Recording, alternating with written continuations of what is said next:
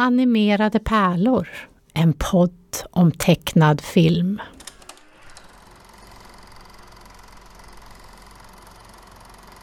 In a single day and night of misfortune, the island of Atlantis disappeared into the depths of the sea. Plato, 360 BC.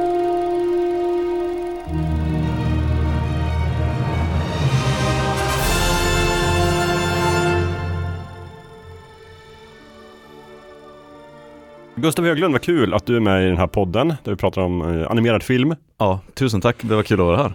Ja, pratat om det länge men nu händer det. Mm. Vi har pratat om att jag ska vara med länge. Vi har också pratat om tecknad film länge. Eh, Till vardags så pratar vi ju i vår ordinarie podd Fulkultur Mm. då och då, rätt ofta. Eh, Det här är en helt annan historia, det är en spin-off. Vi Mm. pratar bara om tecknad, eh, handtecknad, datoranimerad, datortecknad, 3D-animerad, 2D-animerad, Mm. stop motion-animerad kanske ibland. Ja, Men fokus på ett enda verk. Idag gäller det att prata om Atlantis. The Lost Empire. The Lost Empire Ja. från Disney. En försvunnen 2001. värld. Mm, Mm. precis. Eh, Eller, vad- heter den En försvunnen värld på svenska? den heter Disney, eh, Dis- Disney Atla- Disneys Atlantis, en försvunnen värld. På svenska. Linus Wahlgren gör den svenska rösten istället Mm. för Michael J Fox såklart. Vet du vad, jag ska faktiskt, nu, jag ska ta mig fritt och justera min mickposition lite för jag vill kunna se dig när jag Mm. pratar om en sån här, en sån här fin film.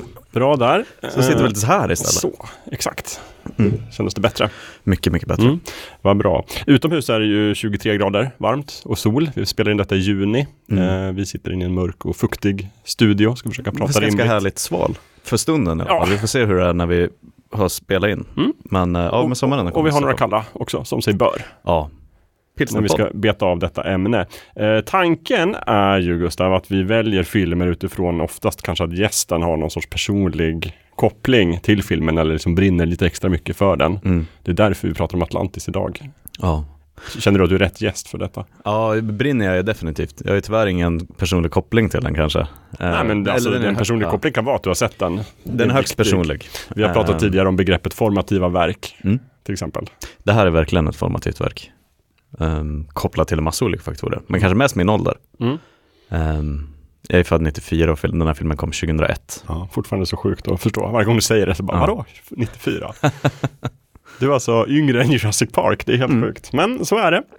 Och då också perfekt ålder för att tycka att Atlantis, En försvunnen värld, är den bästa filmen. Ett peri- en period. Ja, En period definitivt. Ja. Det var, fast, ja, det här kommer att låta jättekonstigt, men det var den världens bästa film fram till 2002 eller någonting, Mm. när jag såg Fast and the Furious för första gången. Okej. Ehm, ja, och så sen så såg jag, för jag tror att uh, Lara Croft Tomb Raider släppte samma år med Kommer Angelina. 2001, ja precis. Ja, men den Ja. såg jag först några år senare för Mm. att, ja, vapen och Angelina och grejer. Jo men visst, Eh, Och då tyckte jag att det var världens bästa film. förstår. Så, men man bytte ju favoriter väldigt snabbt i den åldern. Mm. Men ett tag så var det definitivt det. Och det kanske är den av de tre filmerna, The Fast and the Furious, Tomb Raider och eh, Atlantis, så är det väl Atlantis som jag håller mest kär nu. Mm, Okej, så att om du 2023. skulle ta med dig en video ut ur ett brinnande hus. och, och du har om, de om tre att de tre ligger där på en eh, sån divan, Mm. då tar jag, och divanen har redan börjat brinna, Ja. då tar jag Atlantis. Okej, hugger med dig DVD-utgåvan i farten. Ja, och, jag har, och det finns en VHS-utgåva kvar uppe i Skellefteå. Och den är lite speciell för den har fortfarande den här eh, introscenen, prologen som inte finns med på min Blu-ray. Med Vikingarna? Med Vikingarna. Jaha, Mm. okej, vad fint. Mm.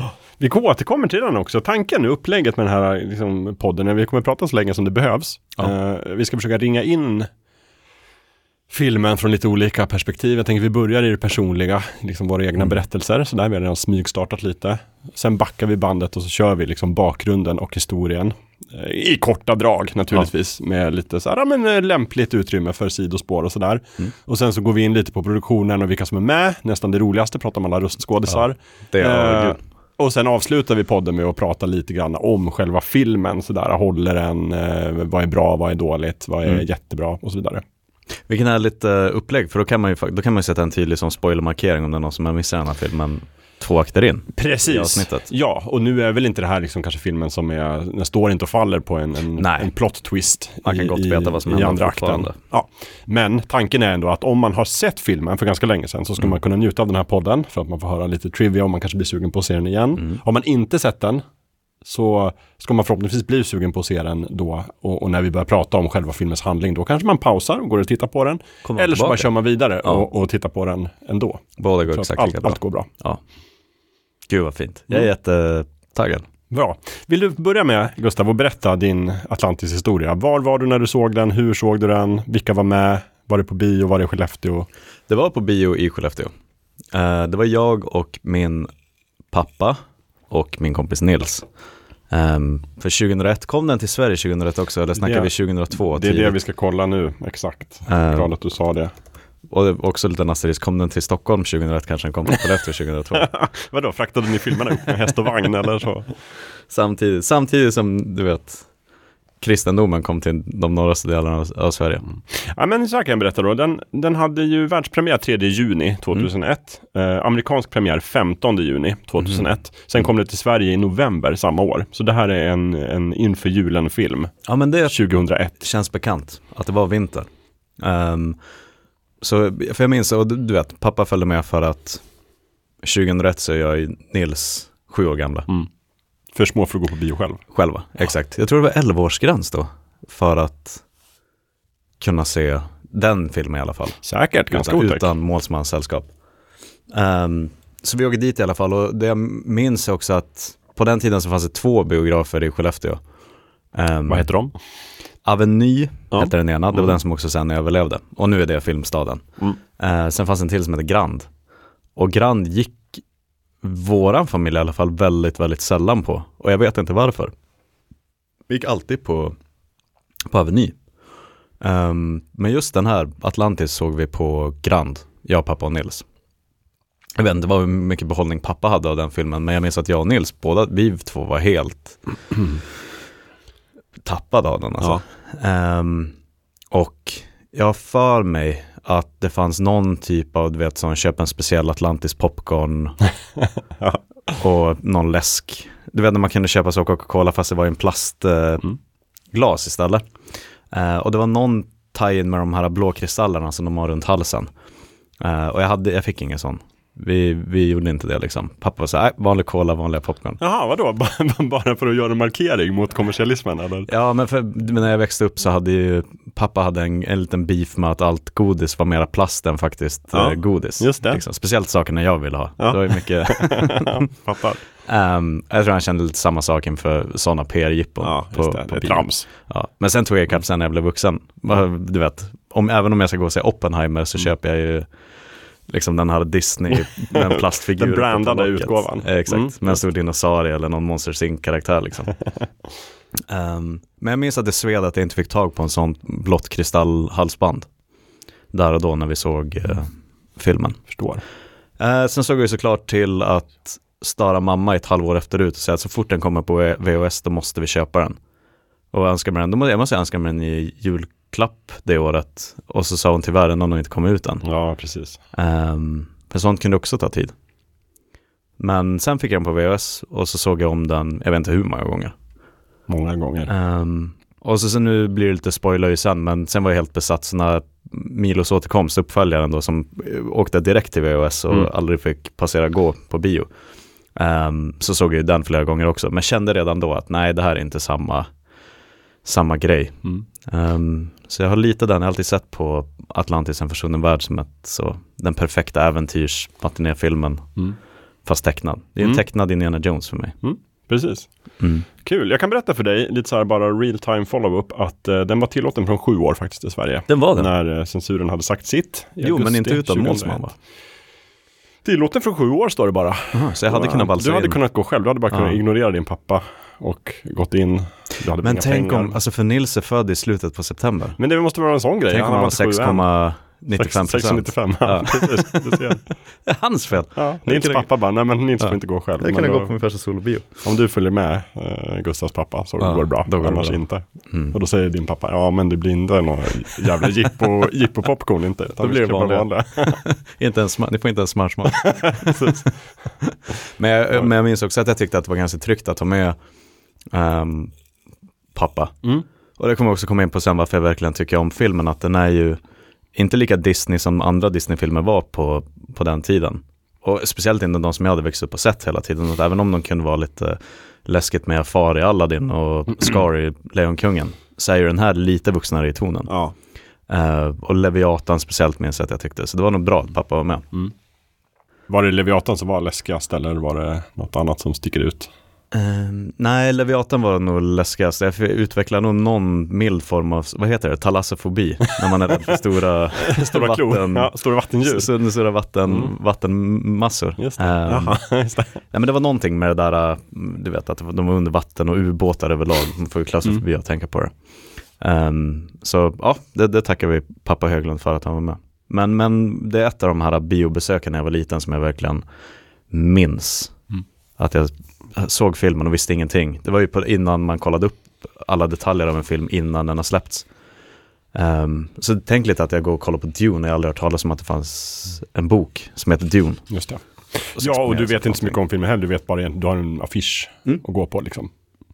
Spännande. Ja.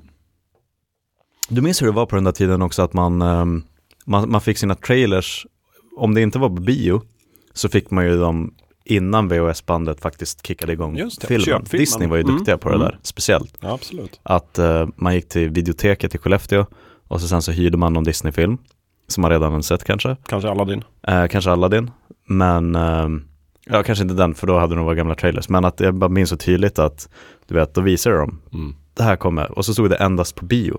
Jag blev livrädd att den kommer aldrig att släppas på VHS. Mm. Så vi måste se den när den går på bio. Just Sen kommer aldrig kunna se den igen. ja, precis. Det tog flera år innan Just jag det, fattade hur skulle att... du kunna veta att, Ja. hur Disney-valvet fungerar? Eller hur? Så de plockar upp dem igen var tionde år. Just det. Att de menar bara att den kommer först att komma på bio. Och det grämde mig. Vad kan inte bara säga det?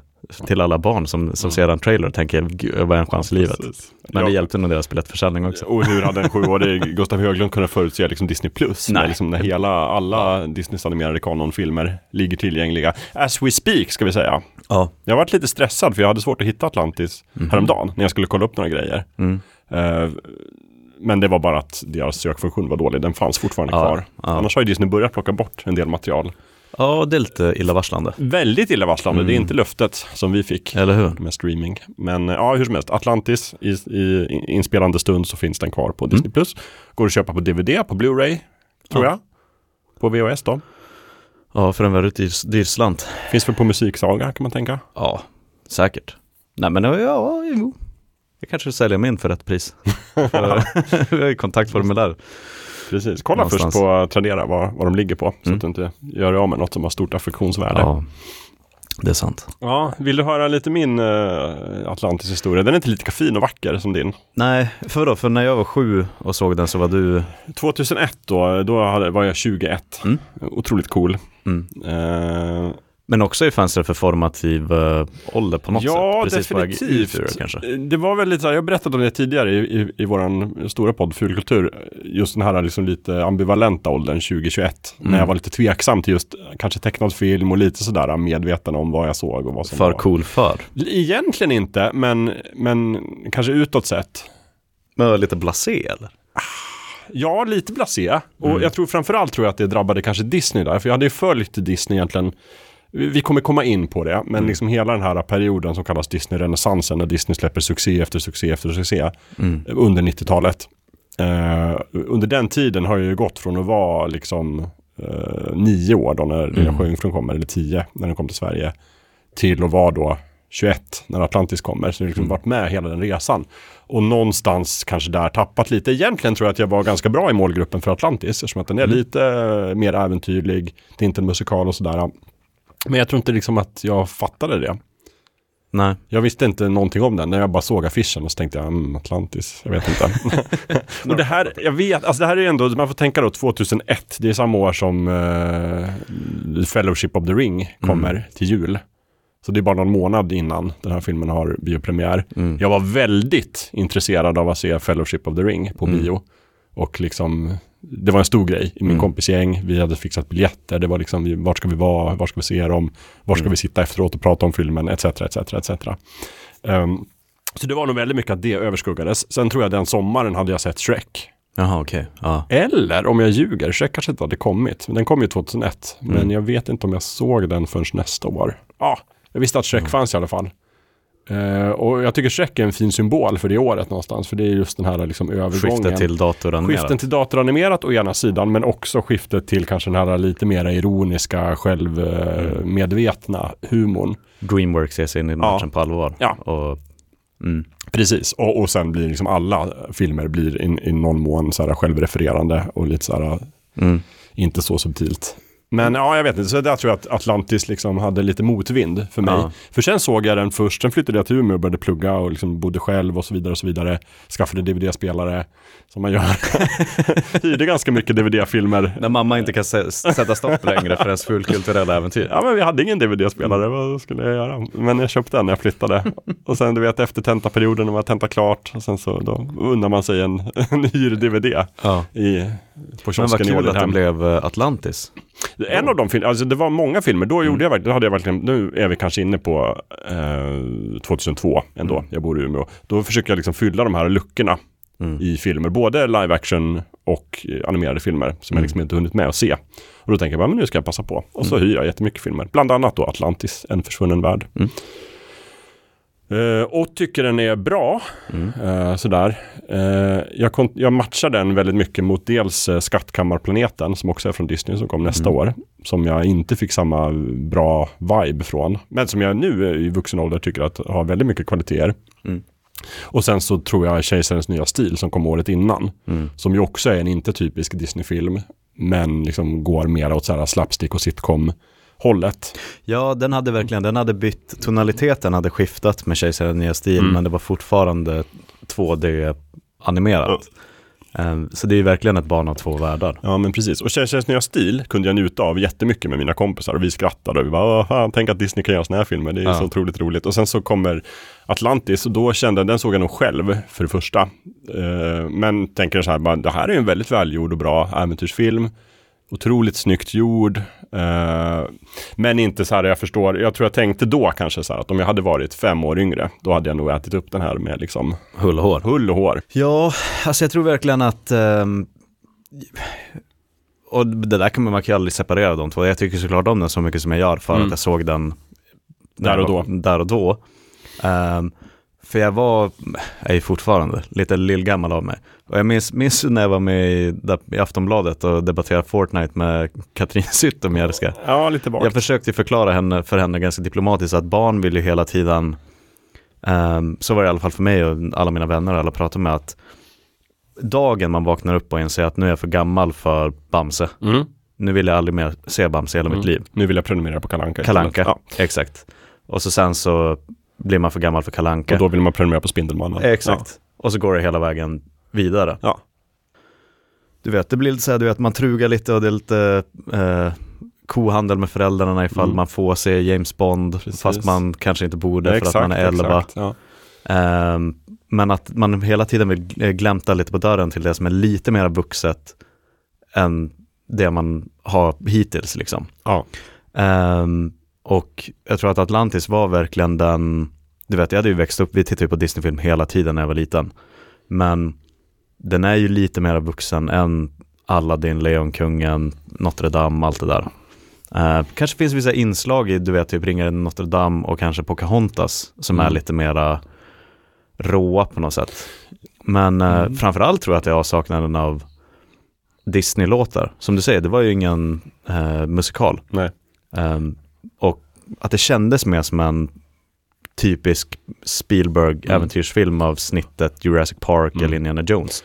Men det, det tror jag också. Det har nog mer att göra med kanske formatet och vad det är för typ av story. Inte så mycket i vad som egentligen händer. Klart att visst, Precis, det är inte så att det är mer person- våldsamt. Eller... Någon person dör off-screen i, Ja. varje Disney-film. Det är sådär, alltså Simbas pappa ramlar ner och dör Mm. otäckt. Eh, här drunknar någon och liksom, det händer otäcka Mm. saker. Men det är inte så stor skillnad. Nej, och Jag jag skulle säga att det kanske är mindre av den varan att de verkligen spelar på du vet en, en storslagen liksom dödsscen av typen Simbas pappa. Mm. Eh, och att man ska gråta Mm. och tänka på livet och döden. Mm. Men bara, eh, som sagt, tonaliteten tror jag. Mm. Att jag, jag tittade på den och kände, wow, det här är lite mera Batman The Animated Series. Mm. På något sätt.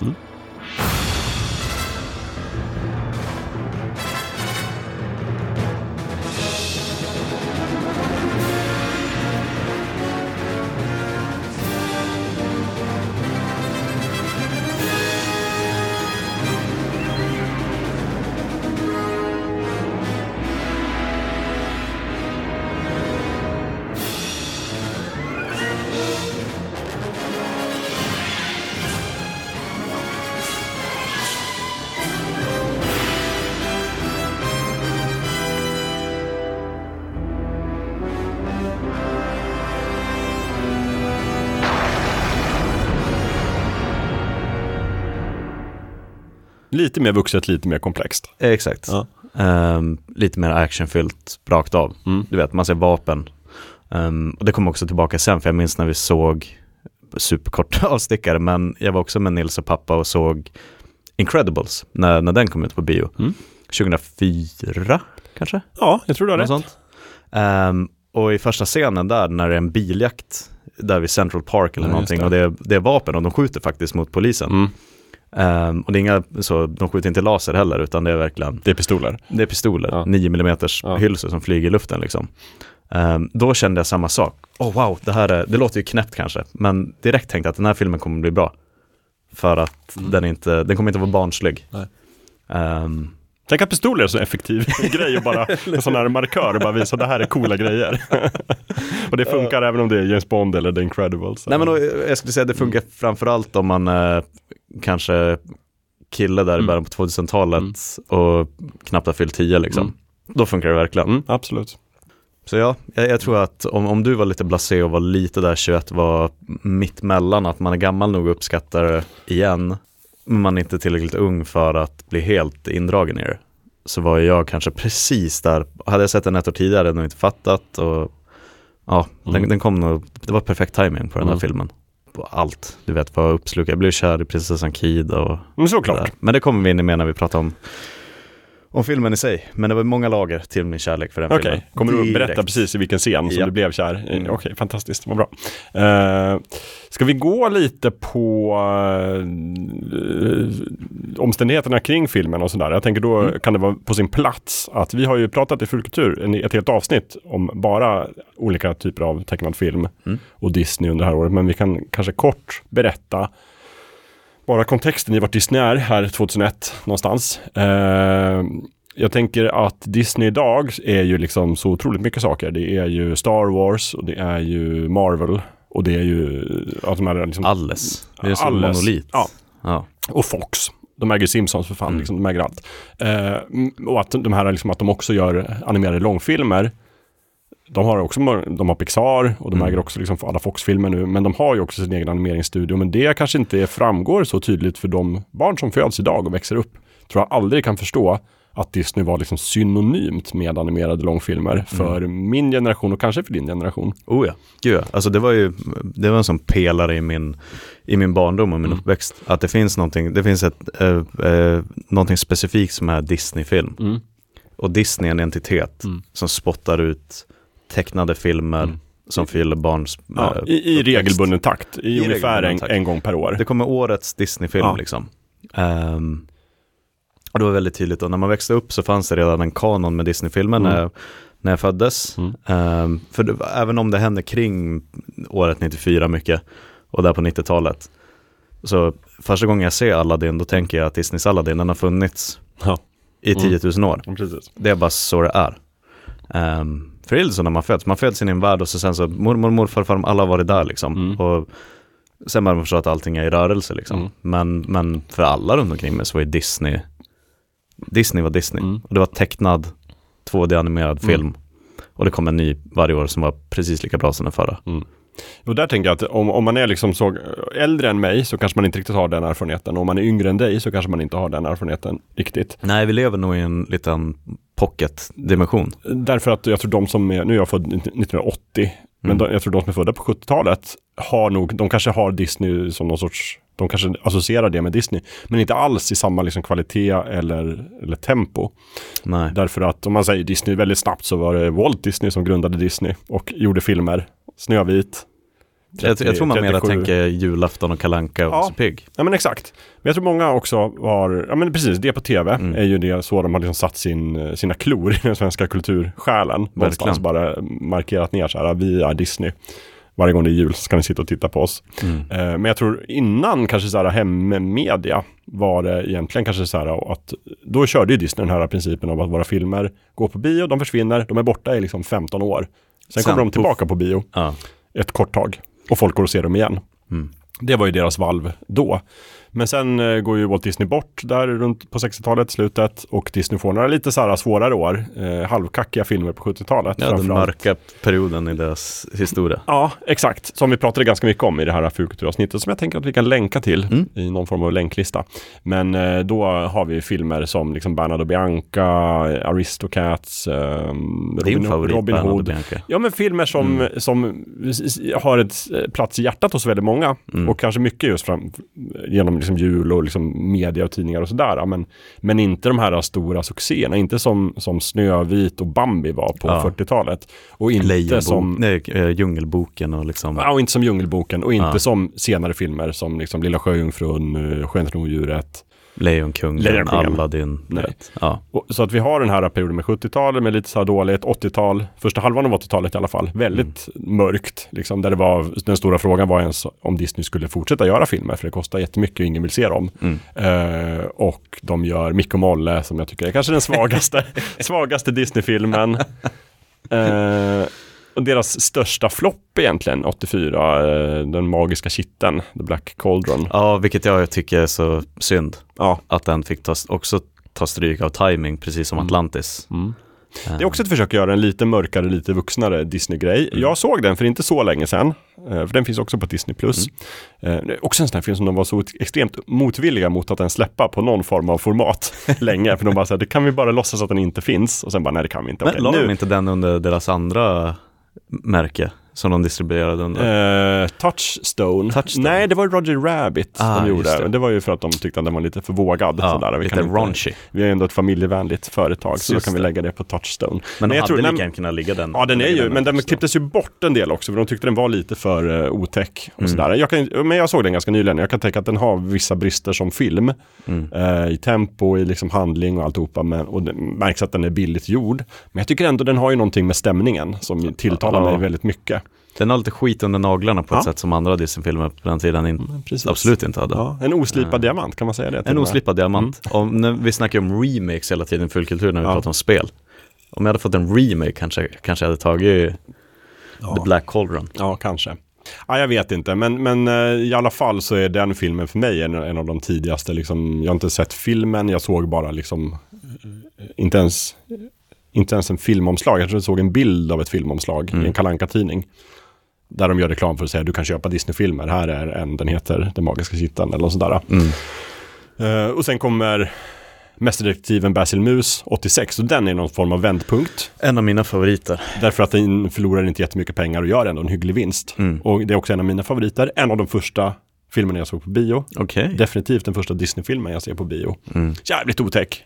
Jävligt otäck. Med, jag minns att vi, Rattigan. vi fick trauma, det var kollektivt trauma på dagis, Mm. som det på den tiden, eller förskola. Just det. För att vi såg eh, Basil Mus. Ja. Och sista scenen där på Big Ben, Mm. när eh, Rottingan verkligen blir en råtta, hulkar loss på slutet, Mm. då blev det för mycket. Då fick man gömma ansiktet i en kudde.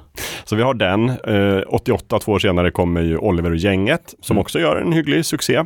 Fin De två filmerna egentligen är väl det som får Disney att förstå att okej, det finns någonting här. Vi ska fortsätta satsa på animerade filmer och deras vd Michael Eisner bestämmer vi ska också satsa liksom regelbundet. Vi ska släppa en varje år. Mm. Eh, Pränta in i folk ja, att det, nu ska vi etablera biosommaren är Disney. Ja. Ja. Samtidigt så gör man någon sorts satsning på tv. Gör liksom hela Disney Afternoon och, och Bumbibjörnarna och uh, Ducktails och Darkwing Duck och alltihopa. Mm. eh, Som går parallellt med det här. Men sen börjar de med Lilla Sjöjungfrun, det som man kallar Disney-renässansen. Ett årtionde av Bara hits. Det är Nästan bara hits, förutom Bernhard och Bianca i Australien som kom 1990, som ingen, ingen minns. Men nu. När man pratar om. Disney-renässansen så hoppar man över den filmen, jag förstår inte. Ja, jag tycker den är så trevlig, men också så otroligt eh, alltså, brister som film, Ja, men så snyggt tekniskt gjord. Eh, den slutar ju liksom bara mitt i också. Så, så jag minns bara att han den där ehm, jägaren, att han har någon sorts eh, mekanisk, du vet, att fordon det är någon skördetröskel ja, eller ja, men precis, med någonting. Han är väldigt mycket hemmabygge. och- Ja. Precis. ja, det är mest det jag minns. Jag kan inte dra den scen för scen för dig. Mm. Och då är ändå jag en av få som minns att det faktiskt existerar. Mm. Så är det.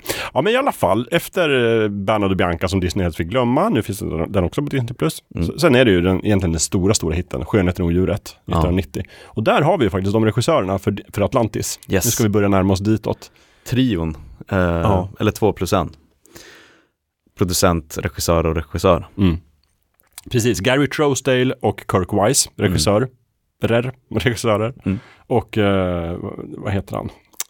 Dan Hahn, någonting sånt där liknande. Just det, producent. Ja. Också någon sån här superproducent hos Disney. Har Mm. producerat Lejonkungen och... ja, alla de växer väl fram liksom lite tillsammans, är samma alumnkull på något sätt. Om man tittar på deras eh, credits på Wikipedia så ser man Mm. att många är så, du vet, hjälper till med animeringen Ja, på den filmen. Och så sen så, någonstans så blir alla tre samtidigt har steget över till producent och skriver Ja, och som det ofta var kanske på Disney som ju är lite mycket så här liksom att de försöker odla fram talang Mm. inbördes, in, internt och sådär. Och eh, som du säger så började Kirk Wise kan vi börja med. Mm. Han, alla de här eh, som jobbar på Disney har ju studerat animation på universitetet Cal Arts Mm. som ju grundades av Walt Disney också.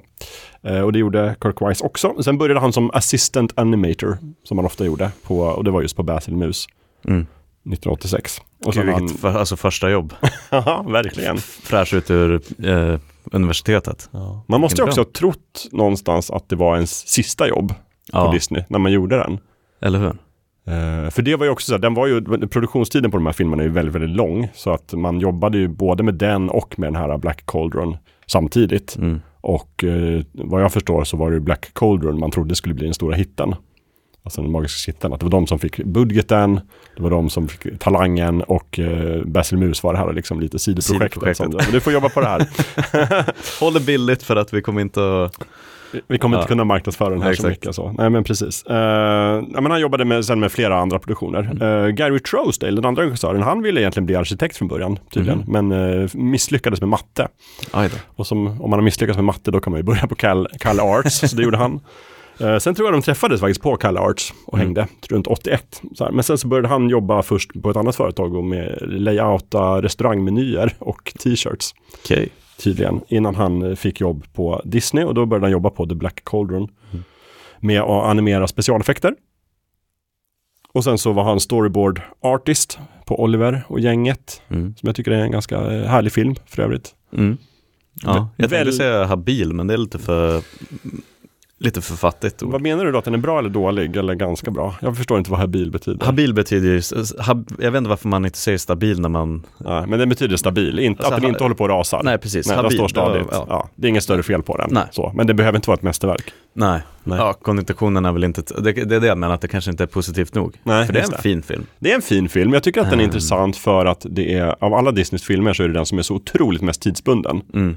För den, skulle, den är gjord i 80-talet och den ser ut att utspela sig på 80-talet. Mm. Så otroligt mycket och i New York. Alla andra Disney-filmer är liksom Ja, nu är i och för sig Atlantis explicit 1914, men förutom Nej, men jag den då. vad du menar. Oliver Gänget har ju verkligen den här tidig Seinfeld-vibben. Ja, exakt. Man kan se Ja. Seinfeld liksom gå förbi Exakt. nästan. Det är alla de här, du vet de här Bob Dylan skivomslaget med exakt. höga bombarjackor Jajamän. och jeans liksom. precis. Levi's jeans. Ja, och folk går med bergsprängare Ja, liksom på trottoarerna. Ja. Det är så äh, Teenage Mutant Ninja Turtles Yes. 2, Secret of the Ooze. Oh yes. Mm.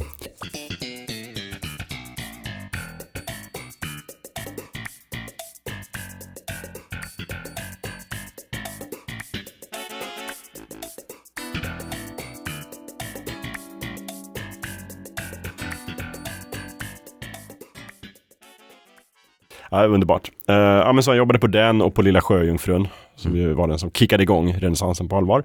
Eh, när han jobbade på Oliver Enget då träffade han sin gamle klasskompis Kirk Wise. Mm. Och de blev ett radarpar. Och sen har ju de gjort då um, tre filmer egentligen på Mm. Disney tillsammans. Eh, först så jobbade de med på Bernard och Bianca Australien. Eh, fick sparken, som det heter, på grund av creative differences. Mm. Eh, vad jag tror att det handlar om, eller åtminstone en del av det, var att de lobbade väldigt starkt för att de ville ha en aborigine kille som skulle vara rösten Mm. till den här Cody som är Mm. en, Deras kompis i Australien. huvudkaraktären i Australien. Mm. Precis, men eh, han- de fick inget gehör för det. Mhm. Och bland annat därför så tror jag att de sa, okej men då struntar Då vi i det här. Då skiter vi i det här. Och sen så flyttade de till Disneys studio i Orlando, Florida, Mm. i, vid Disney World, där. Där de jobbade, bland annat så skrev de eh, manus till en Roger Rabbit kortfilm. Efter Roger Rabbit, när Roger Rabbit kom 88, så skulle de göra en serie kortfilmer. Med samma liksom stil. Det ska väl också vara sagt att eh, det blir nog ingen Disney-renässans heller på samma sätt utan Robert Zemeckis som är dum nog att göra Roger Rabbit. Nej, verkligen det får väl också folk att det, tro ja, det, gud, kan man släppa tecknat på bio och folk kräks på sig för att det är så bra? Mm. Ja, Roger Mm. Rabbit alltså, den, en sån himla bra film. Men en spin-off alltså, eller? Inte en spin-off, men du vet i Roger Rabbit så är ju Roger är ju anställd för att göra liksom film. Han är ju skådis. Ja, Och han bebisen, vad han nu heter. En omöjlig talang. Ja. Som det är som röker cigarr. Exakt. i- Precis, och de är ju på sätten och spelar in filmer. Sen var tanken liksom att de skulle göra en serie kortfilmer som skulle gå inför andra filmer. Mhm. Eh, ungefär som Pixar gör nu Mm. för tiden. Eh, som skulle vara liksom produktioner in universe med Ja. Roger och den här bebisen. Eh, och de skrev, jag tror att de gjorde fyra eller något sånt där. Eh, eller fem. Ja, eller Skrev tre. eller produceras det faktiskt? Ja, det gjordes faktiskt ett antal sådana filmer. du sett dem? Ja, någon gjordes ju. En av dem gjordes inför... Vad var det för film? Det är inte... Det kan vara Ensam hemma. Har jag sett dem? Kanske. Jag får kolla upp det här. Jag vet inte exakt när Ja. de gick, men jag har sett en i alla fall. Uh, alltså tänk Tom och Jerry, fast liksom med Roger Rabbit och, och, Och och bebisen och bebisen. sådär. Alltså. Men i alla fall, eh, Gary och Kirk skulle, de gjorde utkast till en sån film Mm. och den blev inte gjord. Vilken underdog-historia det blir då, Eller hur? genast av detta. blir väl lite den, alltså, om man hade frågat om där och då, Ja. kommer jag att ha långa liksom eh, storied careers på Mm. Disney? Nej, det går allting. Ja, precis, de Det är bara nekar allt vi lämnar in. Eh, men däremot så gjorde de eh, typ animerad sekvens till någon, någon sån här berg dalbana, eller ride på Disney World. Ah. Som jag faktiskt inte nu minns vad den heter, men den var en stor succé. Mm. Och då fick Jeffrey Katzenberg, som var Disneys chef, alltså animationschef på Mm. den tiden, upp ögonen för dem lite grann. Man tänkte de här, Mm. de här personerna kanske ska regissera sin egen film en vacker dag. Eh, sen eh, 1988, då var ju arbetet med Skönheten och odjuren redan i full gång. Mm. Det är alltså några år tidigare. Då har du först en regissör som heter Richard Purdom som är anställd för att göra ett utkast. Och de visar Jeffrey Katzenberg en sån här story reel där man liksom handtecknat. När man drar en, Ja, en precis. Bara, det, här är ungefär som vi här. tänk, det här är ungefär som vi tänker att filmen ska vara. Sen Ja. händer detta, den här personen kommer in. Men allt, allt är liksom svartvitt ritat, storyboards. nej men att bara, tänk att vara på ett företag på den tiden innan Mm. PowerPoint. Eller hur? När man rycker ett Ja, blad ja, taget. Sen händer det här. Ja, och någon måste vara anställd för att rycka Ja, skyltarna rita alla de här Mm. liksom. Ja. Ja, de visar den för Jeffrey Katzenberg i alla fall och några till. Eh, Jeffrey Katzenberg är inte nöjd. Mm. Han tycker att den här versionen av Skönheten och djuret inte alls vad han hade tänkt sig. Den är alldeles för mörk, alldeles för dramatisk. Ni måste göra om alltihopa, säger Ja. han. Och, och stormar ut. Ja. Precis. Eh, så Purdom, han avgår som regissör. Mhm. Eh, lite sådär a- amicable, Mm. så, står det. Så att han, han backar. Han bara, det här, okej, ni, ni vill ha filmen jag inte kan göra. Ja. Och istället så ringer de då upp Gary Trousdale och Kirk Wise. Och säger bara släpp allt ni jobbar med, Mm. Eh, Ta flyget till New York på måndag. Eh, ni ska pitcha, vi, vi ska prata skönheten och odjuren, odjuret för er. Mm. Eh, och sen så får de, inte vet jag, så här superkort tid på sig. Bara sätta ihop ett nytt eh, storyboard-utkast och visa det. Och det är hur bra som helst. och sen sätter de bara igång det och det blir eh, jättebra ju. Eh, Ja. Skönheten och odjuren blir ju, den har premiär 1990 Mm. och följer upp liksom Skönheten och eller Lilla Sjöjungfrun som en supersuccé Mm. åt Disney. Den första animerade filmen som blir nominerad för bästa film. Ja, och stora, alltså stor, stor pojke bästa film. Exakt. Det Mot, fanns ingen eh, kategori för animerade film då, utan den kommer efteråt. Ja. Som en reaktion på det. Liksom, Oj, om animerade filmer är så bra att de kan tävla med riktiga filmer. Då ska de ha, då ska de ha en egen kategori så att Ja. de inte förstör för oss riktiga filmer. Så, ungefär så tänkte de nog. det som nästan höll på att hända, du vet att de gjorde bästa fantasyfilm när, när Sagan om ringen började. Ja, ja precis. Ja, men verkligen. Så, så här får vi göra nu. ja, nej men de, de får i alla fall jobbet och, som gör Skönheten och djuret. Uh, Trousdale, tydligen han ansvarar för att filma live action sekvenserna som de har som förlaga och allmän layout på filmen. Medan Wise är ansvarig för själva animationen och eh, alltså clean-up. Att Okay, ställa ja. upp animationerna. Och sådär. Och de, det är liksom ett marriage made in heaven. De Mm. samarbetar jättebra. Eh, och där tror jag också att han, eh, producenten som jag nu aldrig minns vad han heter, som du kunde så bra. Hette han Dan Hahn? Dan, precis. Tror jag. Mm. Det är inte långt ifrån i alla fall Nej. ifall Jag tror du har det där i Nej, men det står någonstans här upp på mina papper. Dan Hahn, producent. Det ser ut som en då, vart vart titel. Längst nere där stycket. Där ja, kolla precis. Just det, här har jag skrivit. Don Han, producer. Don Hahn. Har producerat Skönheten och odjuret, Lejonkungen, Ringaren i Notre Dame. Och sen har han varit executive producer på Kejsarens nya stil. Mm. Och producer då på Atlantis. Men det här, alltså äh, radarparet med Kirk, de är ju lite den tidens Lord of Miller. Du vet de som är så duktiga nu med Spider-Verse-filmerna. Ja, just det. Och Lego-filmen va? Och Lego-filmerna. Ja. Ja. lite samma, samma stuk på de två. Ja, det är väl de. För de har ju, jag vet inte, av någon anledning så jobbar ju Disney mycket med regissörspar. Förmodligen Mm. för att det är så praktiskt att ha en regissör som ansvarig för liksom layout och live. Den och andra, en, själva animeringen, Ja, kan detaljstyra För sig. även eh, de två jepparna som gjorde Lilla Sjöjungfrun och Aladdin och Ja, just det, de var också två. Skattkammarplaneten var också två. Ja. Eh, men de minns jag inte vad de heter och har inte skrivit Nej, upp och det får hamna på. i fotnötterna sen. Eh, Skönheten och djuren är också den första animerade filmen som drar in över 100 miljoner, miljoner US dollars i Herregud. USA. Eh, nomineras för bästa film, men Ja. vinner inte. Så, så att eh, efter det här är ju lyckan gjord. Då Mm. eh, hjälper de till lite med manusarbete på Lejonkungen. Och sen så går de vidare med sitt nästa projekt. Och det är liksom samma grej, för sen började de jobba med någon film som aldrig blev något av i alla fall, men de jobbar med den. Eh, och så ringer Jeffrey Katzenberg och bara, släpp allt ni håller på med, bara, nu ska ni jobba med Ringaren i Notre Dame. Ja. så gör de det. Ringaren i Notre Dame kommer 96. Mm. Också en stor succé. ja, eller hur? Verkligen inte heller en skitfilm på något sätt. Den tror jag verkligen var, eh, vad var jag då, 96, 16? Mm. Den slog hårt Ja. i mig i alla fall. Då tänkte jag bara, fy tusan vad man kan göra animerade filmer bra. Tänkte jag då när jag Ja. såg den. Alltså där är väl den där revolutionerande scenen på taket på eh, katedralen när han slidar lite Assassin's Creed på, Just det. med, med duvorna det. alltihopa. Just det. Quasimodo. Quasimodo. Mm. Nej, för jag, jag, det finns någon sån behind the scenes när de säger att när vi gjorde den Mm. scenen, då insåg vi på allvar att när man gör animerad film, då behöver man inte rigga upp kamerorna, man kan göra vad man vill med kameran. Exakt. Man kan göra omöjliga kameravinklar hur som som, helst. det är som Neo när han bara så här, Ja. liksom, there is no spoon. De börjar se, Ja. börjar se koden. Ja, liksom. Ehm, Starting to believe. Ja, men, men där någonstans, någonstans där måste de ju veta. Okej, nu har vi har gått från Skönheten och odjuret, Best Picture, nomini, hoppar vidare, hjälper till på Lejonkungen, nu är vi på Ringen i Notre Dame, Mm. den släpps. Där, någonstans där måste de väl ändå fatta att nu verkligen i, In the A-game, alltså A-game, nu är vi Mm. uppe i the big leagues. det tror jag. Nu är vi på Disney för att stanna. Ja, för det var då de skrev också långtidskontrakt Mm. med Disney. Eh, och sådär. Eh, jo, men för också Ringen i Notre Dame, jag minns också att den var så otroligt, alltså varje jul när Disney laddar för sin kommande film Mm. så har de ju fått in, av någon sjuk anledning så har de ju fått in i sitt kontrakt med SVT att vi ska inte bi- bara visa Kalanka på julafton varje år. Vi ska, Vi ska också få visa nästa- reklam på nya film varje jul i public service, så det gör de.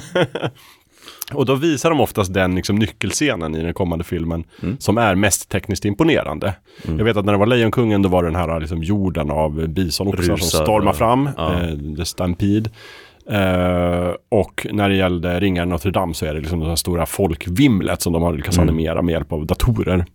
Att det är karneval på Paris gator, det är hundratals eh, karaktärer. Använda datorer. Ja, ja men verkligen.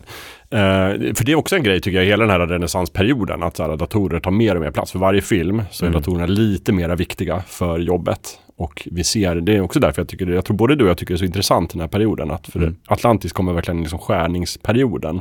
Ja, Shrek kommer samma år som Atlantis och är liksom helt datoranimerad. Toy Story kom några år tidigare och är helt datoranimerad. Och det finns fortfarande en plats för handtecknade, traditionellt handtecknade filmer mm. som är gjorda lite med datorns hjälp. Sam, jämsides med, Ja, man börjar se och det märker man ju även om man inte kan sätta ord på det när man är liten. Men när man var som jag, sju år, så börjar man ju märka att var ska jag börja den här storyn? Nej men du vet när, man tittar, när jag tittade på Tom och Jerry när jag var liten liten. Mm. så kunde man alltid se vilken hammare som Jerry skulle slå Tom med. För man såg att den var ju animerad frame för frame, det var inte så en del av oljemålningen i det. bakgrunden. Nej, Så du visste ju alltid, okej jag kommer använda det verktyget Ja. på, i verktygslådan. det. Eh, och på samma sätt när man såg 2D-animerade tecknade filmer när inslagen kom av 3D datoranimerat ehm, så såg man det och man tänkte det där är annorlunda på något sätt. Men som du säger, att man, man börjar märka mer och mer att dat datorer börjar spela en roll i det här. Ehm, och jag vet inte hur, hur du minns det som var lite äldre, ehm, men jag kom bara ihåg att Toy Story var ju lite någonting väsensskilt. Att det finns tecknad film, det är därför jag alltid, jag, att jag fortfarande 2023 gör den distinktionen. Mm. Tecknad film, Ja. då menar jag Mm. handtecknat 2D. Animerad film är Toy Story, Shrek, bilar. Mm. Ehm, att då var det någonting väsensskilt, att okej, det finns Toy Story som är animerat och så finns det tecknad film som är Mm. Disney liksom. Eh, men det är väl bara någonting med, du vet när Shrek kommer och så sen så blir det mer den här Disney och Dreamworks Mm.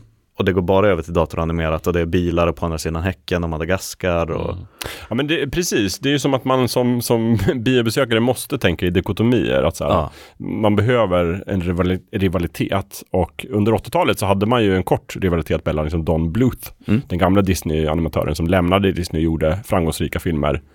Landet för länge Secret sedan, och Secret of. Nim, eh, Resan till Amerika. Mm.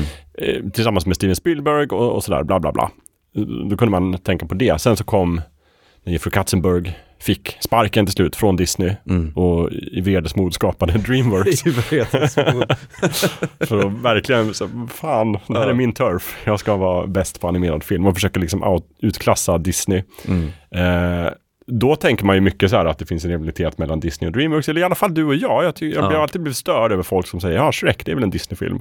Att de inte vet skillnaden? Att de inte vet skillnaden, Nej. men så är det. Och då, Ja, men, ja, när det- jag är på en fest och någon säger så, då måste jag liksom gå ut i köket och ta en, en, något stärkande. Och sen kommer jag tillbaka och förklara väldigt lugnt att det är stor skillnad på Dreamworks Animation och Disney Animation Studios och Pixar Animation Studios. Och sen så förklarar jag så här hur folk har köpt olika studios och vilka som har jobbat var och var de har slutat och börjat och sådär. Och sen så är festen slut.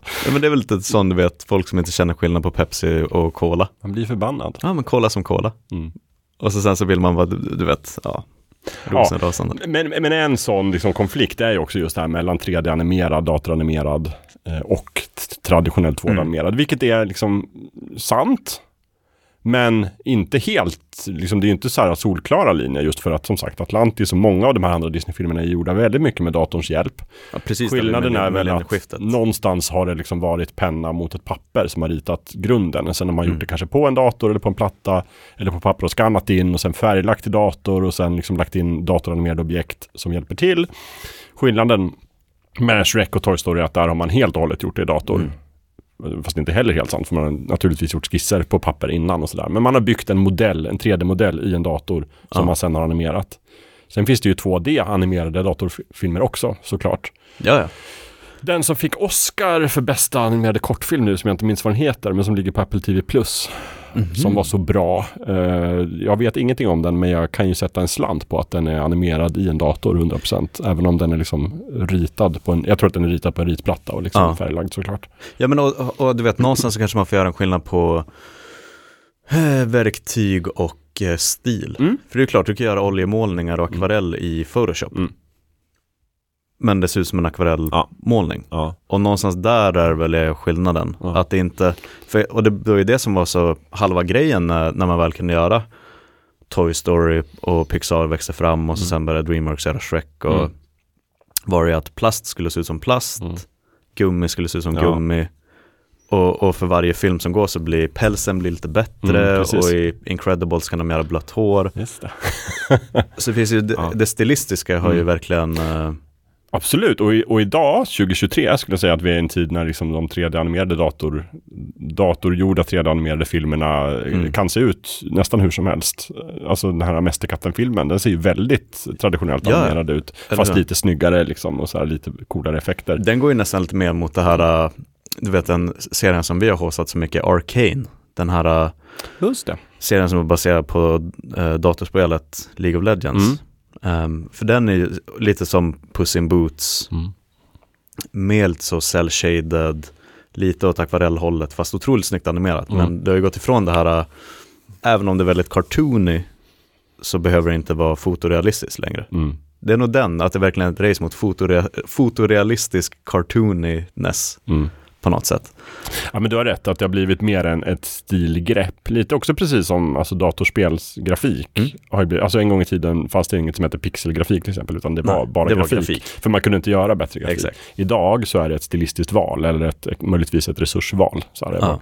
Vad, kan jag som spelskapare skapa eller vad vill jag skapa för min berättelse eller mitt spel? Mm. Och så är det ju här också någonstans. Vill jag göra en, en film som ser 2D-animerad ut? Vill jag göra en film som ser ut som att den gjord i olja? Mm. Vill jag göra en vattenfärgsfilm eller en svartvit eh, kritstrecksfilm eller vill jag göra en film som ser lite så här, Mm. ja, och, och jag menar Pixar har sin, ganska mycket skulle jag säga, sin liksom, speciella Pixar-stil Ja. som har utvecklats med åren och, och Dreamworks har ju sin, sitt klassiska liksom, hur karaktärer ser ut i ansiktet när de ser förvånade ut. Ja. liksom där bara det finns, alla ser exakt likadana ut. Ja, men jag tycker bara ett, ett jättebra exempel, eh, svävar iväg för mycket, men om du jämför Monsters Inc.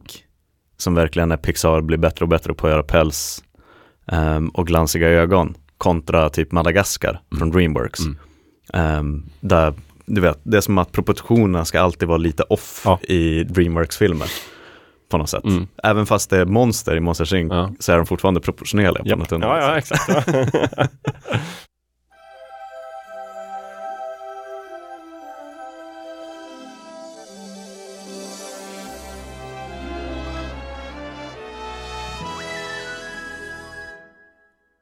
Du lyssnar på Animerade pärlor, en podd om tecknad film. Okej, ja, men kort efter premiären av succéfilmen Ringaren i Notre Dame Mm. så samlas ju Trousdale och Wise och, och Don Hahn, producenten, och hela teamet på någon form av mexikansk restaurang. Ja, det är väl något som, de sitter på någon sån diner eller restaurang och snackar om nästa projekt. Det tycker jag också om. Mm. Det är så jag tänker mig att den tidens Disney är. Att de kreativa teamen sitter och käkar huevos rancheros någonting. Och så, ah, vad ska vi göra nu då? Ja, på en, en restaurang i Burbanks. I Och jag undrar om man är orolig när man sitter där och är dem. Och man har lyckats, det är som en pärlkedja nu med otroliga hits. Och alla bara är helt övertygade om att Disney kan inte göra fel. Vad Hur väljer man nästa projekt? Ja, alltså vad jag har förstått av, eh, av att titta på olika bakomfilmer och läsa på Wikipedia och lyssna på lite poddar och googla på internet och sådär. Alltså Mm. att det var inte en orolig stämning utan det var snarare en så här, okej nu har vi gjort en riktig hit här till Disney igen. Då har vi råd att göra vad ska vi vill. göra nästa gång? Vad Ja. vill vi göra och vad kan vi göra för att behålla det här fantastiska teamet som vi har jobbat med? Mm. Eh, och sen vet jag inte om det var de, jag, tror, jag vet inte om de hade liksom carte blanche att göra vad Men som det var det jag helst. tänkte säga, tror du man tänker så eller tror du man tänker Eh, För det är väl fortfarande, alltså, även om man heter JJ Abrams nu Mm. för tiden på Disney, Ja. så får man ju inte carte blanche. Du menar att han måste pitcha? Ja, Ja. fast då kanske de satt där och verkligen hade, Jag tror de tänker så här, vi måste pitcha men vi är i en bra position ja, för att pitcha. Vad kan vill pitcha vi, vad vill, vad vi vi ska vill. pitcha vad vi vill. Och det Ja. de vill göra är, de vill liksom gå ifrån det här och göra en klassisk Disney-musikal. Som de nu har jobbat med liksom i eh, ganska länge. mm. Eh, och har några kvar i sig innan liksom renässansen tar slut med Tarzan 99. Mm. Eh, och, och de vill göra en hyllning till de här liksom, klassiska äventyrsfilmerna. Eh, Indiana Jones, Mm. direkt eh, inspiration. Eh, och de vill göra en film i, i CinemaScope. Alltså Mm. bred, vad är det, två, två gånger 33 Ja just det, det är, den ja. är det den första eller den enda Disney-filmen som är gjord i, Jag, jag, vågar inte säga om det är den enda, men det är en av få i alla fall. Och det är definitivt den första. för är det när man sträcker ut, vet, det är 35 mm film men Mm. ja, Ja, precis. Så det är väldigt, väldigt bred Mm. bild och platt bild. Jämfört med traditionellt, alltså på en tv, på en 16x9 tv så får du svarta kanter över och under om du ska ha hela. Cinematic Black Bars Ja. som det heter i spelvärlden. Exakt, ja, men precis också som Indiana Jones och många av de här är Mm. gjorda eh, också. Eh, så det vill de göra och de vill göra en, en äventyrsfilm. Eh, inte en musikal. Tydligen så hade produktionsteamet t-shirts på sig där det stod eh, “Fewer songs, more explosions”. Ja det lyckades de Det, med. det lyckades de Måste med. man. Mm. Men och så är de alla fans av, uh, läste säkert uh, Jules Verne-historien när de var yngre.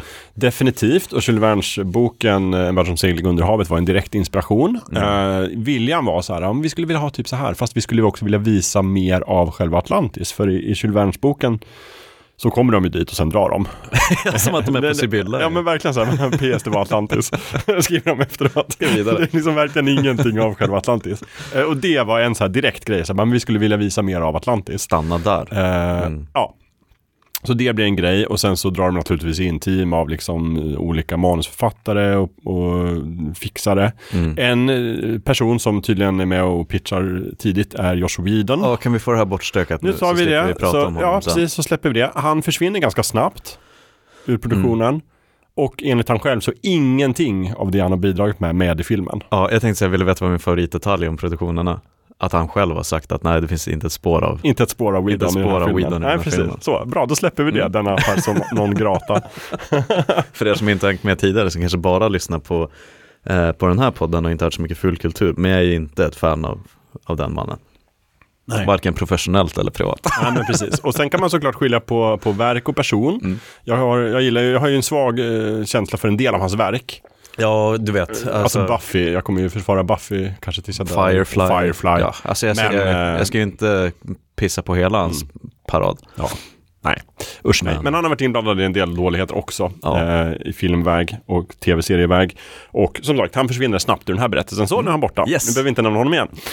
Eh, andra som dras in är ju serieförfattaren Mike Mignola, eller serietecknaren, mm. som ju är en person som jag läst och gillat sedan långt innan. Så att om jag hade vetat att han var inblandad i den här filmen när jag var 21 år. Då hade det slagit på ett annat sätt. Då hade det varit ett annat, ja. verkligen. Då, då hade du titta mera på hur karaktären ser ut och miljön. Ja, men då hade jag tänkt så här, Hellboy-serieskaparen. Ja. Sen kan jag säga så här att jag tycker att Mike Mignola, jag uppskattar ju honom framförallt som tecknare. Mm. Jag tycker att han gör så sjukt snygga teckningar jag är inte jätteimponerad över hans manus eller liksom mm. hans själva serierna. Han ska hålla sig till att rita och inte till att Nej, det är helt okej, okay, men det är bara, vad är det du brukar säga, det är habilt. Han gör ett, hab ett habilt ja, manus. Men det är inte så, jag blir inte liksom, det är inget så här otroligt mm. kittlande i det. Liksom. Det är bara så här, spännande koncept och bra, men liksom var det, var det kryddan? Du är mera där för ögongodiset. Ja. Jag, jag måste ju också, du vet, säga förlåt till Mike Mignola, för jag blandar ju ihop honom med den här eh, serietecknaren som varken du eller Kalle är så stora fan av, som gjorde alla hans, hans Stålmannen skulle verkligen vara tre meter bred och allting var eh. väldigt så 90-tals buff. Uh, nu glömmer jag namnet okay. på honom. Men han har ju en speciell, han är väl lite svartlistad i seriesvängar nu. Det finns vissa som verkligen går för den stilen. McFarlane, det är inte Todd McFarlane eller vem? Alltså Spawn, ja. äh, nej, nej, det är det okay. inte. Ja, det finns någon som gjorde okay. Batman Men, och, ja. alltså som gjorde DC Comics tecknade dem, där okay. allting var väldigt överdimensionerat. okay. Alla skulle se ut som He-Man. Ja. Och jag, när jag ser Mike Mignola, eller äh, Mignola, mm, då tänker ja. jag fan det är ju han. Ja. Så är det ju inte alls det. Men var inte det också lite bara så här äh, serietidningsstilen på 90-talet var ju typ så här, det ska vara så, så otroligt tydliga muskler. Ja, biceps, Att man nästan inte ser någonting annat. Gigantiska. Mm. Anatomiskt inkorrekt, väldigt mycket överdrivet liksom åt det hållet. Väldigt konstigt. men sen när man, men när man väl googlar Mignola så ser man att det är han när jag tänker tecknad Hellboy och mm. inte Ron Perlman så är det ju hans mm. Hellboy om jag, jag. Om jag förstått rätt så var liksom konversationen ungefär så här, men vi skulle vilja ha typ så här som Mike Mignola. Mm. Varför ringer vi inte Mike Mignola? Och så gjorde de det. Just det, vi är ju Disney. Ja, och tydligen så var han, han var inte så här supersåld från början, mm. utan han svarade typ med så här, hur fick ni mitt nummer? men sen var han med ändå, och han är med Jag har så kollat på en, en eh, jag tror den låg med på DVD utgåvan, det är någon sån här The Making of Atlantis, mm. där alla sitter och pratar. Och det här är ju efter att filmen har fått premiär. Mm. Eh, men eh, inför tror jag DVD-utgåvan kommer eller någonting sånt där. Mm. Så att alla vet ju någonstans att eh, filmen har, det blev inte en supersuccé, utan det vart ju en mild flopp, den här ja. filmen. Alltså vad gäller intäkter. Eh, det tycker jag märks när de sitter och pratar, för att alla är väldigt så här, Alltså jag kan tänka så här, hade de gjort en bakomfilm inför premiären så hade, hade de hypat den så otroligt ja, mycket. Nu är de mera så här lite lågmälda och bara pratar liksom mer om så här sin artistiska vision och så här vad de försökte göra och liksom mycket sådär, men en lite annan ton. Men jag tycker den är väldigt rolig. Där är från Mike med mm. och pratar väl om Disney. Ja, men han är väl lite med under, under hela produktionen av filmen. Men att han, Ja. inte, han sitter ju inte och verkligen tycker till om varje frame. Nej, nej precis, utan han jobbade ju med liksom concept art Mm. och sådär, men det tror jag han gjorde under hela produktionen. Absolut. Och att de kommer till honom och Ja. frågar, hej, titta på det här. Precis, de släppte ju en serietidningsversion sen också av filmen, ska jag berätta. Den är inte tecknad av Mike Mignola. Okej. Han är, vilken är en miss? Ja, Han har tecknat omslaget. När de går till honom för inspiration. Vi vill, det ska se ut som att han har tecknat det. Mm. Vi vill gärna är- serietidning. Men någon annan. Jag vet inte, han hade väl annat att göra. Ja. Kanske var scheduling eh, conflict. Ja. De tar in Mark Ockrand, Mhm. som är lingvistiker. För att skapa det här Just det, påhittade det atlantiska språket. språket. Han är ju känd som den som skapade två olika Star Trek-språk, nämligen både Vulkan och Klingon-språket. Ja. Så att, Där måste de ju också tänkt, fan vi ska ha ett språk också, kan vi kosta på oss det? Ja det kan vi. Just det, Ja. vi är Disney, vi ringer ja, precis, vad heter han som gjorde Klingonspråket? Mark. Ja, precis. Så att om, om vi liksom är glada över att vi kan läsa Shakespeare på Klingon Mm. eh, liksom nu så är det han, vi ska tacka för det. Eh, och han gjorde ju ett helt, liksom Atlantis-språket är ju ett helt alfabet och det går att läsa och man kan tolka om det och sådär. Väldigt roligt. Idag känns det också som att det inte är riktigt lika exklusivt. Eftersom att jag tycker var och varannat spel och tv-serie har ett påhittat språk. Ja gud ja, det finns Navi och det finns Game of Thrones-språket. och- Dothraki, Dothraki, ja. precis. Ja. Jag tycker bara att det är härligt Ja. när skådisarna minns det sex år senare. Ja, just Kan, det. ska de sitta där i... Precis, ungefär som att, att Rebecca Ferguson liksom bara kan prata engelska. Så kan Dothraki, skådespelarna, bara prata Dothraki. Ja. Nej men gud vad härligt. Mm. Ja men och, som jag förstod det ganska, och så blir det väl alltid när man tar in honom för att konsulta med, ta fram ett språk, då får man ett helt språk. Grammatiskt system och alfabet och hela, Ja. hela köret. Precis. Och om man läser det skrivet som i böckerna, det är ju med i filmen, liksom, så Mm. tror jag man ska läsa det på, man tror läsa från vänster till höger och sen ner och sen från höger till vänster. Mhm. Så att det liksom går i zigzag så. Okej. Det skulle tydligen eh, vara mm, för att det skulle påminna om havets vågor på något sätt. Sådär. Ah. Lite djupt. Överlag så får man säga att liksom världsbygget i den här filmen är väldigt ambitiöst gjort. Det märks verkligen att vi vill, vill visa liksom ett Atlantis-samhälle Mm. som är övertygande. Gen, ja precis, övertygande och genomtänkt. Eh, ja. Ehm, och anledningen tror jag man tog in Mike Mignola var också att eh, just som vi pratade om här innan pausen att det här med datoranimation versus 2D-handanimation det har ju aldrig, tror jag, varit så intimt sammankopplat här innan det blev en datoranimerad film. Det här är nog en av de sista som är verkligen så här en definitivt en traditionellt 2D-tecknad film Ja, med väldigt mycket datoranimation i.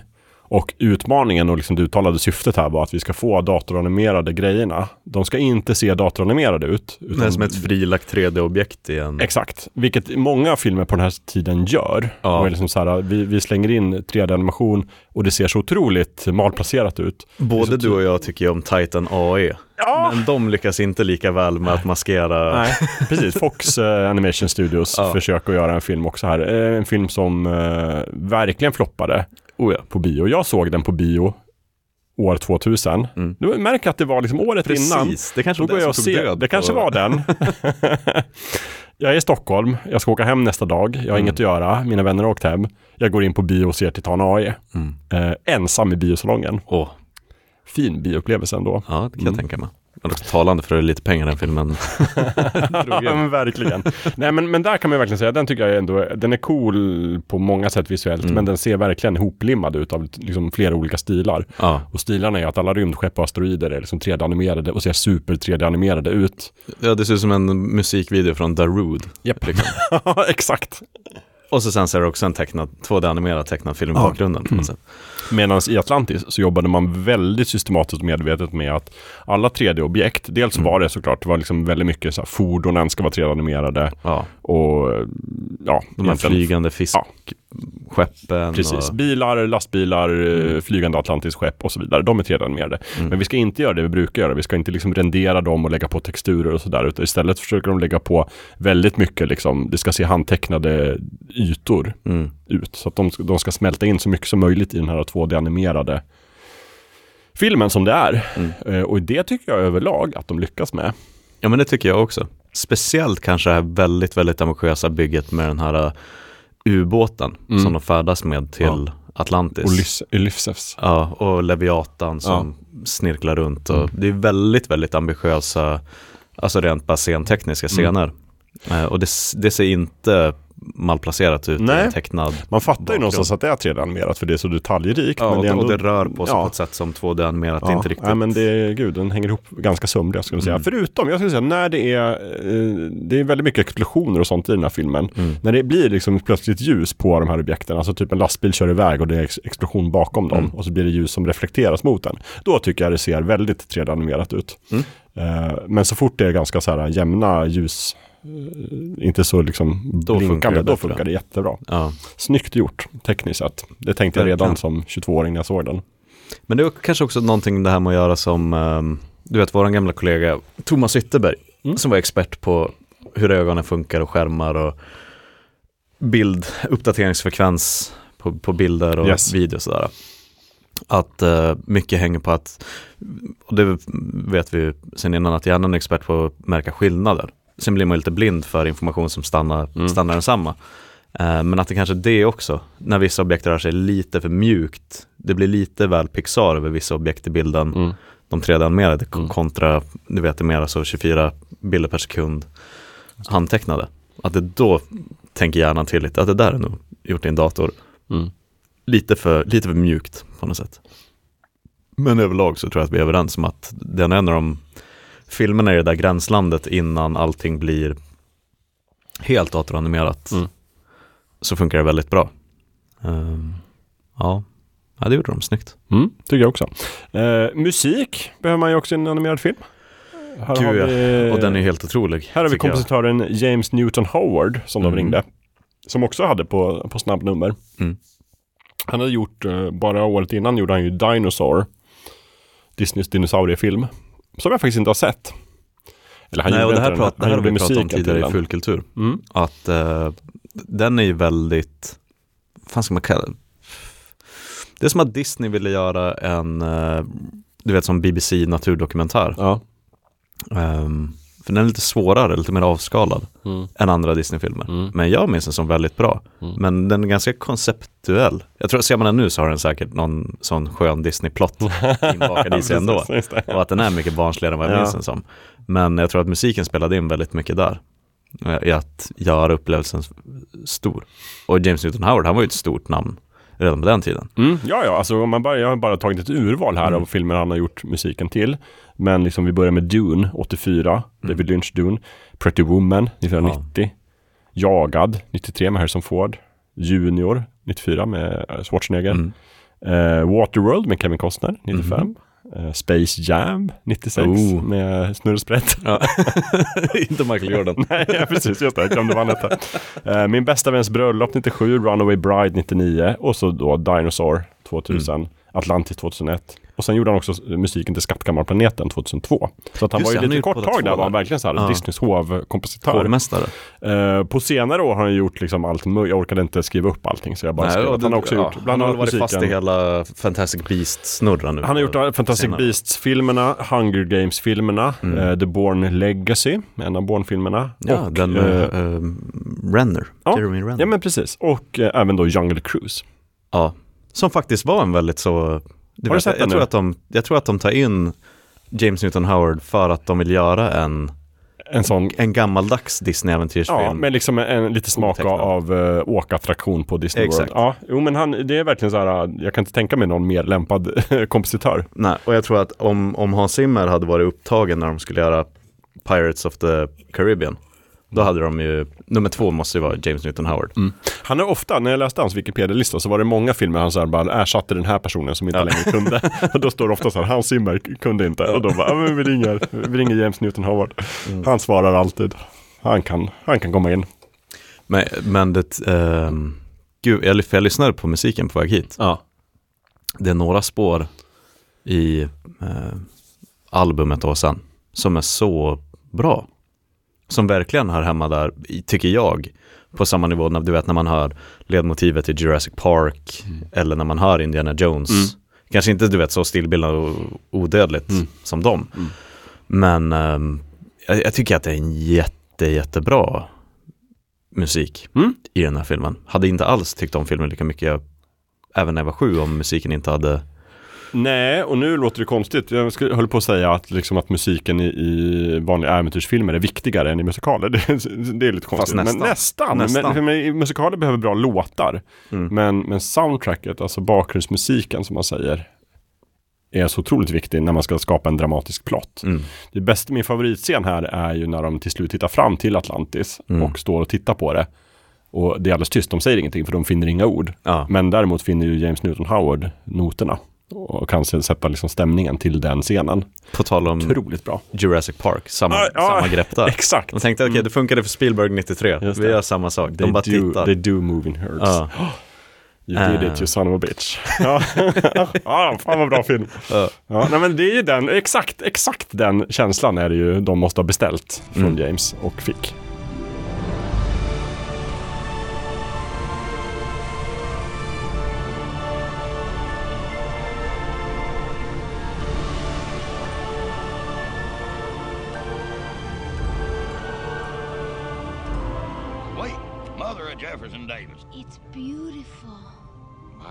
Gotta hand it to you.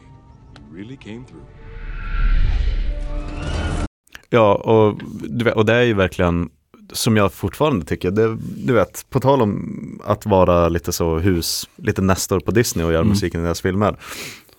För ett annat väldigt, väldigt stort namn om man inte pratar Hans Zimmer eller Ludwig Göransson idag så är det väl eh, Michael Giacchino som gjorde musiken i Lost bland annat Mm, och, har gjort väldigt mycket Och för JJ, ja Ratatouille också, Mm. JJ Abrams. Och så han skuttade in och gjorde musik till en massa Pixar och Disney-filmer sen liksom. Ja. Eh, Så han har väl, som jag har förstått det så ser väl många på honom som den som har tagit över den här romantiska ådran från John Williams. Mm. John, som att han är död, han är fortfarande högst aktiv. Eh, men att James Newton Howard har ju också det här eh, väldigt John Williams grej. Ja. Mm. När man lyssnar på musiken i Atlantis. Eh, låten som på albumet heter The Submarine. Innan resan verkligen ska dra igång. För det är nog första gången som du vet, huvudbiten av Atlantis-temat verkligen kickar igång på allvar när de ger sig ut eh, på, på resan. D- den har sån himla fin, först är det så svallande mycket blås och sådär och så sen så går det ner till att det är lite mera lekfullt och att det studsar runt på ett väldigt så John Williams-aktigt sätt. Ehm, och gud vad det sätter en härlig stämning för resten av filmen. Mm. Ja, nej, men alltså jag skulle säga att en stor del av behållningen är, är musiken Mm. i den. Jag, jag hade inte liksom riktigt kopplat namnet James Newton Howard med många andra filmer sen. Men sen när jag har gått tillbaka och kollat och lyssnat på hans andra, liksom, okej, en uppenbar riktigt, talang. Riktigt bra. Och det här är nog en av hans bättre, tycker jag, Mm. Atlantis, hans arbete. Eh, Jag tycker att, för jag blandar ihop dem ibland, för en av mina andra absoluta favoritkompositörer någonsin, han har ju tyvärr gått bort, eh, som så många i Hollywood gör, flyger något litet Cessna-flygplan Mm. i liksom The Canyon. Mm. Ehm, James Horner, som gjorde Ja, musiken till Star den, sista Mohikanen och Star Trek och precis. eh, en massa andra.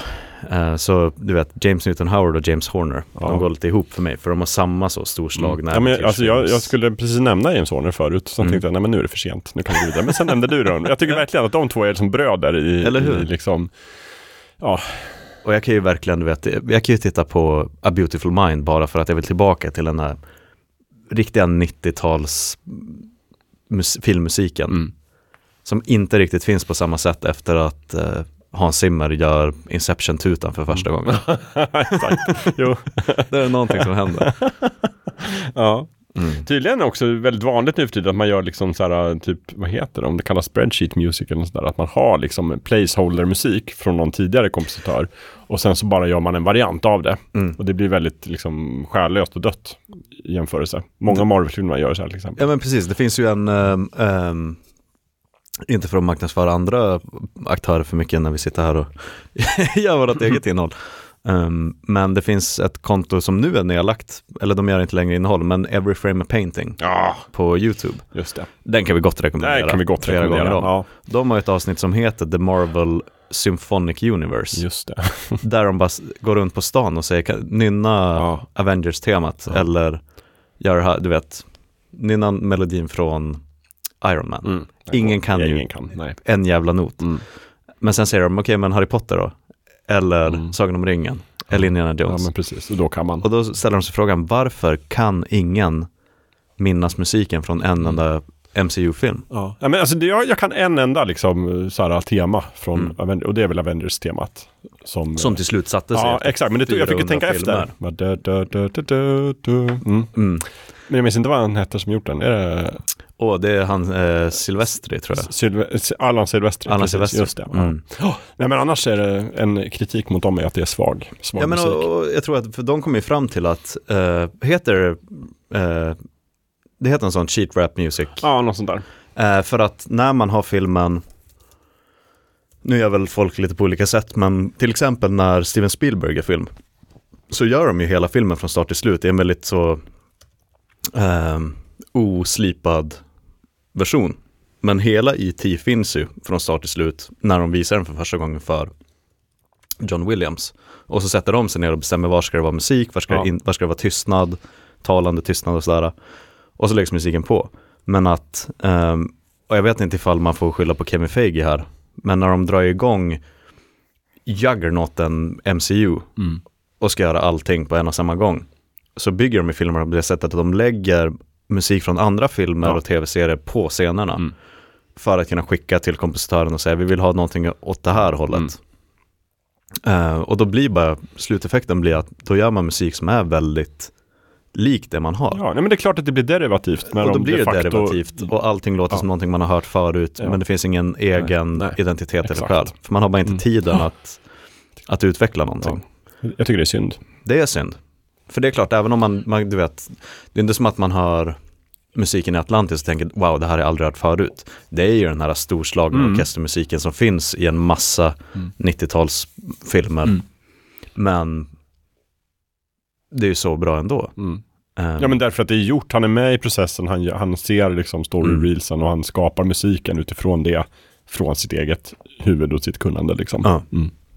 Och du vet, säga vad man vill om dagens Hans Zimmer som har liksom stora sådana du vet, gårdar med underkompositörer som Ja. sitter och spånar fram En lite, hel så, kompositörsfarm. lite stingers och Mm. lite, lite ledmotiv Ja, och ja. grejer. Men, eh, men, men där får man, och det kanske man också med Christopher Nolan, att han har ju tiden att sätta sig ner och göra någonting som låter distinkt, Mm. Interstellarigt, eller Inception, Mm. eller Dunkirk för den delen med de här tickande klockorna. Mm. Ehm, så ja, det, det, det är lite synd med MCU och någonting som hedrar Atlantis. Mm. Att, det, att det får vara så 2001 för en tecknad film. Mm. Absolut. Vad tycker du om, eh, om the lead single? Då? De gjorde en låt också, så här Oscars bait-låt. Vill du, för jag saknar, ehm, vad heter den? Den heter Den heter med Time. Where the Dream Takes You. Where the Dream den. Takes och You. den är skriven av Newton Howard och Diane War- Warren, som är Mm. en riktig legend. Och framförs av artisten Mia, Mia. som jag aldrig har hört talas om, vare sig före eller efter. Ja. Men hon var tydligen, hon är ganska stor i USA tydligen. Aha. Gjort mycket rb låtar Right. Jag ringer inte för många klockor. Nej. Men jag kan ju höra hur låten går Mm. i mitt huvud. För den kommer ju, när man tittar på filmen så kommer den i eftertexterna. Ja, exakt. Det är en typisk eftertextlåt. Typiskt eftertextlåt. Att det har varit orkestral musik en hel film och så sen så kommer någon typ av lite mera Phil Collins, Ja. Brian Adams-låt Mm. Ja, till precis. eftertexterna. Just det. Och jag tycker att det är så skönt, jag saknar det. Jag hade velat ha mer av det. Ja, det passar. Men Idag tydligen var det ju så här att de pitchade det här som att men vi ska inte göra en musikal. Och Mm. liksom marknadsförarna på Disney sa okej, men vad, Men hur vi är ska vi marknadsföra filmen då, era dumma jävlar? vi behöver ju en låt och då sa de okej, men ni kan få en eftertextlåt. Ja. Och så gjorde de det. Eh, jag ska bara säga det, Diane Warren som var med och skrev den här låten har ju gjort, alltså, Allt. eh, kolla inte på Wikipedia för liksom, du kan inte ladda sidan för den är så lång. Men, men bara för att nämna några, som liksom Nothing's gonna stop us now med Ja. Starship har hon skrivit. Eh, Look away med Chicago har hon skrivit. Because you loved me med Celine Dion har hon Mm. skrivit. Unbreak my heart med Tony Braxton har hon skrivit. Och I don't wanna miss a thing med Aerosmith Mm. har hon skrivit. Så att, ganska tungt kort. Ganska tungt kort, Mm. ja. Um, sen gick väl Where the Dream Takes You har väl inte gått till liksom, musikhistorien som en riktigt tung hit. Jag tror inte den är med på hennes greatest hits. Om Nej, hon tar liksom en, en, släpper en CD med en 20 greatest hits så Mm. tror jag inte att Where the Dream Takes You är med på den. Men den är, den är ju lite, jag tycker den är ju lite, lite sådär, den har inte satt sig. Nej. Men jag tycker den är trevlig i sammanhanget. Den är trevlig i sammanhanget, just för att den bryter upp. Det är någonting med det där när man tittar på bil, film på bio och när eftertexterna kommer så går lamporna sakta på. Och så kommer den där uh, låtiga låten på slutet. Mm. Istället för att det blir en till liksom, arrangemang med stråkar och, och blås. Liksom. Ehm, som gör att man, du vet, man nyktrar till lite. Ja. Fastän man är sju år gammal så Ja. reser man sig upp lite, gnuggar ögonen. och hin- eh, det blir en låt för reflektion, typ. Och, och det uppskattar jag verkligen. Ehm, och är helt med på att bryta lite igen tonaliteten med Mm. resten av filmen. Ehm, bara för att man vill resa sig upp lite och titta ifall man inte har glömt någonting i biostolen. Eller för den delen bara leta efter sin telefon igen i soffan. Mm. Och, ehm, så ja. Sen ska jag också säga, du vet att det är en parallell verklighet när, de, när Disney säger att, för vem är det nu? Katzenberg är ute, Schumacher är det någon är det som är, ja, han är väl ex- executive eh, någonting, Ja. någonting. Ja, men lite boss. lite Sådär, boss ja. För att om de säger bara, nej, vet du vad, ni, ni har varit duktiga nu under 90-talet, men det här blir definitivt en musikal. Ni ska ha Alan Menken och det ska vara, du vet. Så jag, det finns definitivt i något annat universum än Atlantis som har verkligen en sån svit av härliga Disney-låtar. Mm. Ehm, och den är li lika bra. Men jag, är- jag är glad att den fick vara en icke-musikal med en James Newton Howard-score. Ehm, för det finns så många andra bra. Vill man ha bra Disney-musik av typen Alan Menken, då kan man ju kolla på Hercules liksom. Mm. Zero to Hero och Visst, visst. Go the Distance och alla de här. Ja, eller bara Al- Aladdin. Eller Aladdin. Ja, Också bra. Prins Ali, vilken magi. Ali Ababa. Du har aldrig haft en vän som jag.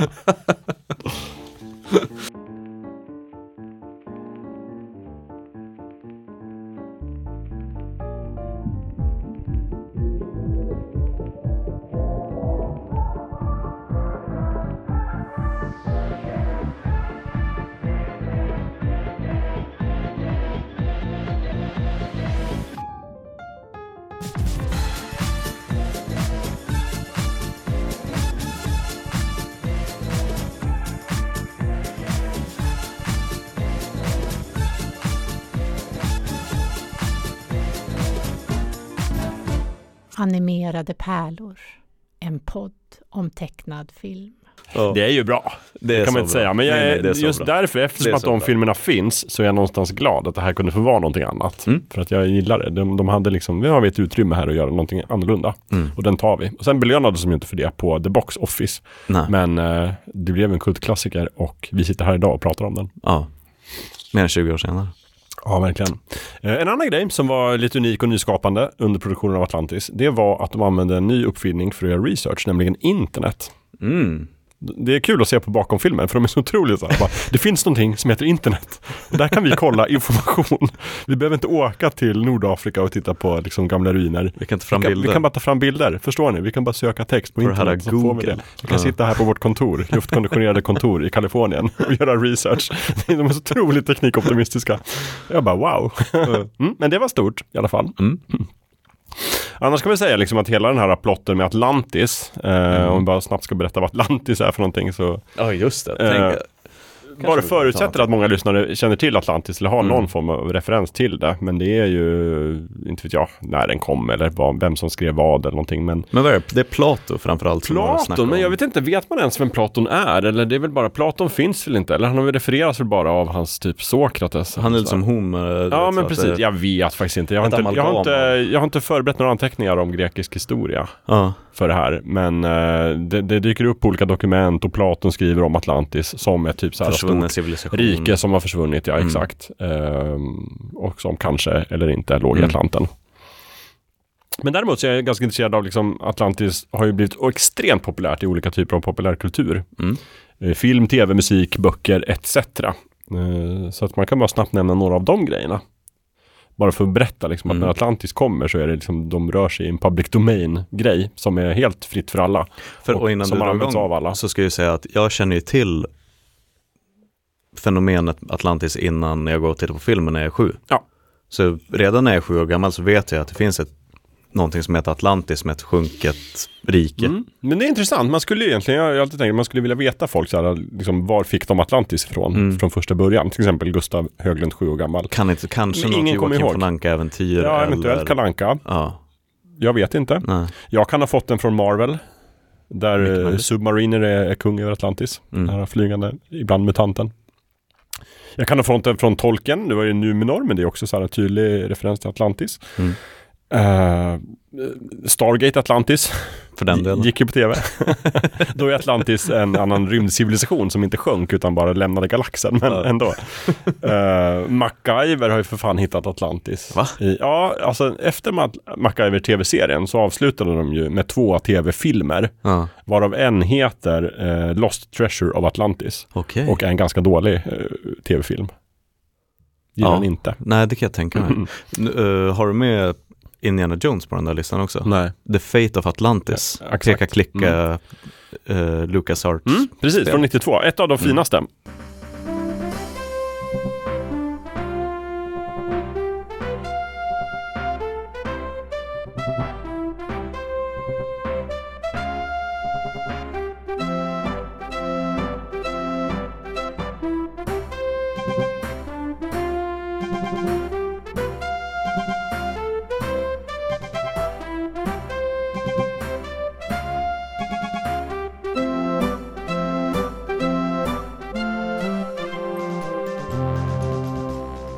Definitivt ett av de bästa Indiana Jones-spelen. Spelen. Mm. Ja. Jag gillar det jättemycket. Ja. Eh, Men och sen finns det också ett eh, sån här DVD eller CD-ROM-spel från 97 som heter Atlantis, The Lost Tales. Oho. Som, jag vet att det var väldigt känt för att det översattes på svenska. Mm.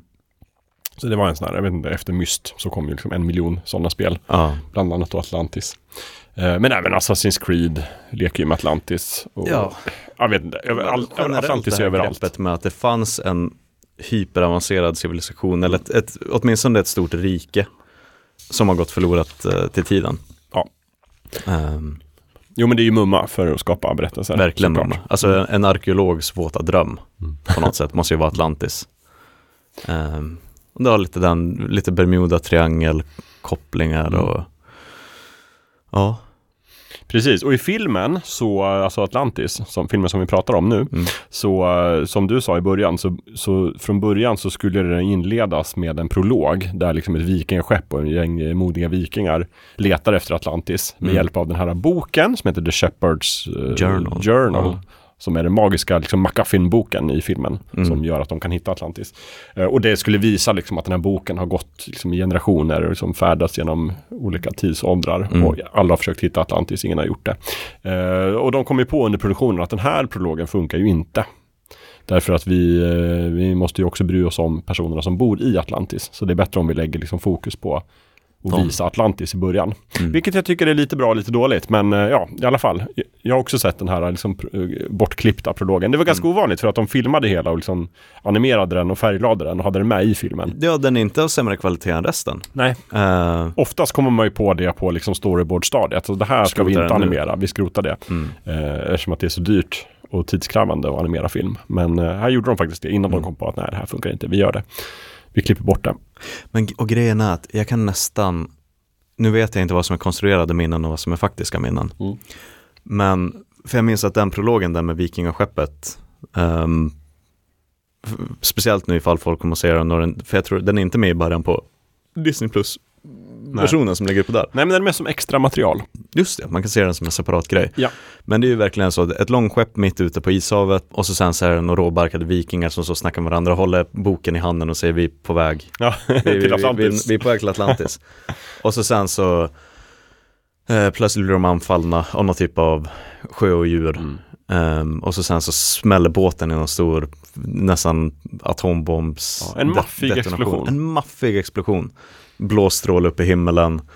Ehm, och så sen så, du vet, ser man hur boken sakta sjunker ner under ytan. Ja. Ehm, Och där jag- tänker jag att den borde bli förstörd.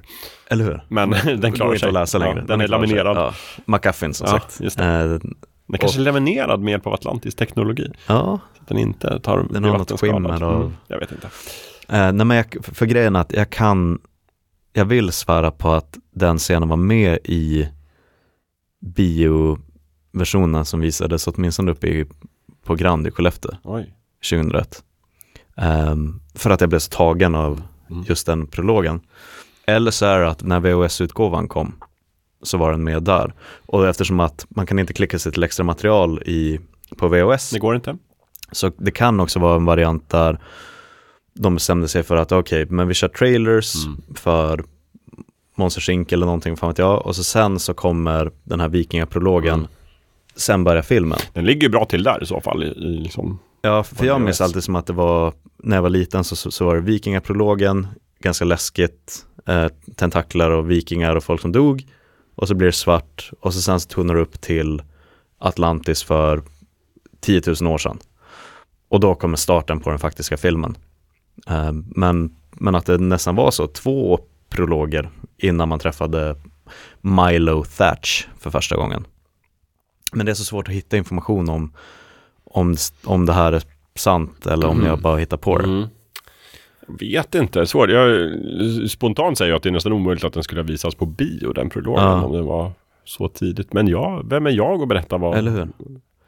Ja men då kanske det är, det mera troliga kanske är då att på en VHS där man är, allt är linjärt så satte de bara den mellan Ja. trailers och filmen. Ja, jag vill Och ju egentligen, jag den vill ju som- egentligen ifrågasätta hela din historia. jag tror inte den var på VHS, men jag vet inte.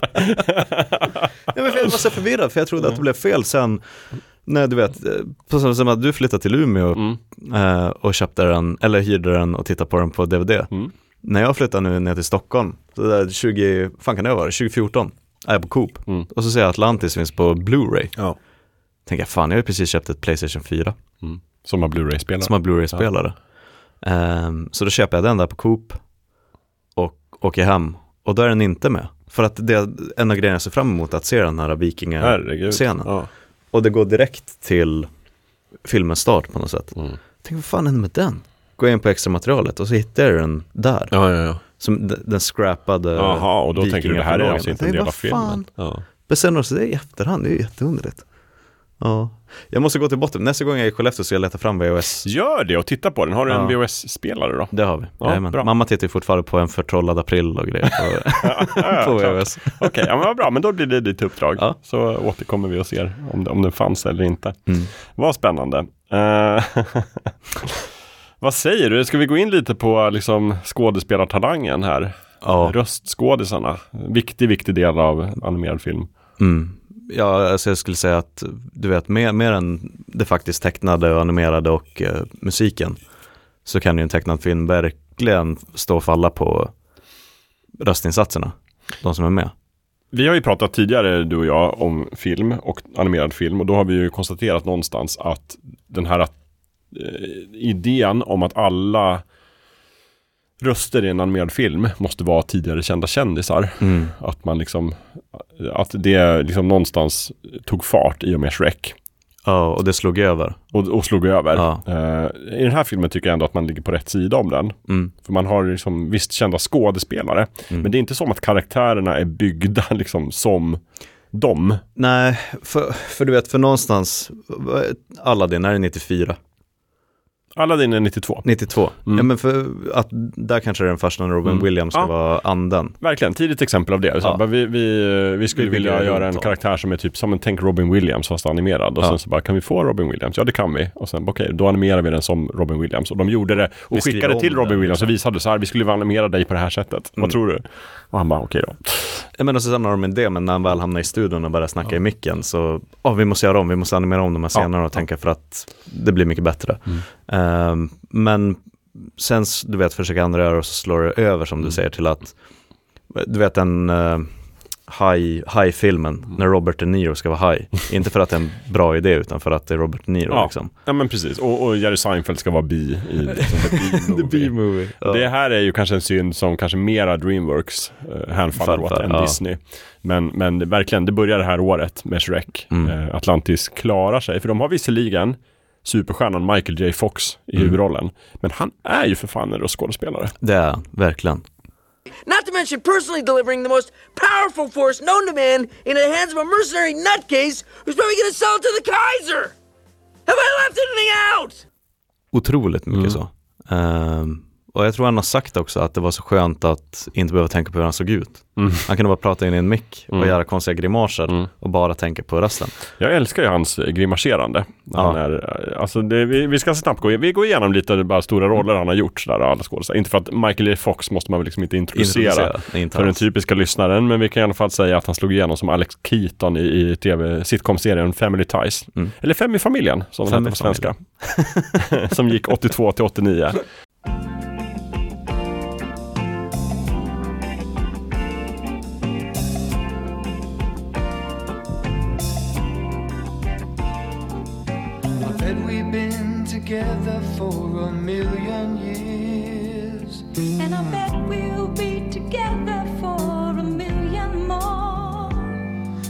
Like I started breathing on the night we kissed. Well, I can't remember what I ever did before. What would we do, baby, without us? What would we do, baby, without us? And there ain't no nothing we can't love each other through. What would we do, baby, without us? Sha la la la. Och om man inte har sett den så har man kanske sett en liten filmtrilogi som heter Tillbaka till framtiden. Marty kom- McFly. Ja, 85, 89 och 1990. Mm. De tre filmerna. Det är ju så sjukt. Han jobbade ju liksom dagtid jobbade han med Fem i familjen och sen så liksom flög han i två timmar.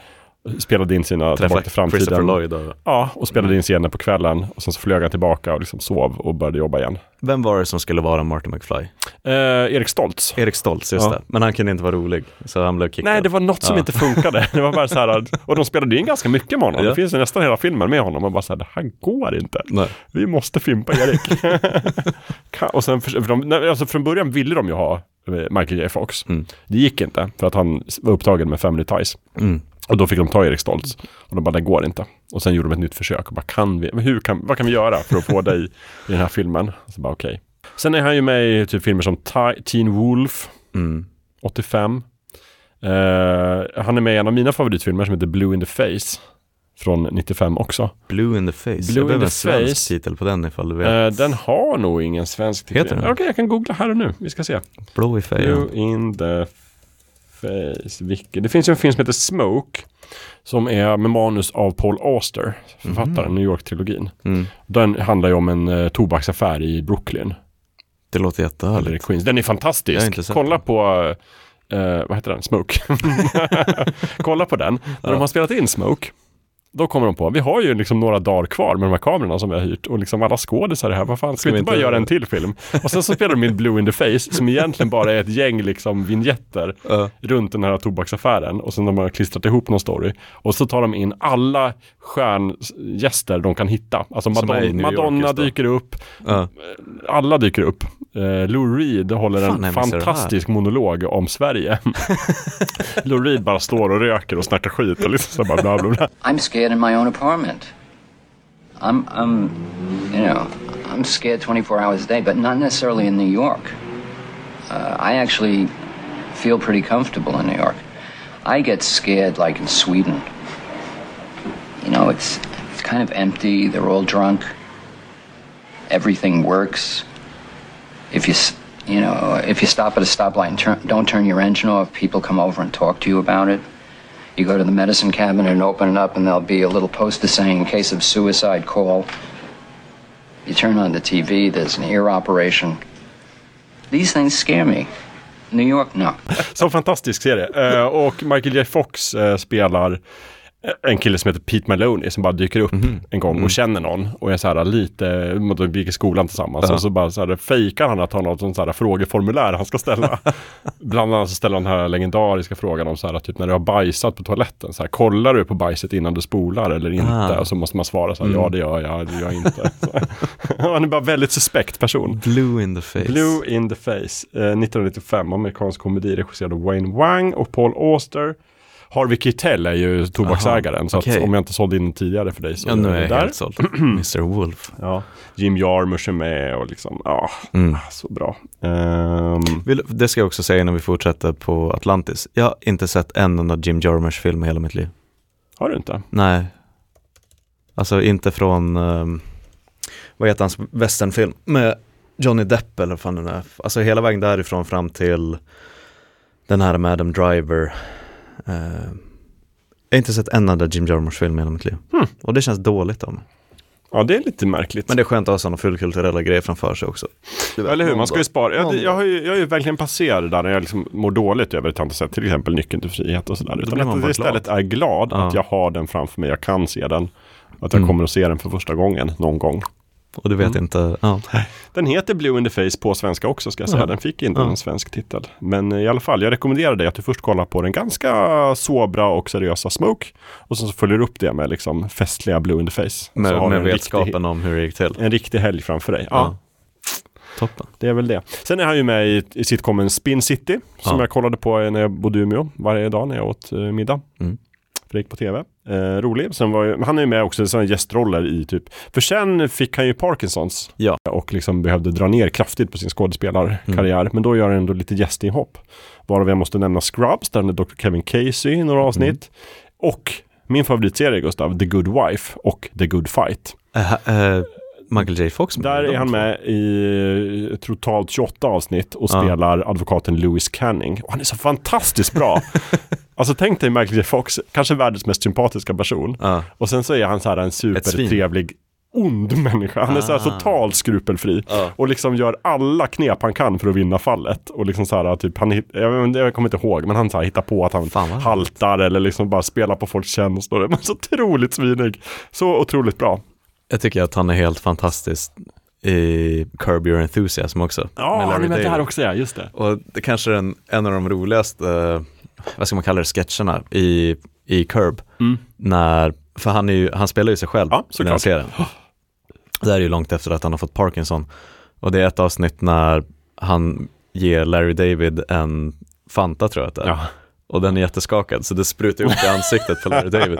Och Larry David är övertygad om att han gjort det med mening. Ja, ja, och att han bara skyller på sin Parkinson. Det låter så för att komma undan med det. Låter som Curb Your Enthusiasm. Och han, kan ju inte, han kan ju inte pitcha den här teorin för någon. För att de tycker bara att han är helt dum i huvudet. Ja, just det. Ja, men gud ja. Det har ju kommit en, en ny biodokumentär, eller dokumentär heter det väl? Still, a Michael J. Fox movie. Ja, På, det är en fantastisk titel. Apple TV. Plus. Med Mm. han själv. Den har ju precis haft premiär, bara häromdagen. Mm. Jag har inte sett den än, men den ska ju vara, jag har, sett, jag har Jag har sett- min kompis har sett den. Trailer till den såg ju helt Jag såg också trailern, den verkar Mm. helt fantastisk. Och folk, man säger att man gråter, man skrattar, man ler, man eh, Mm. stirrar. Ja. ja, den ska vara superbra. Jag är jättesugen på att se den. Mm. Ja, alltså han hade nog verkligen gjort mycket, mycket mer Mm. om han inte hade fått Parkinson. Mm. Ja, verkligen. Ehm, men han har ju varit kvar i vårt medvetande sen dess också. Det var inte som att han Ja. försvann och Ja, men en gång Marty McFly, alltid Marty McFly Ja. jag någonstans. en av Sen- de mest sympatiska leadmen, tror jag. Det finns en annan dokumentär där han är med som bara handlar om, om hans inställning till livet. Typ att han är en sån otrolig optimist. Mm. Och det är också så här i, i ljuset av att han har Parkinson så är det så här liksom att hans kropp bryts ner, att han är Mm. svårare och svårare att röra sig. Men att han ändå så här är en sån optimist och en sån syn på Glimten är livet. kvar. Ja. Gud ja, han är också hedersdoktor vid Karolinska institutet, kan jag berätta. Just det, Sen jag har sett någon bild 2010. på honom. Ja. Där. Ja. Det, ja, det var läckert. Mm. Men, eh, och, jag- men jag tycker verkligen att, eh, du vet, det du sa, och det du säkert tänkte komma tillbaka till det här med att bygga tecknade karaktärer kring rösten som ska röstera dem. Mm. Ehm, här i fallet Milo Thatch, då huvudkaraktären i Atlantis, Ja. så tycker jag att det nästan är den perfekta blandningen av en originalkaraktär och en välkänd röst. Ja. Man hör ju att det är Michael J. Fox. Och man hör ju också att det är Linus Wahlgren i den svenska. ja, det gör man verkligen. Nej, det gör man gör också alla. definitivt. Och om det är den minsta tröst så vet jag hur det känns för jag har förlorat min... Vä vänta lite, vänta lite, nu backar vi. M- menar du att det, du minns allt det här för att, att du var där? Nej, det är omöjligt för då skulle du, då skulle du vara, får se, åtta och ett halvt eller något, tu- tusen år gammal. Ja. Ja. Ehm, får de inte Peter Jöback så är det Linus Wahlgren Ja, på, men på precis, 90-talet just och till 2000. Han, Men- han hänger väl utanför Ja. kontoret och bara är redo att liksom hoppa in. När kommer nästa? Ja. Ehm, men, men jag tycker att Milo Thatch finns verkligen inte utan Michael J. Fox röst. Mm. Men jag tänker inte Michael J. Fox jag, jag tänker Milo Thatch när jag Mm. ser filmen. Mm. Ehm, Jag med. Och, och jag menar ju såklart inte att man inte ska så här, bygga karaktären med någon sorts röst i åtanke eller sådär. Nej, man måste men just det här rätt. att bygga karaktären, det skulle inte liksom varit en karaktär om man inte hade tänkt så här. Robert. De Niro, han ska vara haj i våran film. ja. Det är någonting annat än att bygga en karaktär som heter Milo och sen komma på att, vet du vem som skulle vara perfekt för det här? Michael J. Fox. Exakt. Och sen kan man liksom tweaka karaktären. Ehm, ja. Mm. Och sen många av de här andra som är med i liksom egentligen, alltså huvudrollen, det är ju en stort gäng Ja. eh, av utforskare som tar sig till Atlantis. Så är det ju väldigt många klassiska röstskådisar Mm. som vi kommer att se. Eh, ska vi gå igenom liksom, Jag tycker att vi går igenom. gänget? Ja. Ja. För då är det ju annars då din stora kärlek. Kida. Prinsessan Kira. Kid, Kidda, Kid, Kidaga Kida. Cash. Ja, precis. Mm. Var, vars röst görs av Cree Summer. Mm. Hon är ju så här, alltså hon är kanske min stora kärlek, nämligen Inspector Gadget så spelar hon ju Penny i tv-serien men hon har Inspector gjort Gadget allt. från 83. Ja.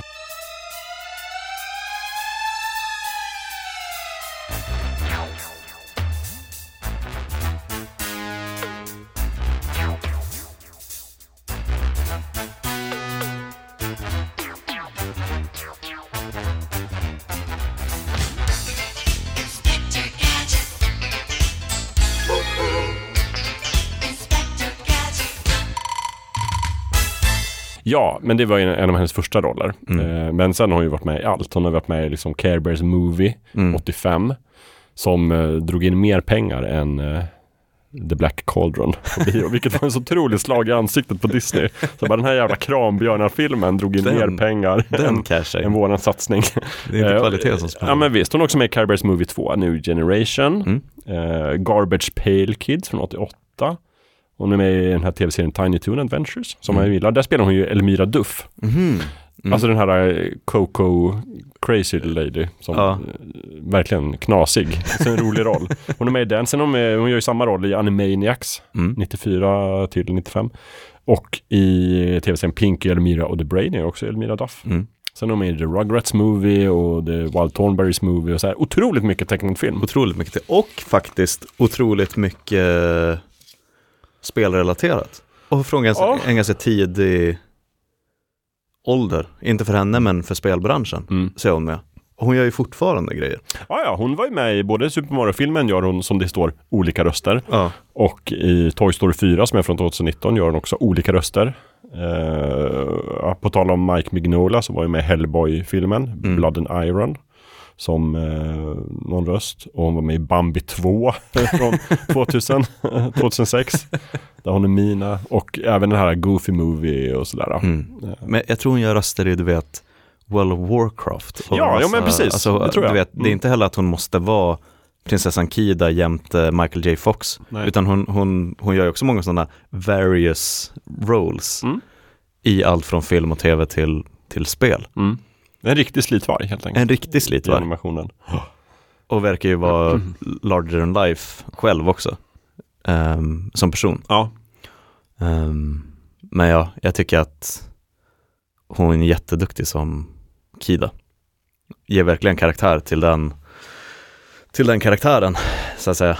Eh, och det verkar lite när man, du vet, när man hör dem prata om just röst, de engelska röstskådespelarna, amerikanska röstskådespelarna och att många av karaktärerna växte när de träffade röstskådisarna Ja. och de började spela in. Mm. Eh, Att då hittar de justerade manus lite grann. Okej, vi, vi tänkte att Kida skulle vara på det här sättet. Mm. Men nu ska hon spela på det där sättet när, när Cree Summer står och när vi har träffat henne en gång. Liksom. Ja, ja, men det blir ju så här. Först är det en teckning och sen får den någonstans liv när man börjar animera den. Ja. Den måste ju verkligen få liv när man också får en röst. När man ser den första, Ja. nu synkar vi upp Mm. ljud och bild Mm, och precis. tittar på dem 10 sekunder. Okej, nu måste vi rita så här framöver. Ja, exakt. Eh, skruva ner på den grejen, mer av det. Mm. Eh, Chris Summer, hon är också Jan i ett avsnitt av What We Do In The Shadows. Mhm. Om man vill se hur hon ser ut. Ett litet gästinhopp i, i den, denna roliga vampyrserie. Eh, och tusen miljoner spel, som Mm. sagt. Jag tror att de flesta som lyssnar på den här podden har förmodligen hört henne någon gång förut utan att veta om att det är Definitivt. Summer. Eller sett henne utan att veta om att det är Summer för den delen. Mm. Ja. Hon var också med i den här bakom eh, filmen så gjorde vi Atlantis. Eh, Mm. och, och verkar så otroligt glad för hon har gjort liksom en miljon olika animerade filmer. Men hon har inte gjort en, en Disney-långfilm. Nej, Hon var så otroligt glad att äntligen få vara där och göra en, liksom en i liksom starring Ja. cast. Precis. roll. så det är kul. Mm. Det unnar vi henne. Eh, Okej, vad har vi mer då? Vi har uh, Lyle Tiberius Rourke. Mm. Barsk eh, kommando. Ja, eh, innan vi kanske går in mer på storyn, men han är ju liksom skurken i filmen. Mm. Den här uh, legosoldat utforskaren. Ja. Som tar kommando för truppen som ska ner till Atlantis. Ja. Eh, vad är det? James Garner, vad heter han? James Garner, Ja. precis. Eh, känd från tv-serien Maverick. 57 till 60, så här gammal cowboy-serie. Well, I guess we better get. You didn't like the picnic. Mr. Maverick, I'm going to take your $10,000 and I'm going to keep it until you find out for me why Jerome Horn is using my father. I can work from there myself. Do you really think you can force me to help you? I'm going to try. Eh, sen är han ju också med, de gjorde ju också en Maverick-film 94 med Mel Gibson. Just det. Eh, där han också är med, men där spelar han ju Marshall Zane Cooper. Right. Så att han dyker upp igen i sin gamla franchise som en annan roll. Hårdkokt snut. Ja, sen har jag också, han varit med i liksom en miljon filmer på Ja. 60 och 70-talet. För jag minns, jag tror du vet, min mormor vet ju vem, vem James Garner är, men Ja. hon ser ju unga, Mm. skitsnygga. Kanske när han var med i liksom den stora flykten från 1963. Ja, lite så White Earp-grejer och, och sånt. Men, Mm. men jag ser ju framför mig den, den gamla Ja. James Garner som antingen spelar jättesympatisk pappa eller morfar eller någon typ av militär Mm. Ja. snubbe. Mycket militärroller känns det Ja. som. Mm. General, tänker jag att han har spelat Japp. 40 gånger. Ja. Hårdkokt snut. Han har sin eller- egen generaluniform han Ja. kan ta med sig till inspelningen. Eh, nu när jag bara kollar upp namnen en, vända till innan inspelningen så är att han är med i den här Dead Silence. Ehm, när du vet, de tar gisslan och det är någon, någon döv klass och lärare som blir tagna gisslan. Och då spelar han någon typ av sån avdankad FBI-agent som ska in och. Också en här klassisk 90-tals film. Eh, Den brukar, brukar bli rekommenderad när jag tittar på ett par Eh, fan heter de med Morgan Freeman, Alex Cross-filmerna? Mm, Along ja, Came ja. Spider Mm, och de. När jag tittar klart på dem och vill se någon till, då brukar det stå, eh, du kan kolla på Dead Silence med, med James Garner. Lite samma, samma stuk. Mm. I, I spelen, de gjorde några spel på Atlantis också. I spelen så porträtteras Rourke av Earl Bowen. Måste Okej. säga. Som är alltså LeChuck i Monkey Island-spelen. Ah, right. Viktig info. Ja. Mm. Ska vi gå vidare? Japp. Dr. Sweet. Vad har Mm. du för känslor för honom? Fin, som han heter i Väldigt svenska. fin. Ja, just det. Eh, Dr. Flin. Ja, Dr. Fin. Han heter bara Fin. Jag tror man säger det. Han är Doktor Fin. Nej, han heter bara Fin. Mm, just. Ehm, mm. Eh, Phil Morris. Mm. Många, många, många småroller i olika Star Trek-serier. Och framförallt Jackie Giles i Seinfeld. Just det. Knas, knasiga advokaten. Kramers advokat. Mm, Men det, det hör man ju, det tycker jag, det, var, det tror jag slog mig redan när jag såg, redan när jag såg Atlantis där i Umeå 2002. Så var det bara så här, vad fan, det är ju Jackie Giles. So, you know, my friend and I, we were going to the movies, and we stopped off and bought this cafe latte. Mm-hmm. What is that, like Italian coffee? Yeah, that's right. Half milk, half coffee? Yeah. Mm-hmm. You take a sip? Yes, I did. Now, when you took a sip, did you notice it was hot? Were you able to sip it in your normal fashion? No, I wasn't able to sip it in my normal fashion. Mm-hmm. All right, all right.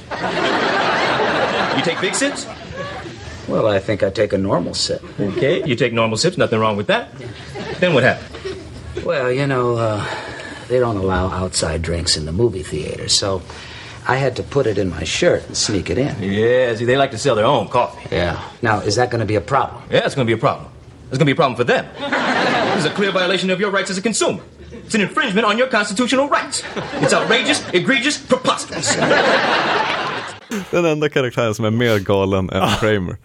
Tala om att hitta sin bästa kompis Ja. ut. Så råkar vara advokat. av Det är så roligt ja, alla, alla gånger Kramer kommer in på hans kontor, det är roligt. Men, Ja, roligt jag tycker nästan att den, den är min favoritduo i hela Ja. Seinfeld, de två.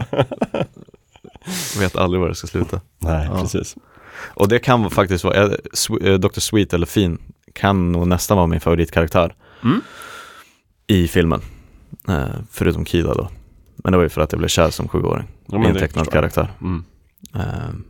Men eh, ja, den, den satte de verkligen. Ja. Också som himla fin kombo med, med röstskådis och, och karaktär. Jag, jag, nu sparar jag verkligen för jag vill ju kommentera på det svenska ditot för varje karaktär. Men Mm. Ja, jag men jag att vi kan absolut. igenom dem lite efteråt. Det kan vi göra. Ja. Jag har gjort en lite kortare lista med svenska, men du Okej, får ja. fylla i som du känner är Mm. viktigt.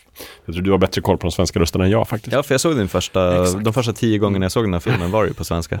Jag visste inte om att det var Michael J Fox förrän... Din VHS där, är den på svenska? Den är på svenska. Den är på svenska, Ja. så är det rimligt. Det kan fan vara ett fall av, för du vet när det är tecknade filmer som bara är så kanske 90 minuter långa, Mm.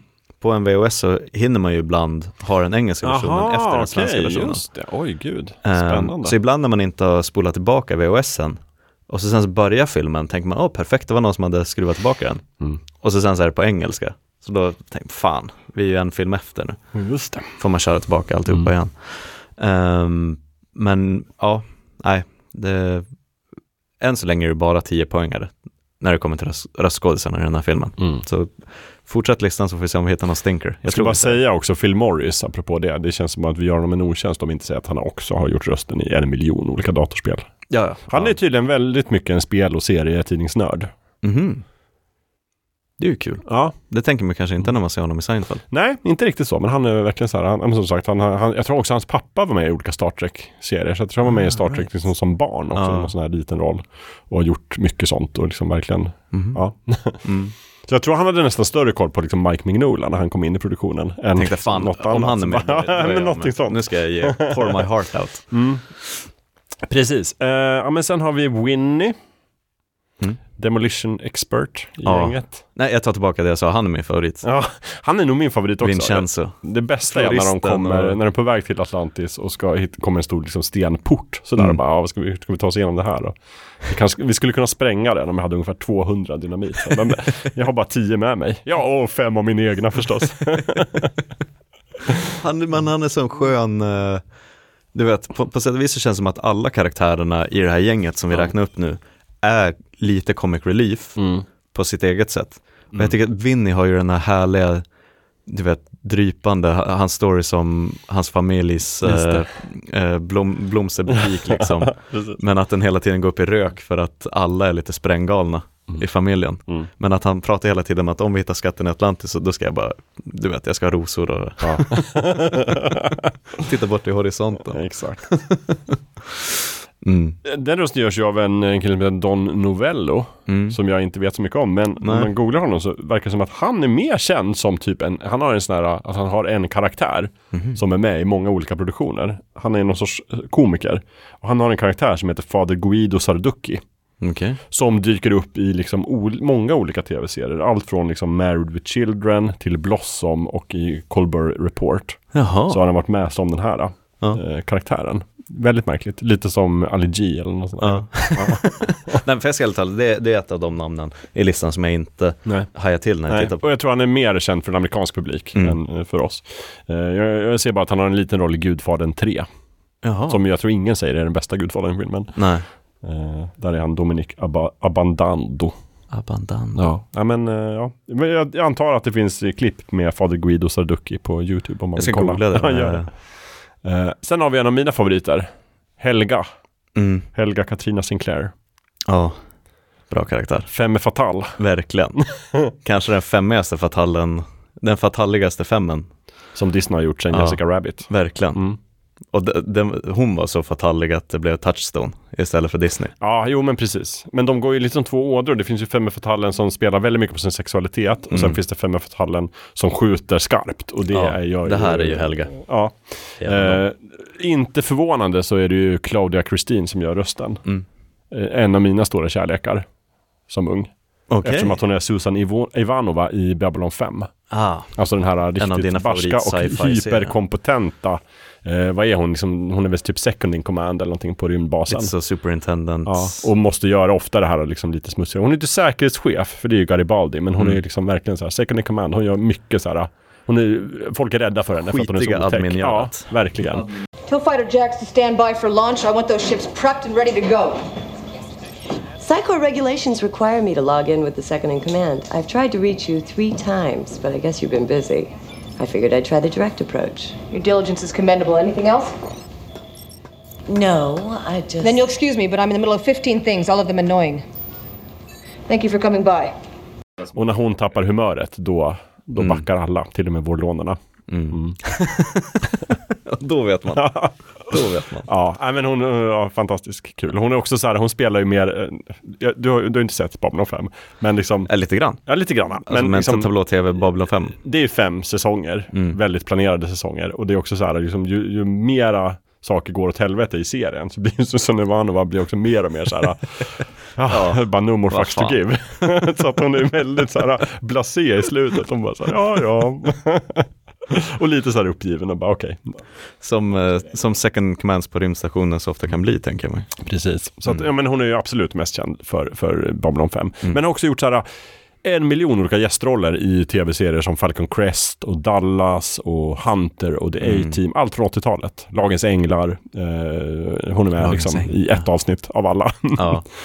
eh, sen har man med Freaks and Geeks. Om man har sett den från 99. Där spelar Mm. hon ju typ läraren. Gloria Haverchuck. Mhm. Mm. Ehm, men det är väl det, annars har hon inte gjort så mycket. Men hon lever ganska gott på olika fan conventions tror jag. Liksom Jag kan tänka mig att folk som är födda 5. kring, kring ditt födelseår Definitivt. vet vem hon är. Mm. Springer fram. Ja. Sen har vi ju mekanikern Audrey. Mm. Audrey och Rookie och Ramirez. Eh, Jacqueline Obradors. Ja, Hennes röst. Inte så bra koll. Nej, jag vet att hon var med i en film, verkligen väldigt liten liksom IMDB-lista, men hon var med i den här filmen som heter Sex dagar och sju nätter. Från 98. Ja. Som Ja, Angelica. nej, är hon, ja, som eh, David Schwimmer blir kär ner sig. Ja, men alltså, hon det- spelar det- väl Harrison Fords flickvän? Den bortglömda Harrison Ford-filmen brukar jag kalla den här. För Ja. liksom det är alltså Harrison Ford och sen så är det Ann, Ann Heche som är henne, hans love interest. Just det är de som är fångade Mm. liksom, i djungeln eller vad det nu är. Ja. Eh, Och sen är det David Schwimmer, jag, jag minns inte riktigt hans karaktär. Och sen är det ju då liksom Jacqueline Obradors. Han spelar ju bara någon tölp, du vet, de ska gifta Ja. sig, Ja. Anne Heche och eh, David Schwimmer. Just det.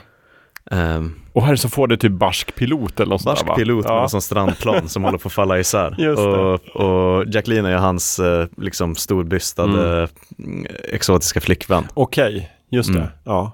Ehm, och om jag minns det rätt så är det hon som tar hand om David Schwimmer när han håller på att få en enda lång panikattack.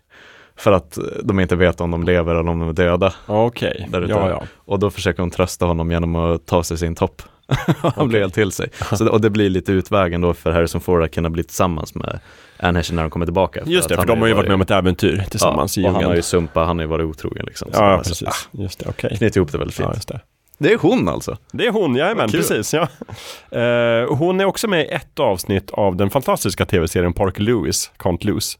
Mhm. Som gick på eh, 90-talet, 90 till 93. Mm. Har du sett den? Nej, ja. För det är så här, det jag tror du var för liten, men den gick ju på tv när jag var liten. Ja. Och det var ju en tv-serie. Från början så skulle den ju vara en tv-serie baserad på Ferris Bueller's Day Off. Ah. Eller Fira med Ferris, Mm. som den heter på svenska. Eh, men sen blev det liksom inte så. Då gjorde de liksom den här, det är liksom det är, bara, na- det är bara namnen som är annorlunda. Det Ja. heter, han heter inte Ferris Bueller längre, han heter Parker Lewis. Men det är samma och sen gör vi karaktär. lite mer skruvat manus. Men det är typ samma karaktär och samma, liksom, det är verkligen så här uncanny. Att det här är precis samma. Fast sen gjorde de ju långt senare en, också en Ferris Bueller tv-serie som inte alls var lika bra. Mm. Men Parker Lewis, väldigt rolig. För oss som eh, föddes 1980 i alla fall. Får jag säga någonting på, på det temat? Det går som bra. inte har någonting att göra med tecknad film. Jag tycker vi gör ett sidospår. Eh, filmen Out of Sight med Jennifer Lopez och eh, Ving Rhames och George Clooney Mm. från 90, sent 90-tal, 98 kanske. Ja. Det är ju en, eh, han som har gjort eh, Oceans-filmerna. Ja, nu tappar jag namnet, men alla vet vem det är. Mm. Ehm, så 90 98 säger vi då, så gör han filmen Out of Sight, där Jennifer Lopez spelar så US Marshals agenten Karen Cisco. Och eh, George Clooney spelar en typ av bank, bankrånare. Mm. Joe, Joe Foley eller Jack Foley eller något sånt där. Ehm, och de blir kära i varandra, men hon ska sätta fast honom. Just det, det den filmen är kul för att eh, Michael Keaton dyker upp som sin eh, Jackie Brown-karaktär. Jaha, inte Samma som Batman karaktär. alltså. Nej, nej. Nej. Ehm, jag glömmer bort vad han heter Jackie Brown. Men Mm. det, är, det är karaktären från Jackie Brown dyker upp. Och jag tror det är några fler från Jackie Brown som också dyker upp. För att båda de här filmerna, Sight och Jackie Brown, kommer från samma amerikanska författare. Mhm, Som skrev en massa, okej. eh, du vet, crime-noveller. Det. Av olika snitt. Ja. Ehm, sen spolar vi fram till 2023. Då sitter jag och kollar på tv-serien Justified med Timothy Olyphant. Ja. som utspelar sig nere i amerikanska södern. Eh, och så dyker, eh, dyker Carla Gugino, Gugino upp i ett avsnitt. Du vet som spelar psykologen i Sin City. Oh ja, ja, ja, ja. Och, och Och dessutom annat. Michael J. Fox flickvän i Spin City. Exakt. Fantastiskt. Ja. Eh, Så hon dyker upp där och heter Karen och de gör någonting, de skämtar om att hon har bytt efternamn för att hon är gift. Mm. Men hon dyker bara upp i ett avsnitt och tänker, fan vad underligt, hon är ju liksom en kaliber att vara Ja. med i mer än ett avsnitt. Um, och så att hon spelar ju Karen Cisco för att det kom en tv-serie efter Out of Sight i en säsong innan den blev nedlagd, Ja. där Carla spelar Karen Cisco, alltså Jennifer Lopez karaktär från Out of Sight. Hänger med. Ehm, och Justified är också baserat på samma författares eh, någon bok liksom, som heter Fire in the Hole. Så det finns en Reddit-tråd någonstans som spekulerar att allt det här är samma shared universe eftersom att det är samma författare. Ja men precis. Ja. Ehm, det tyckte jag var jätteintressant. Wow. Så jag kommer att tänka på det nu när, för det här hände bara härom veckan. Jag tänker att jag aldrig kommer ihåg det till, till Ja, nästa fulkultur. Jag älskar sånt där. Kul. jag tyckte att det var jättehärligt. Ja, jätte, jättebra.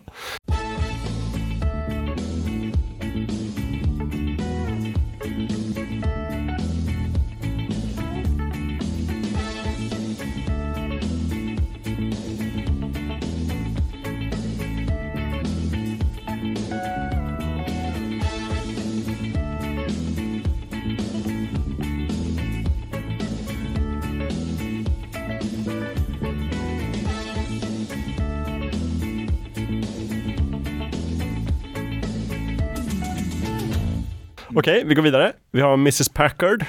Wilhelmina Bertha Packard. Mm. Det är hon gamla, vad är hon, radiooperatören? Radiooperatören som sitter och kedjeröker, vet du, sån, hon, hon blåser. Ja, och ringer och skvallrar med sin kompis medan Levi- Leviathan attackerar. Hon är 20 000 leagues under the sea Ja, och jag kan måste fortfarande prata med väninna. sin väninna i Brooklyn.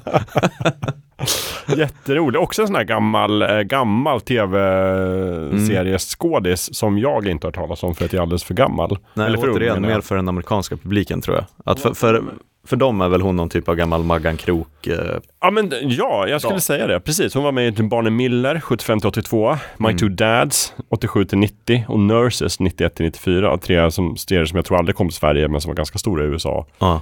Eh, och sen små roller i liksom tusen filmer. Mm. Bland annat flera av Mike Nichols filmer. Jaha, som okej. The Day of the Dolphin till exempel 73. Var Ja. en av hennes få stora roller. Mm. Jag vet inget mer om henne. Nej. Men en jättehärlig karaktär Ja, i verkligen. En otroligt härlig karaktär i filmen. Mm. Och mycket, för hon rör ju inte på sig så mycket, så hennes röst, det hon säger, är ju hela karaktären. Mm. Hon sitter mest stilla Ja. radion. och röker. Och röker. De animerat liksom cigaretthandeln väldigt mycket. Eh, sen har vi Molière, Mm. grävaren. Grävlingen, ja. Eh, väldigt speciell. Han, tydligen så tog det liksom dubbelt så lång tid att teckna honom. Mm. Eh, alltså för man, man skissar ju först liksom Mm. animationen och sen så är det den här clean up face då när man ska liksom fylla i. sina key, Ja, om keyframes. det hade varit och en serietidning så hade det väl varit ink. Liksom. Ja. Men man, ja men precis, keyframes och, och animation. Det tog liksom väldigt lång tid för att han har så mycket detaljer på sig. Han har de här små me, manickerna på sig, Ja, och linser. mikroskopen som Precis. glasögonen som Ja. kan åka ut i sex olika nivåer som ett Exakt. teleskop. Alla små gadgets som Mm. han har på sig. så. Men det är Corey Burton som är hans röst. Och det är också en sån här otrolig långvarig Disney-röstskådis. Mm. Som har gjort, eh, han är tror jag den officiella rösten till Ludvig von Anka. Okej. Mm. Eh, och Kapten Krok nu för tiden. Eh, jag minns inte vad han hette innan, han som gjorde Kapten Krok i Peter Pan-filmen. Men sen han gick bort så är det i alla fall. Ja, ja. Corey Burton som är Kapten Krok, han är också James Bond Junior. Okej. I tv-serien James Ja. Bond Junior. James Bond Junior. Precis. Han är Puff i Piff och Puff, Räddningspatrullen. och Zipper i Räddningspatrullen också, alltså Ja. bi biet. Han pratar inte så mycket. Nej. Eh, han är Gramse i Bumbibjörnarna. Gramse. Ja, den, den gramsigaste Bumbibjörnen. Mm. Eh, han är berättaren i jättemånga av de här Janne Långben-kortfilmerna. Du vet de här typ instruktionsvideorna, alltså, de mera moderna då. Ja. Eh, han är också jättemycket som inte är Disney. Han är Shockwave i Transformers. Ja. I olika upplagor. Han är greve Doku i Star Wars, Clone Wars. Okej. Alltså den tecknade, Ja, ja, den- animerade. precis. Mm. Sen är han också prisjägaren Cad Bane i Star Wars Clone Wars. Mm. Eh, Som dök då- upp i, gjorde han den i och Mandalorian? sen, han är också rösten i Bo- Book of Boba Ah. Fett, där han dyker upp som live action. Ja. Uh, jajamän, det är samma. Det är Corey Burton. Vad häftigt. Ja, så att han är riktigt långkörare. Han är också Brainiac i Superman. Jag bara får fortsätta på andra pappret. Eh, och han, är, han spelar guden Zeus i både, det här är roligt tycker jag, han är guden Zeus i God of War-spelen. Ja. Eh, och han är guden Zeus i tv-serien Hercules från Disney. Den animerade fortsättningen på filmen Hercules. Just det. Så han spelar liksom två upplagor av Zeus. Jag tycker det är, som upplagt för en crossover. Gud jag glömmer bort att jag såg Hercules och på de få gångerna jag var hos min moster eller hos mormor och kunde se femman på morgonen. Mm, då var det tv-serien Hercules Hercules. Ja. Då hörde du inte eh, Corey Burton, för du såg den på svenska. antar Säkert Linus Wahl. eh, sen har vi ju Cookie, kocken, Mm. Kakan. Jebediah Allardyce Farnsworth. Mm. Eh, också en skruvad karaktär.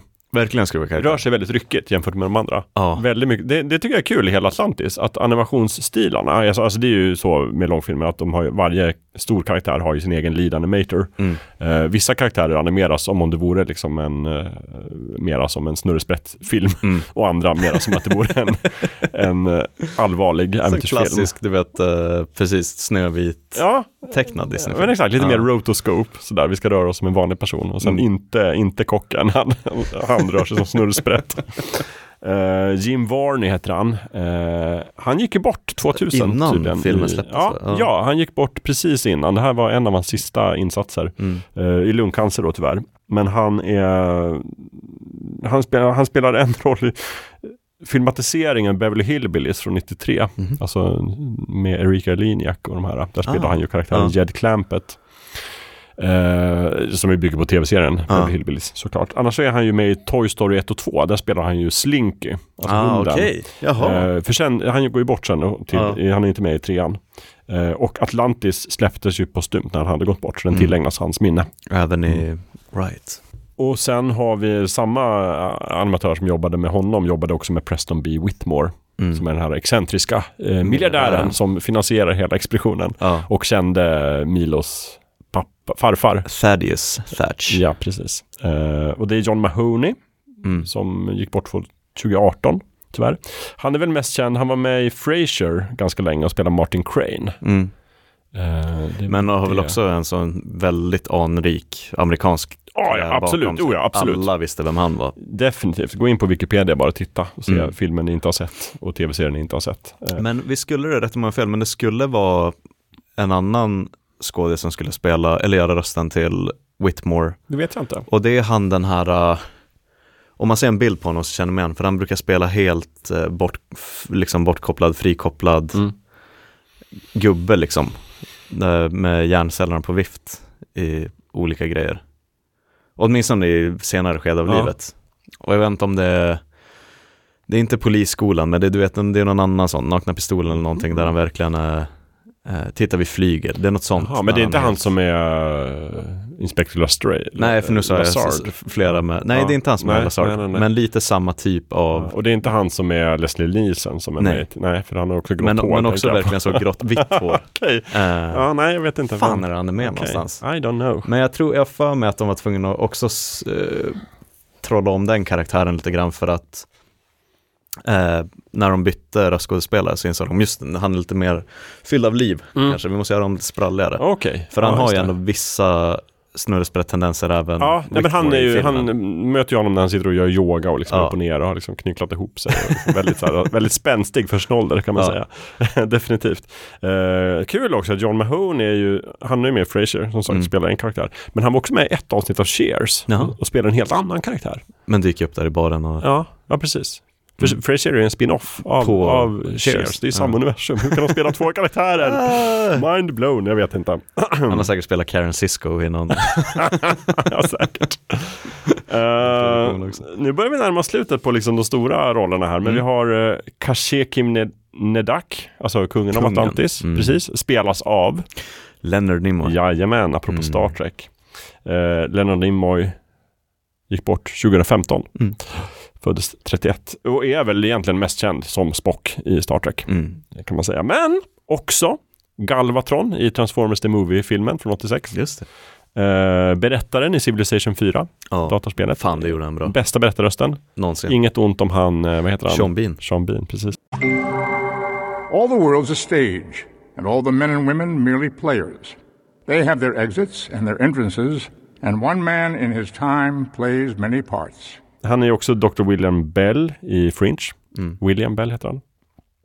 Och massor av, precis som, som många andra här, massor av tidiga småroller i olika tv-serier. Som Mycket westernserier på 60-talet. Typ Bonanza och Gunsmoke. Eh, men också typ The Twilight Zone och The Man from Uncle och sådär dyker han upp. Colombo och så vidare. Men han är ju sånt namn alltså. En av hans tidiga roller är den här kända skräckfilmen Them från 1954. Mhm. Där det är stora mördarmyror som anfaller folk. Okej. Den som på svenska heter Spindlarna. Spindlarna, ja det är så korkat. så sjukt. Eh, den är han med. I alla fall, Leonard Nimoy, fantastisk såklart. Mm. Eh, han, ja men precis, gick bort 2015. Hans sista roll tror jag var den här dåliga Star Trek-filmen. När de är och kampar i... Nej, nej, nej. Det är, Nej, just det, är långt senare. Ja, det, är, är den gamla dåliga. ja. Ja, precis. The Final Frontier. nej, men i den här Star Trek Into Darkness. Där J.J. Abrams Ja, ju, för där dyker han upp i någon typ av Han är med i åtta sekunder och säger så här, jag kommer från universum, jag får inte säga någonting. Prosper. du. Och så Jag måste bara säga att det är väldigt farligt. Ja, nej, eh, Ja. huva. Sen har vi ju eh, sista rollen då som, som jag har tagit med är ju Mm. Fenton Q Harcourt som är han som jobbar på museet som Mil, Mil, Mil, Han är int- Milo jobbar. intendent där eller något Precis, där. board Ja. member. Eh, och det är ju, jag nämner det bara för att det är Do- David Ogden Steers 42 till 2018 som ju är med i många av, av eh, deras filmer. Han är med i både Ringen För det är han som spelar markisen i, i nej vad fan heter han? Eh, gud, kardinalen i Ringen Notre Dame. Eller en annan roll? Ja, Archdeacon, så diakonen. Archdeacon, ja. ja. precis. Ja, eh, I Ringen Notre Dame. Han är med i Pocahontas också som, Och som Governor Ratcliffe, Ja. guvernören. Och han är med i Skönheten och odjuret också som eh, Clock Cogsworth. Mm. Och berättaren, Mm. såklart. Mm. Så att, eh, också en sån här Disney, Disney-folk. Ja, han är med i Lilo och Stitch också, som Dr. Jumba Yukiba.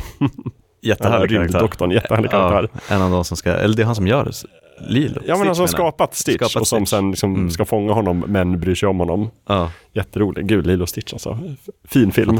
Och där, på tal om Leo Stitch, så finns det väl något litet i eh, att han som, om, det är inte screenplay tror jag, men någon som är inkopplad på ehm, Atlantis Mm. ganska tidigt, sätter sig ner och undrar om, om det är så storyansvar, märker att jag kommer inte att kunna göra det jag vill med den här filmen, frågar typ Schumacher, kan Mm. jag dra mig ut för jag skulle vilja jobba med min gamla, min Just det, min gamla, kompis. mitt gamla radar. mitt gamla halva ja. på Lilo Stitch. Så han, han sticker Just från det, ja, men det- Atlantis det väldigt stämmer. tidigt Ja, och gör. Lilo Stitch. Mm. Ehm, Jag tror det stämmer, det låter bekant. Mm. Ja, nej men det är väl egentligen det stora gänget. Sen är det ju en massa små roller såklart. Fast det är faktiskt inte så många. För man Inte försöker liksom konservera karaktären. Ja. Och det här är ändå ett ganska stor ensemble av, eh, av namngivna karaktärer och Exakt. röstskådespelare. Eh, vad ska vi säga om de svenska röstarna då? ja men alltså där kan jag väl egentligen bara säga att um, Disney-renässansen för mig, du vet vi pratar ju om vad är, vad är Disney om man är född på 90, mitten på 90-talet Mm. och allt det där. För mig är ju på samma sätt som att jag inte kan skilja på när jag såg filmen och vad jag tycker om filmen, Mm. så såg jag alla filmerna på svenska. Sen nu i vuxen ålder om jag får välja så ser jag dem på engelska. Bara någon som du vet, man tittar inte dubbat om man kan få tag på original. Mm. Ehm, men jag vet inte vad vi är ju fantastiska, du vet. Vi har litet land men pumpar ur oss NHL-stjärnor och allt möjligt, skådespelare och sådär. Musikproducenter. Och på 90-talet så är det som att vi kan inte, och tidigt 2000, vi kan inte göra fel när det kommer till att ersätta stora amerikanska namn med svenska Nej, nej, nej. Ja, mm. Hur fan lyckas, du vet det här har jag sagt förut hundra gånger, men Robin Williams, ingen kan ju göra Robin Williams förutom Dan Ekborg. Nej, men precis, verkligen. Ja. Det finns en enda person i hela en. världen som vi skulle kunna ersätta med Ja. eh, Robin Williams. Nej, Så då får, Dan Ekborg, han bor i Sverige. att göra rösten till, Ja. eh, till anden i Aladdin. Ja. Och så sen så Lejonkungen. Hur fan gör vi? Nu har vi ju Scar liksom. Mm. Ja, Rickard Wolff. Ja, men precis. Vad är det? Jeremy Irons? Jeremy Irons. Ja, precis. Just det. Hur hittar Ja. vi en röst som Jo, Jeremy men han Irons? heter, Ja. vi, har honom, han heter Ja, Rickard han Wolff. Han bor här. Och det kommer bli exakt lika bra. Ja. Och så sen så kommer Atlantis. Ehm, Och istället för Leonard Nimoy så tar de Sven-Bertil Taube Ja, som, exakt. som kungen av Atlantis. Hur bra som helst. Just det, han är väl också Rourke I i Atlantis. Eh, Sven-Bertil Taube. Sven-Bertil Han är Taube. Rourke. Han Rourke? Ja, han kanske är kungen av Atlantis också. Jag kan tänka mig att han är båda. Ah. Men är definitivt Rourke. Eller det står det på Wikipedia i alla Ja, fall. ja men då, det stämmer Ja. säkert. Mm. Ehm, Ändå men- ett ganska tungt kort. Ja, verkligen. Evert Taubes son. Ja. Sven-Bertil Taube Sven-Bertil kommer in i sin in och- liksom, stickade sjömanströja. Och Mm. liksom. Nej, men jag, jag tycker att han gör det så bra. Mm. Um, Dr. Sweet, Smile, Micke Persbrandt. Ja. Fantastiskt bra. Jo, jo, absolut. Eh, och vi ska inte heller förminska Linus Wahlgren som eh, Milo Thatch. Nej, det ska Men det är vi väl för inte. att Linus Wahlgren har gjort så jävla mycket liksom. Så det är bara en i mängden av alla hans. Eh, men sen så tycker jag att det finns andra grejer som är så otroligt imponerade över röstskådisarna i, i den svenska dubbningen av Atlantis. Per Myrberg spelar Whitmore. Tycker jag är jättehärligt. Nu glömmer jag namnet på, åh, om det är hon som är Audrey kanske. Eh, det är hon som också är rösten till Kim Possible. Det är en serie som du kanske Ja, inte har sett, jo. men alla Nej, som men har Disney, såklart. Disney Channel. Ja. Eh, så jag är, jag är jätte, jätte, jättenöjd med den svenska röstuppsättningen. Nämnde du Sara Sommerfield? Sara Sommerfeld är eh, Kida. Kida, precis. Ja. Och för mig är ju Kida kanske, mer än vad hon är Cree Summers är hon ju Sara Sommerfeld. Ja men såklart, jag förstår. Eh, och sen tycker jag också Anders Öjebo ska nämnas. Ja. Han är ju mullvaden Molière. Molière. Men han är ju också så här, han har ju gjort, han är ju kanske Alldeles. Sveriges dubbningsmästare nummer Ja. ett. Han är Darkwing Duck och, och alla. Mm. Såklart. Jag kan bara rätta dig lite snabbt nu. Jag kollade upp här på dubbningshemsidan.se Mm. som är en fantastisk resurs för alla som är intresserade av sådana här saker. Kungen över Atlantis spelas faktiskt av Sture Hovstadius. Sture Hovstadius, Gammal, eh, gammal räv vill jag säga. Han är med i allt från liksom Pelle Svanslös till Ture Sventon Just det, så är det. till Tack. Nattbarn, Tack. Spanarna. Och Sven-Bertil Taube är eh, Rourke då? Ja, precis. Ja. Och det, ja, just det, nu, tack för att du rättar mig. För att en av mina favoritscener är när de kommer ner till den här kristallkammaren. Mm. Och eh, Kida ska promenera fram. Och då sätter Rourke handen på Milos bröst och stoppar honom från att följa med henne ut i vattnet. Mm. Och så, det var så härligt att Sven-Bertil Taube har spelat in voicelinen och pojkvännen stannar här och håller kvar honom i en Disney-film som heter. Atlantis, en försvunnen Ja. värld.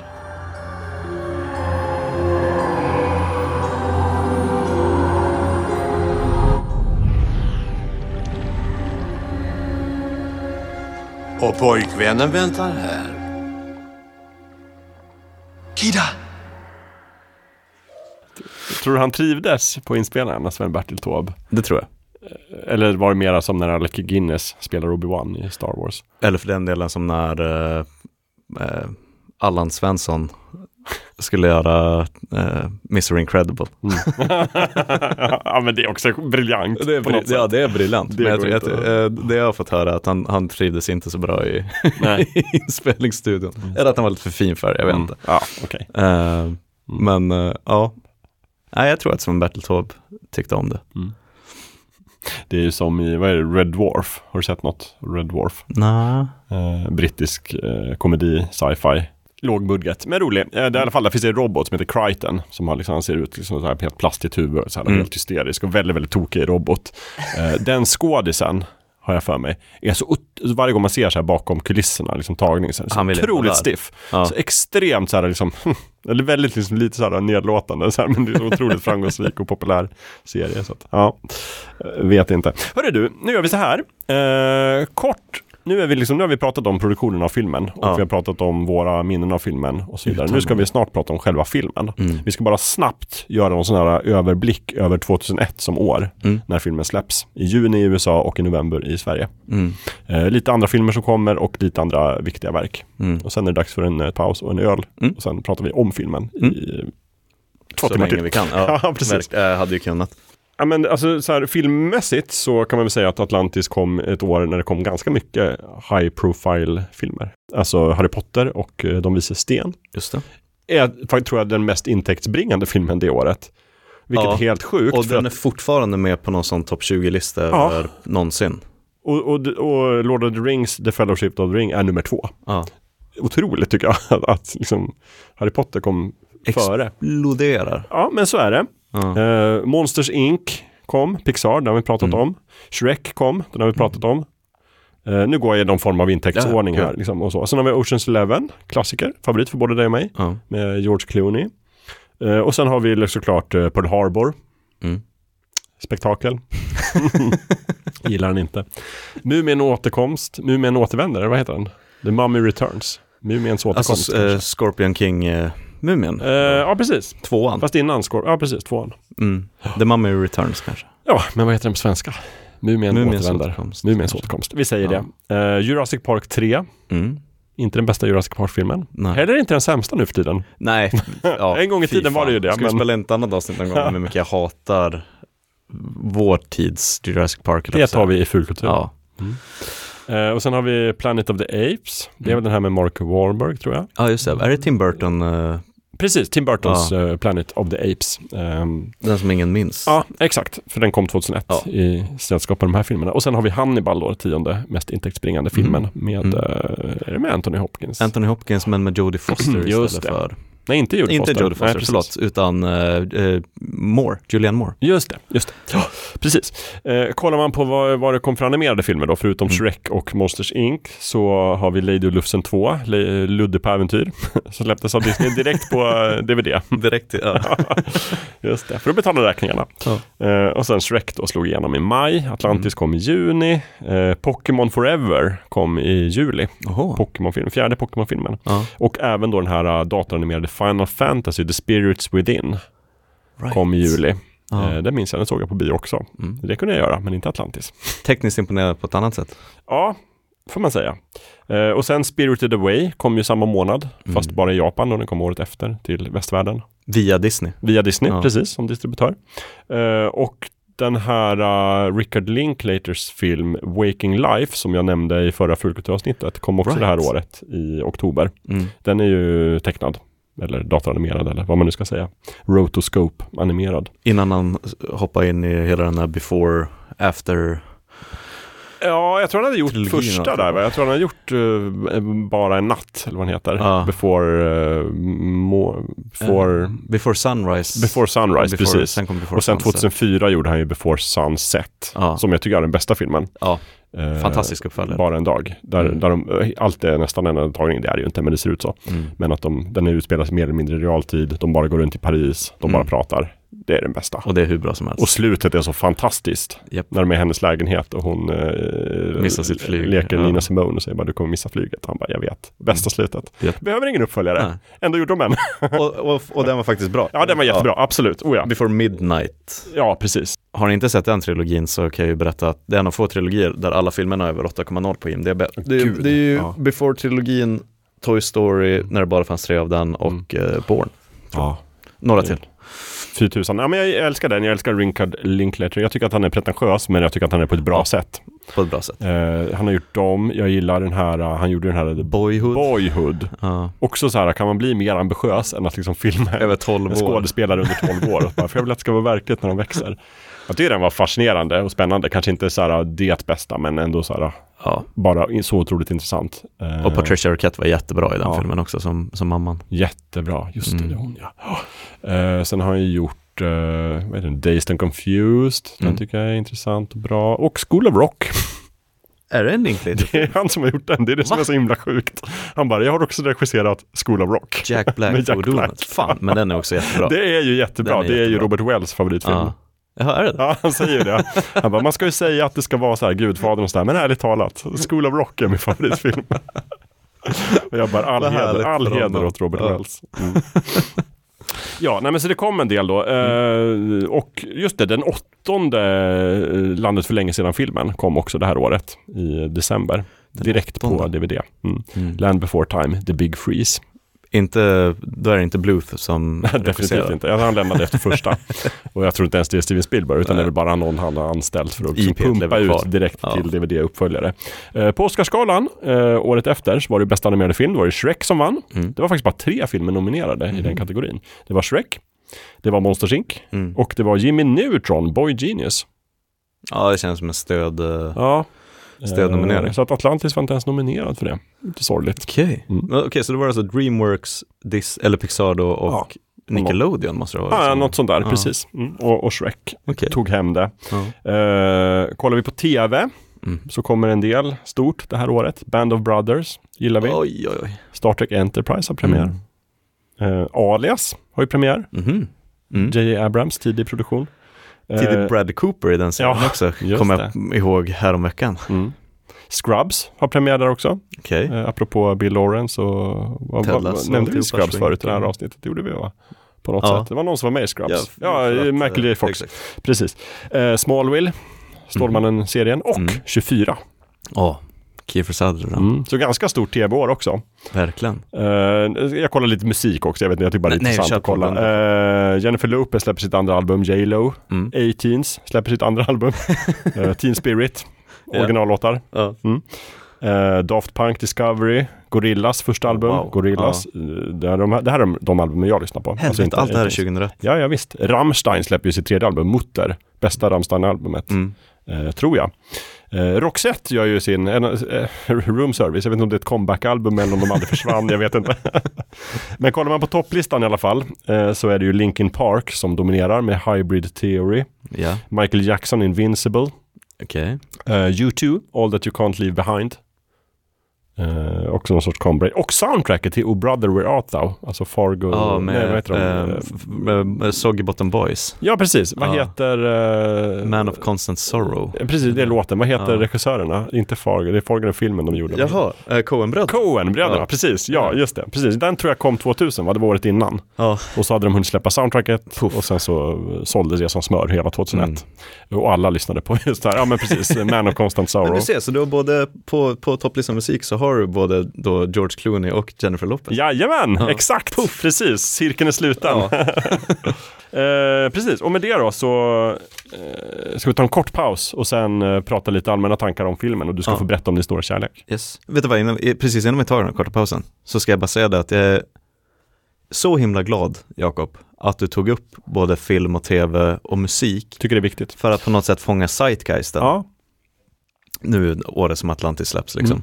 Eh, för det slog mig nu när du säger, så det är 2001, släpps juni Mm. i USA. 15 juni. 15 juni. Men sen kommer den då i ok- september, November. oktober, november Ja. till och med. För jag bara, bara tänkte det, inser att, så jag såg den alltså på bio bara ett par månader efter 9-11 då. Ja, exakt. Och det glömde jag ju nämna. Det tänkte jag när vi gick in Ja. här. Så här bara, det är en viktig grej det här Så- året. Eller hur? Så i Ja. kölvattnet av 9-11, Mm. för det minns jag ju som ett tydligt, så, på tal om Ja. formativa verk, men Mm. formativ, verkligen sådana minnen, Mm. är att se 9-11 bara snurra på tv-apparaterna Mm. på, både på skolan men sen också på fritids. Mm. Så man sitter där och bygger lego. Och det är bara om, Mm. gång efter gång efter gång, så man flyger med Ja, plan. gud. Det måste ha varit jättestort för dig som sjuåring, tänker jag. Ja, och vi hade ju, du vet, dagen efteråt så hade vi idrott på morgonen, hade en tyst minut i en stor sån gympasal. Mm. Ehm, och nu vill jag inte efterkonstruera någonting, men så det är ju en höstvinter av väldigt mycket sorg och, och att man är för liten Mm. för att förstå hur stor världen är på något sätt. Mm. Ehm, så det var nog mycket känslor sprätten ut den hösten, I, må, måste det ha varit.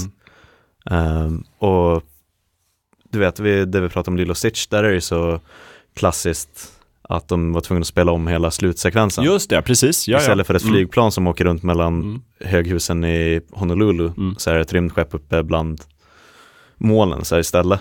Ehm, så att det är verkligen så det sista av USA före 9-11. Ja. Så det är den världen som Atlantis, Atlantis kom, det är en av de kommer. sista filmerna som kommer före 9-11. Ja. Allt annat är efter, precis. Ja. Eh, och i Sverige då så, som slinker den in efter. Ja. Eh, ja men definitivt, ja, men det, det är så himla, jag tror inte man kan liksom ens Alltså det går inte att liksom underskatta hur mycket det betydde för Nej. all form av populärkultur. Jag vet att man tog bort det. Var det Spiderman också, också man fick göra om?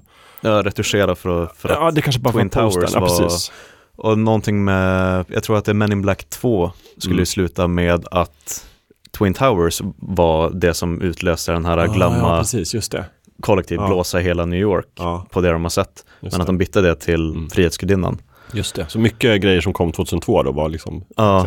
Just det, men precis, jag minns också det. För jag var ju också, jag var inte sju, men jag var ju ja, 21, det har vi sagt. Mm. Bodde i Umeå. Det var lite annan grej, som, det var också en så otroligt stor händelse. Och eh, ja, Men nej. präglade hela den hösten Verkligen. och hösten och Ja. vintern. Mm.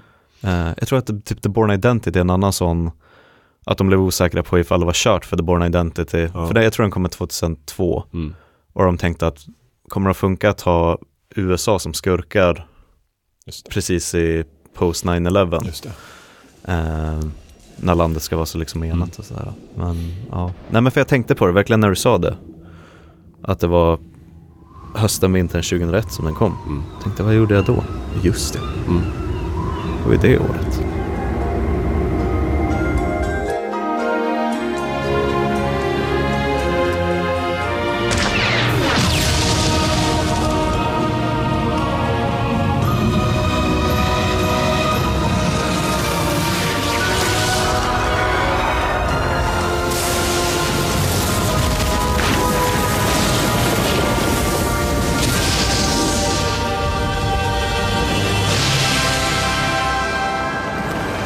Gentlemen.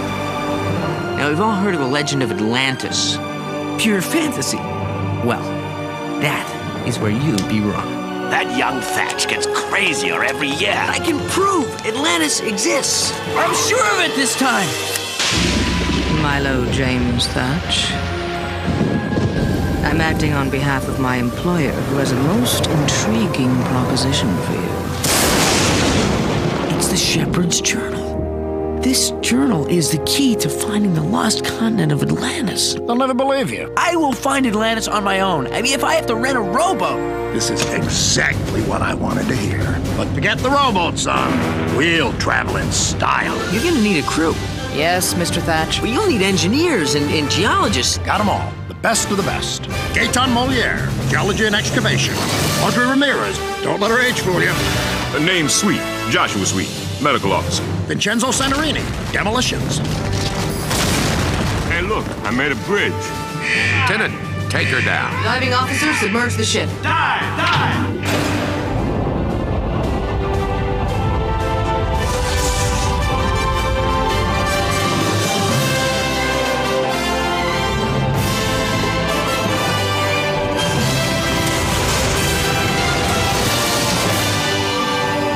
like all our chances for survival rest with you, Mr. Thatch. You and that little book.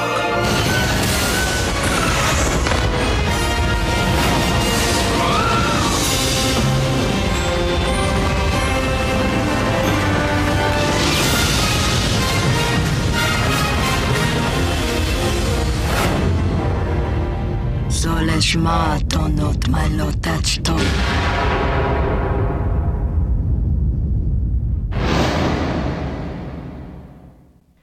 Du lyssnar på Animerade pärlor, en podd om tecknad film. För 10 000 år sedan försvann den ner i havet. Den här boken är nyckeln till att hitta Atlantis. Nu kan du avslöja hemligheten Välkomna till Atlantis. och upptäcka en magisk värld Det här är så spännande. Atlantis, en försvunnen värld. Okej, nu gäller det! Har du inget sportigare? Du vet, som en tonfisk. På VHS och DVD.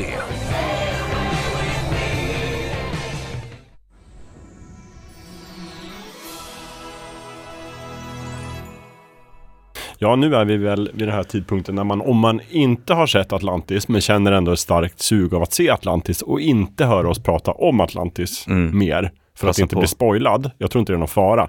Men då är det dags att passa på nu.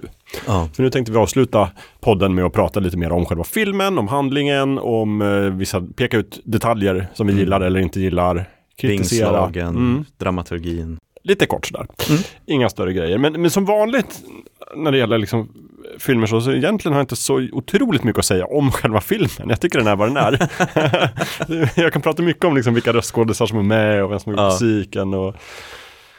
Ja, men, men eh, en del av den är ju, jag, jag slås av att jag tycker att, jag tycker när det gäller Atlantis, en försvunnen värld, så tycker jag spontant, jag har sett den som sagt i vuxen ålder, så tycker jag att den är så otroligt välproducerad. Den är Mm. så snyggt animerad, den är så snyggt liksom ljudbild, musiken, produktionen, konceptet, alltihopa tycker jag är så otroligt bra. Mm. Som verkligen välgjort. Eh, och jag tycker liksom att handlingen är så här, att de skulle behövt en längre film. Ja. Det, de skulle behövt en timme till. Och ändå så är det så här, de, det, det är så svårt, det är en animerad film, det kan inte vara hur lång som helst. Men jag tycker att så här, det, man skulle vilja se mer, jag vill se mer av Atlantis, jag vill se mer av ubåten. Mm. Som är liksom två sekunder. det coolaste liksom fordonet? Disney har gjort. Jag tror den är med tio minuter, sen Ja. är den borta. Eh, och jag, liksom, jag vill verkligen veta mer. Och, och det känns som att hela konceptet med Atlantis och alltihopa bara skriker efter typ en så här utökad en tv-serie eller en uppföljare Mm. eller någonting. Nu kom det en kort uppföljare. Men det blev ju ingen tv-serie. Därför att filmen underpresterade. Mm. Eh, annars var det tänkt att det skulle bli en hel tv-serie om Mm. Atlantis. Eh, nu blev det den här Milos Return istället. Och de Milos tre avsnitten som de hann producera tv-serien blev istället Ja, de har tryckt ihop Ja. det till den filmen och släpp, släppte på Mm. DVD. Mm. Hur kände du när du ser den i, på senare år? Ehm, Inte dina sjuårsglasögon utan... Nej men inte mina sju, och någonstans så är det väl, ehm, du vet när jag var sju så eh, funkar det att det var lite stressat ibland. Mm. För att, eh, du vet, attention span och så vidare. Ehm, men nu i vuxen ålder önskar jag ju såklart att den var ungefär lika seg som Gettysburg. där alla precis. scener får andas kanske nästan lite väl mycket. Mm. Ehm, för som du säger det här med ubåten som bara är med Mm. i tio minuter. Man, det finns ju vissa aspekter av den här filmen där man känner sig lite kockblockad på något Mm. sätt. För det går lite för snabbt Mm. framåt. Mm. Ehm, men ska jag vara generös så ska jag väl också säga att man blir så sugen på att det är så lätt att tänka på filmen och pausa Mm. och drömma sig bort i den här världen. Mm. För att man tänker bara, det, måste, det, det finns ju mer. Det finns ju Mm. självklart mer. Det Mm. syns ju Mm. i varje bildruta. Så man börjar fundera på vad, hur ser den här världen ut i övrigt? Vem är Charles Whitmore? Ja. Eh, hur har han fått tag på sina pengar? Och, men, men rent, så, så när man läser manuset, om jag hade fått det liksom här, pom i handen. Jag är någon hotshot på Disney Mm. och så läser jag screenplay för Disneys Atlantis. Mm. Ehm, storybeatsen och liksom hur historien i grova drag ehm, är ju verkligen ett fantastiskt bra Indiana Jones manus liksom. Eller bara någon typ av sån äventyrsmatinéfilm. Um, men det är väl bara de här korta, du vet att, som du säger, man hade velat spendera mer tid på ubåten på Mm. vägen dit. Mm. För nu är det ju verkligen att de, man ser den byggas lite snabbt och så sen så sätter de sig i vattnet Mm. och två minuter senare så sprängs ubåten. Ja.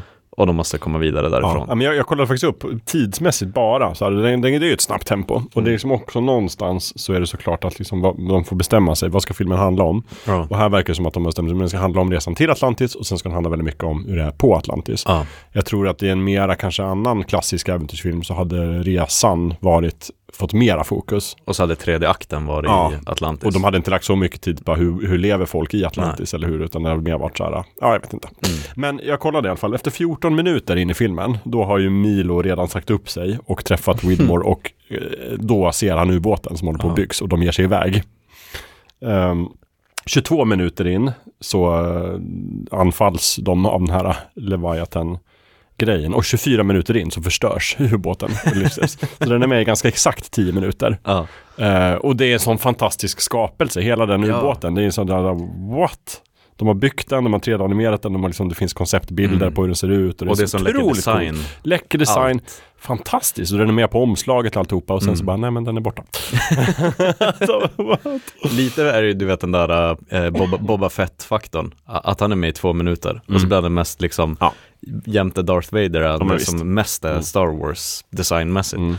Ehm, och jag tror också det är därför de bestämde sig för att den här uh, vikingaprologen inte funkar.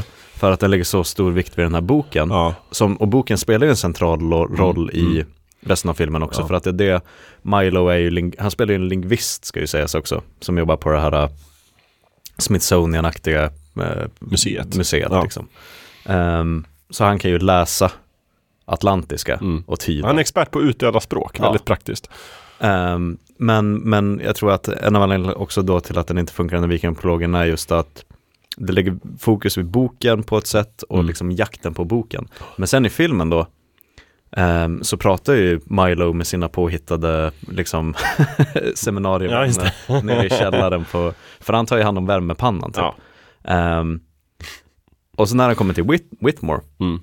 Så är det ju verkligen bara en snabb pitch när han förklarar att nej men vi hittar boken. Ja. Den var på Island. Ja, precis som du sa. Precis som du sa, Ja, den var på Island. Pang, det är klart, vi redan Okej. finansierat alltihopa, ubåten går imorgon. Vi Ja, ska men till jag måste säga upp mig. Ja, men det har jag också fixat. Det. Jag måste flytta, det har jag också fixat. Var jag måste packa, det har jag också fixat. Var är min katt? Här är den! Jätteroligt. Eh, så på något sätt, du som har spelat Cyberpunk nu, du vet att hela den här uh, hur man lär känna Jackie, Ja. det är bara ett, ett snabbt film, uh, verkligen hopklämt. De gör ju samma sak i Atlantis, att de bara säger nej nej, allt det som skulle kunna vara hela filmen, det är redan gjort. Pum, nu drar vi till Atlantis så att vi kan vara in, två tredjedelar av filmen kan, kan spenderas där liksom. Ja, och, och den tiden de spenderar på ubåten när de ger sig iväg då, liksom efter 14 minuter, är, och sen är det 10 minuter tills, man, tills Mm. den sprängs. Det är verkligen så här, den tiden lägger de helt och hållet på att presentera resten av det här teamet, karaktärsgalleriet. Liksom så här, vem sover han med i hytten? Ja, det är den här Mm. galna kocken eller den galna Molière. Eller snabb, snabb introduktion till dem Mm. och sen action, anfall av Leviathan. Mm. Eh, boom, sen är de framme vid den här undervattensgrottan. Jag undrar en sak. Hela liksom grejen med Atlantis är att den ligger liksom i en sån här luftficka, en undervattensgrotta som man måste Ja. åka ner i en ubåt under. Hur skulle vikingarna ta sig in där? Nej, det- har jag också Det hade aldrig gått. Okej, vi kan lägga på det på listan varför den inte funkar. För de är ju, de är ju en lång båt ute på öppet vatten. Mm, precis. Och säger, ja nu är vi här. Ja, ja. Alltså, du vet, longitud, latitud. Ja. Ni är ovanför. Ja. Men Ja. hur fan ska ni ta er ner? Det är inte som att ni har små ubåtar. Nej. Och, de in, Eh. och, de- och det kanske de inte visste då om de inte kunde läsa det här utdöda språket i Nej. boken. Men hur hittade de dit då om de inte kunde läsa boken? Exakt. Förstår inte. Nej, jag fattar inte heller. För sen är ju hela eh, Taken for sen i Atlantis 2 då, Milos återkomst. Men det är ju kanske då efter att den här eh, vulkanen då exploderat i slutet Mm. på, på filmen. För då kommer de i, i helikoptrar. Så då slipper de ju ta hela Mm, undervattensvägen. Men för hela, han berättar ju, han ritar upp det så fint på en mm, så griffeltavla. Mm. Att det är som ett vattenlås. Att vi kommer åka ner med ubåten och så sen upp, plopp. Och så är det som ett vattenlås hemma Ja. i toaletten. Precis. Och där kan vi gå, Komma i gå i land. grottsystemet, gå i Ja. land och Ta promenera. oss genom, fram till Atlantis. Ja. Mm. Ehm, men ja, det vet inte vad vikingarna hade för, de hade nog ingen plan Nej. mer än att komma dit. Här någonstans var det Ja. en gång i tiden, för 8000 år sedan. det. Men det är väl också så i den här vikingaprologen så är det ju någon liksom stackars matros där som bara så här, ah, ska vi verkligen åka vidare? Du vet väl att det finns farliga monster? Han blir liksom nästan kastad över bord. Så att Ja. de kanske inte hade liksom planerat det så noga. Han var bara ute efter eh, ära och framgång. Ja, precis. Ehm, men, eh, men mer tycker jag också att, för jag, jag vet att det är någon av dem, jag vet inte om det är Kirk eller om det är Don Han eller någon som sa det, att det var lite unikt också för en Disney-film att eh, jag tror att de kände att vi hade ganska mycket tid att lägga på att vi har en hel scen där de bara äter middag och Mm. pratar med varandra på vägen till det Mm. stora äventyret. För efter att då, du vet filmen öppnar ju med den här eh, det som blev den faktiska prologen på Mm. något sätt. För Atlantis undergång. För, för 8000 år sedan, Ja. Atlantis undergång. Mm. Eh, stor så sprawling civilisation. Eh, och så blir det en liten ljusglimt i fjärran och så Mm. kommer en stor tsunamivåg. För att havet ska svälja. Och det förklaras ju på något bibliskt sätt att de har vredgat gudarna, Mm. fått hybris. Mm. Ehm, och så sen så då kungen av Atlantis, Leonard Nimoy och Kida som är en liten ung tjej då. Eh, och drottningen av Atlantis, hon tågar ut då i, på något torg. Och så sen så sakta så åker hon upp i luften till fantastisk musik och blir ett med den här stora kristallen som svävar ovanför Just. Atlantis. Ehm, och när hon åker in i kristallen så bildas det någon typ av dom över staden. Just det, som så när vattnet sköljer över så sjunker det bara ner som en skyddad, du vet en, en halv golfboll på något sätt, Mm. rakt ner i djupet. Ehm, och så sen, puff, är man plötsligt i källaren med Milo som pratar om då The Shepherd's Journal Mm. och Atlantis, det här försvunna riket som han och hans pappa har letat efter Mm. och allt det där. Ehm, men, uh, var skulle jag komma någonstans? Jo, men att när de väl då sen börjar komma till, till Atlantis och de gör ju fortfarande greppet som har varit i varje Pixar-film och varje Disney-film någonsin som är av den typen, outsider kommer in, in i ett nytt gäng, de blir kompisar, sen är det antingen outsidern som förråder gänget eller gänget som förråder outsidern. Ehm, och jag tycker att den scenen när de sitter där och käkar middag i grottsystemet, Mm. Halfway through medical school, I was drafted. One day I'm studying gross anatomy in the classroom. The next, I'm sewing up Rough Riders on San Juan Hill. Main course. I couldn't eat another bite. I'm Don't watching make my weight. Oh, don't you worry. It'll keep and keep and keep. Thank God I lost my sense of taste years ago.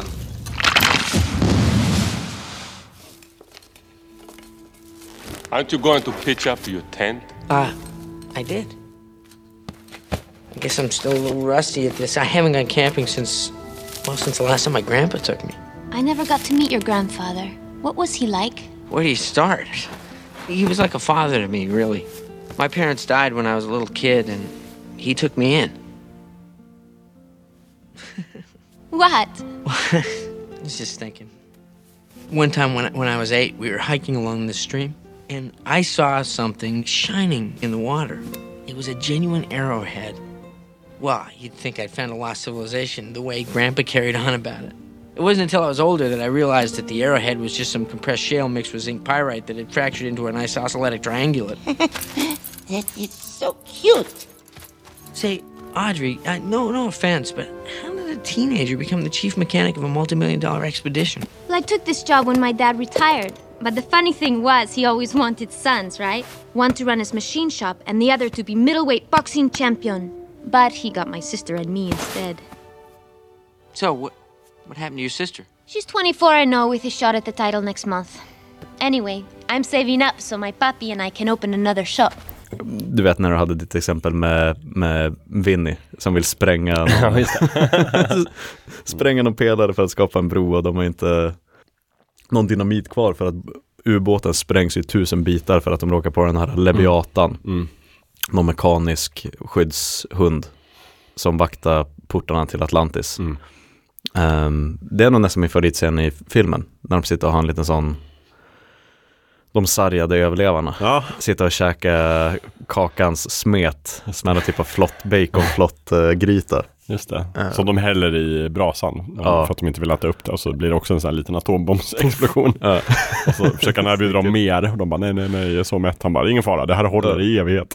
Så det är väl det som är dubbelt, att även fast filmen går väldigt snabbt framåt med de stora storybeatsen Mm. så lägger de också tid på den typen av väldigt intima, långsamma scener. Ja, och det är en extra stor uppmaning för att jämfört med en vanlig Disney-film, eller som en, en klassisk Disney-film, så är det ett väldigt stort karaktärsgalleri här. Det är ju en hel ensemble. Mm. Vanligtvis är det ju liksom Lilla Sjöjungfrun och Krabban Sebastian och en fisk och sen en prins. Och sen Tre stycken Ja. eller där stoppar Exakt. han. Liksom. Plus en skurk. Mm. Så det är otroligt, jag menar jag tycker att det är en som de har gjort det väldigt, väldigt bra av att de ändå har fått igenom en film och gjort den och de har en början, en mitten och ett slut och de lyckas presentera Mm. de här karaktärerna och de lyckas visa liksom en dramatisk resa till Atlantis och de lyckas visa Atlantis och de lyckas ha den här liksom vändningen när Mm. Det här teamet av utforskare är, liksom visar sig vara skurkar och liksom verkligen vill ha Ja, skattjägare. Liksom. Ja, skattjägare Mm. ute efter pengarna och ganska skrupelfria. Och sen också den här vändningen när de visar sig, nej men vi egentligen är de flesta Ja. av oss ganska snälla när vi tänker efter. Folkmord var inte på... Det var inte på listan. Nej men för jag tycker att det är en sån läcker scen också, och det har du flaggade för tidigare avsnittet, när blev du kär i Kida? Då är det den här scenen när, för det är så uppenbart, det fattar man även när man är sju, att Mm. Kida och Milo, de kommer att bli ett par innan den här filmen är över. Ehm, och det är också en sån vacker scen som tar ner tempot lite när de simmar tillsammans. Mm. Och jag tycker att det, det är svårt överlag i film eller spel eller du vet böcker att bygga upp en romans på Mm. ett eh, trovärdigt och bra sätt. Ja. Eh, och fast den inte är i så många minuter, allt som allt, så tycker jag att den scenen när de simmar tillsammans där på kvällen och upptäcker Atlantis historia Mm. under vattnet eh, gör det så himla bra. Mm. För att han måste ju vara helt, du vet så, fast i en källare på ett, och så träffar han en prinsessa Ja. av liksom den här Atlantis. Han, han är ju bara gåshud över att det faktiskt stämde, Mm. att det fanns. Ehm, och hon plötsligt får en chans att lära sig mer om Atlantis av honom. Ehm, Så det, det är väldigt snyggt gjort tycker jag. Eh, och trovärdigt fastän det är fantasy och någon typ av dieselpunk Mm. sci-fi. Ehm, så ja, även om det går lite snabbt ibland så tycker jag att de, de är duktiga på att dra upp och dra ner tempot. Mm. Eh, och ha några sådana korta stunder av när man får lite respit från att den här Indiana Jones-filmen måste komma framåt till någon typ av bombastisk final. Men jag håller med och sen gillar jag också just att de har så stort eh, persongalleri som är liksom ett team eller en ensemble. N- när det sen blir i, i tredje akten, när det blir liksom det här liksom sveket och liksom Mm. att eh, Rourke ska ge sig iväg och de andra liksom vänder sig mot honom för att de tycker att han går för långt och sen så det här liksom när Helga liksom blir utsparkad ur Mm. den här ballongen och skjuter och liksom, det är sån drama, det funkar Ja, ju det just är för att det är drama. sånt, för att de Ja. byggt upp karaktärerna och för att de har en liksom den här lite familjekonstellationen. Eh, Det tycker jag det är otroligt snyggt och det ser man ju inte i någon annan Disney-film riktigt. Nej. Det är ju mera, alltså det är ju, som, det är ju däremot en ingrediens i en klassisk äventyrsfilm. Mm. Helt klart. Och jag tycker att det, för du vet, det vi alltid ger, eller alltid, men, men det vi rätt ofta ger Marvel skit för i Fullkulturpodden och eh, superhjältefilmer överlag. Att de är så bra första 79 procenten. Mm. Sen måste det vara någon CGI-explosionsfest på Ja. slutet. Mm. Det måste vara en, ett stort luftskepp som exploderar och sånt Japp, där. precis. Men ehm, jag vet inte om det är för att det är en, en tecknad film eller för att de har lyckats bygga upp, men det kanske är mer det, att de har lyckats by- bygga upp karaktärsgalleriet om Atlantis, världen Atlantis känns trovärdig. Mm um, så känns det inte som en onödigt en onödig bombastisk tredje akt. Nej, jag tycker de, de har byggt upp det. För just liksom det som står på spel i tredje akten är just att Atlantis ska förstöras för att de, de här skattgänget vill ta den här kristallen med Mm. sig upp till ytan. Som på något sätt kopplat till Ja. livskraften och Precis, och de har ju etablerat det väldigt tidigt, liksom från minut Mm. ett egentligen i filmen. Eh, så att jag tycker verkligen att de har byggt upp till det här att det, det är det som står på spel. Mm. Och de har gjort ett bra jobb med att presentera karaktärerna också som bor på Atlantis, alltså Mm. din favorit Kida. Eh, och alltihopa, så att man förstår, man känner som publik att okej, det här är de grejerna som står på spel och det är Mm. viktigt. Det är inte liksom helt som i en Marvel-film, att det ofta känns så här att det är så taget ur luften. Alltså bara, men ni har haft en film i två bra akter, där ni har byggt upp saker och sen så helt plötsligt så tappar ni alls vett och sans och så gör ni några Nu måste hela Manhattan sprängas Ja, och, och, och hade ni bara varit lite skärpta så hade det här inte hänt. Eller hur? Så onödigt. Det känns så sökt, som Ja. vi brukar säga. Och jag tycker också att det de gör snyggt med, uh, fan, vad ska man ta som exempel? Ja men typ Chi- eh, Chinatown till exempel. Mm. Gör det ju så bra att hela filmen får ju förklarat att det här är inte, du vet, forget it, Jake, it's Chinatown. Mm. Ehm, och att det är en film noir liksom. Ehm, men slutet på den filmen tar en, det är som att man rycks ur den här förtrollningen. För att man bara, det blir det där med Los Angeles och Jack Nicholson springer runt och man blir så investerad i mysteriet. Och mm. tror man plötsligt att allt ska gå vägen liksom. Ehm, så det jag tycker att är mer snyggt i den här, i Atlantis, är att från start, så, så här, den väldigt, väldigt gröna, naiva idealisten Milo Thatch Mm. slungas in i det här gänget med skattjägare och gravplundrare liksom, Mm. som verkligen, de gör det ju tydligt från start att Vi är här för pengarna. samla skatt, vi är här för pengarna, komma upp på ytan igen, köpa massa grejer och bli Mm. rika. Profit. Profit, verkligen profit. Ehm, men man försvinner ju in i Milos entusiasm och bara hur hakan faller till marken Ja. när de upptäcker att Atlantis finns på riktigt. Mm. Så man följer verkligen med karaktären Milo in i det fantastiska äventyret. Och eh, när twisten då kommer att äh, vi ska ta kristallen och upp till ytan igen, skrupelfritt liksom, så får man ju en liten sån smäll i pannan. Att, Mm. "Va- Men vänta, vad trodde du skulle hända liksom? Det här var ju dealen. Du följde med som någon tolk, en guide. Bara, vi behöver bara någon som kan prata språket, peka oss mot kristallen. Mm. Så det blir lite det där, du vet, eh, nyktra uppvaknandet. Så vad fan trodde du skulle hända? Ehm, och därför tycker jag också att den här tredje akten funkar så bra. För att man är så mycket på Milos sida och på, mm, du vet, folket i Atlantis och alltihopa. Ja, jag håller med. Eh, Jag, jag tänker mycket på en annan, eh, alltså en 90-tals äventyrsfilm, Stargate. Mm. Vi nämnde Stargate Atlantis förut, men just jag tänkte filmen som började Stargate, franchisen. Stargate, Stargate, filmen Mm. från 94 av Roald Emmerich. Eh, det, det är lite samma plott på Mm. många sätt egentligen med, vad heter han, James Spader. Som är spelar liksom- Daniel Jackson. Daniel Jackson, Ja. precis. Gud vad du är bra på namn. Jag hade ju vi kolla på Wikipedia. Eh, som är lite samma så här naiva forskarnörd som Mm. går dit av liksom ide- ideologiska skäl och bara tycker att nu ska vi utforska. Och sen så är han omgiven av ett gäng liksom militärer och ja, gravplundrare egentligen. Så här, Ledd av Kurt Russell. Commander, vad, vad är han heter? Eh, Colonel, Colonel Jonathan J. Jack O'Neill. Jack O'Neill, just det. Som sen spelar som MacGyver i Exakt, SG. jajamän, Ja. precis. Rickard Dean Anderson, fantastisk. Ja. Eh, det är därför man gillar tv-serien mer än filmen. Men filmen var bra, minns Mm. man. Det var det som och, banade och James. Spader är ju den stora behållningen i Ja, verkligen. filmen han, spel, han spelar ju, han gör ju en väldigt Kurt Milo, Russell. Mm. Milo-utstrålning, James Spader. Han gör den jättebra tycker jag. Det är verkligen så samma, att jag är lite, eh, vad heter det, ute på djupt vatten, over Mm. my head. Men tycker att det är värt det ändå. Ja men precis, och sen så här lite grann, jag är inte kompetent för att vara ute på fält så här egentligen. Exakt, han är, Men- han, han är ingen James Bond. Nej, men jag är en sanningssökare så att jag Ja. gör det ändå. Och liksom, samma är sak rätt. är det ju i Atlantis, att Milo kan inte ens köra en lastbil, så han fejkar det. För Ja. ja. bara, "Eh, klart jag kan köra en lastbil. Det jag tycker är nästan, eh, det är en av mina favoritplanteringar i en film. Att eh, han har ju rätta knycken med den här värmepannan nere Ja, i, precis. Just i det. museet. Och slår till med en skiftnyckel och vrider på några rattar. Mm. Så visar det att det är exakt samma typ motor i lastbilen. Ja, så precis. Audrey, den här superkaxiga liksom latina Mekanikern. Ja. Bara nej, håller borta från mina bilar din Mm. jävla idiot. Och så sen så gör han ju det tricket och då blir han inbjuden till gruppen liksom. Mm. Nu förstår jag ingenting. Jag trimmade den här så sent som i morse. Det verkar som rotorna har gått sönder. Jag får ta en reserv från en av lastbilarna. Får jag? No toques nada. Jag kommer snart.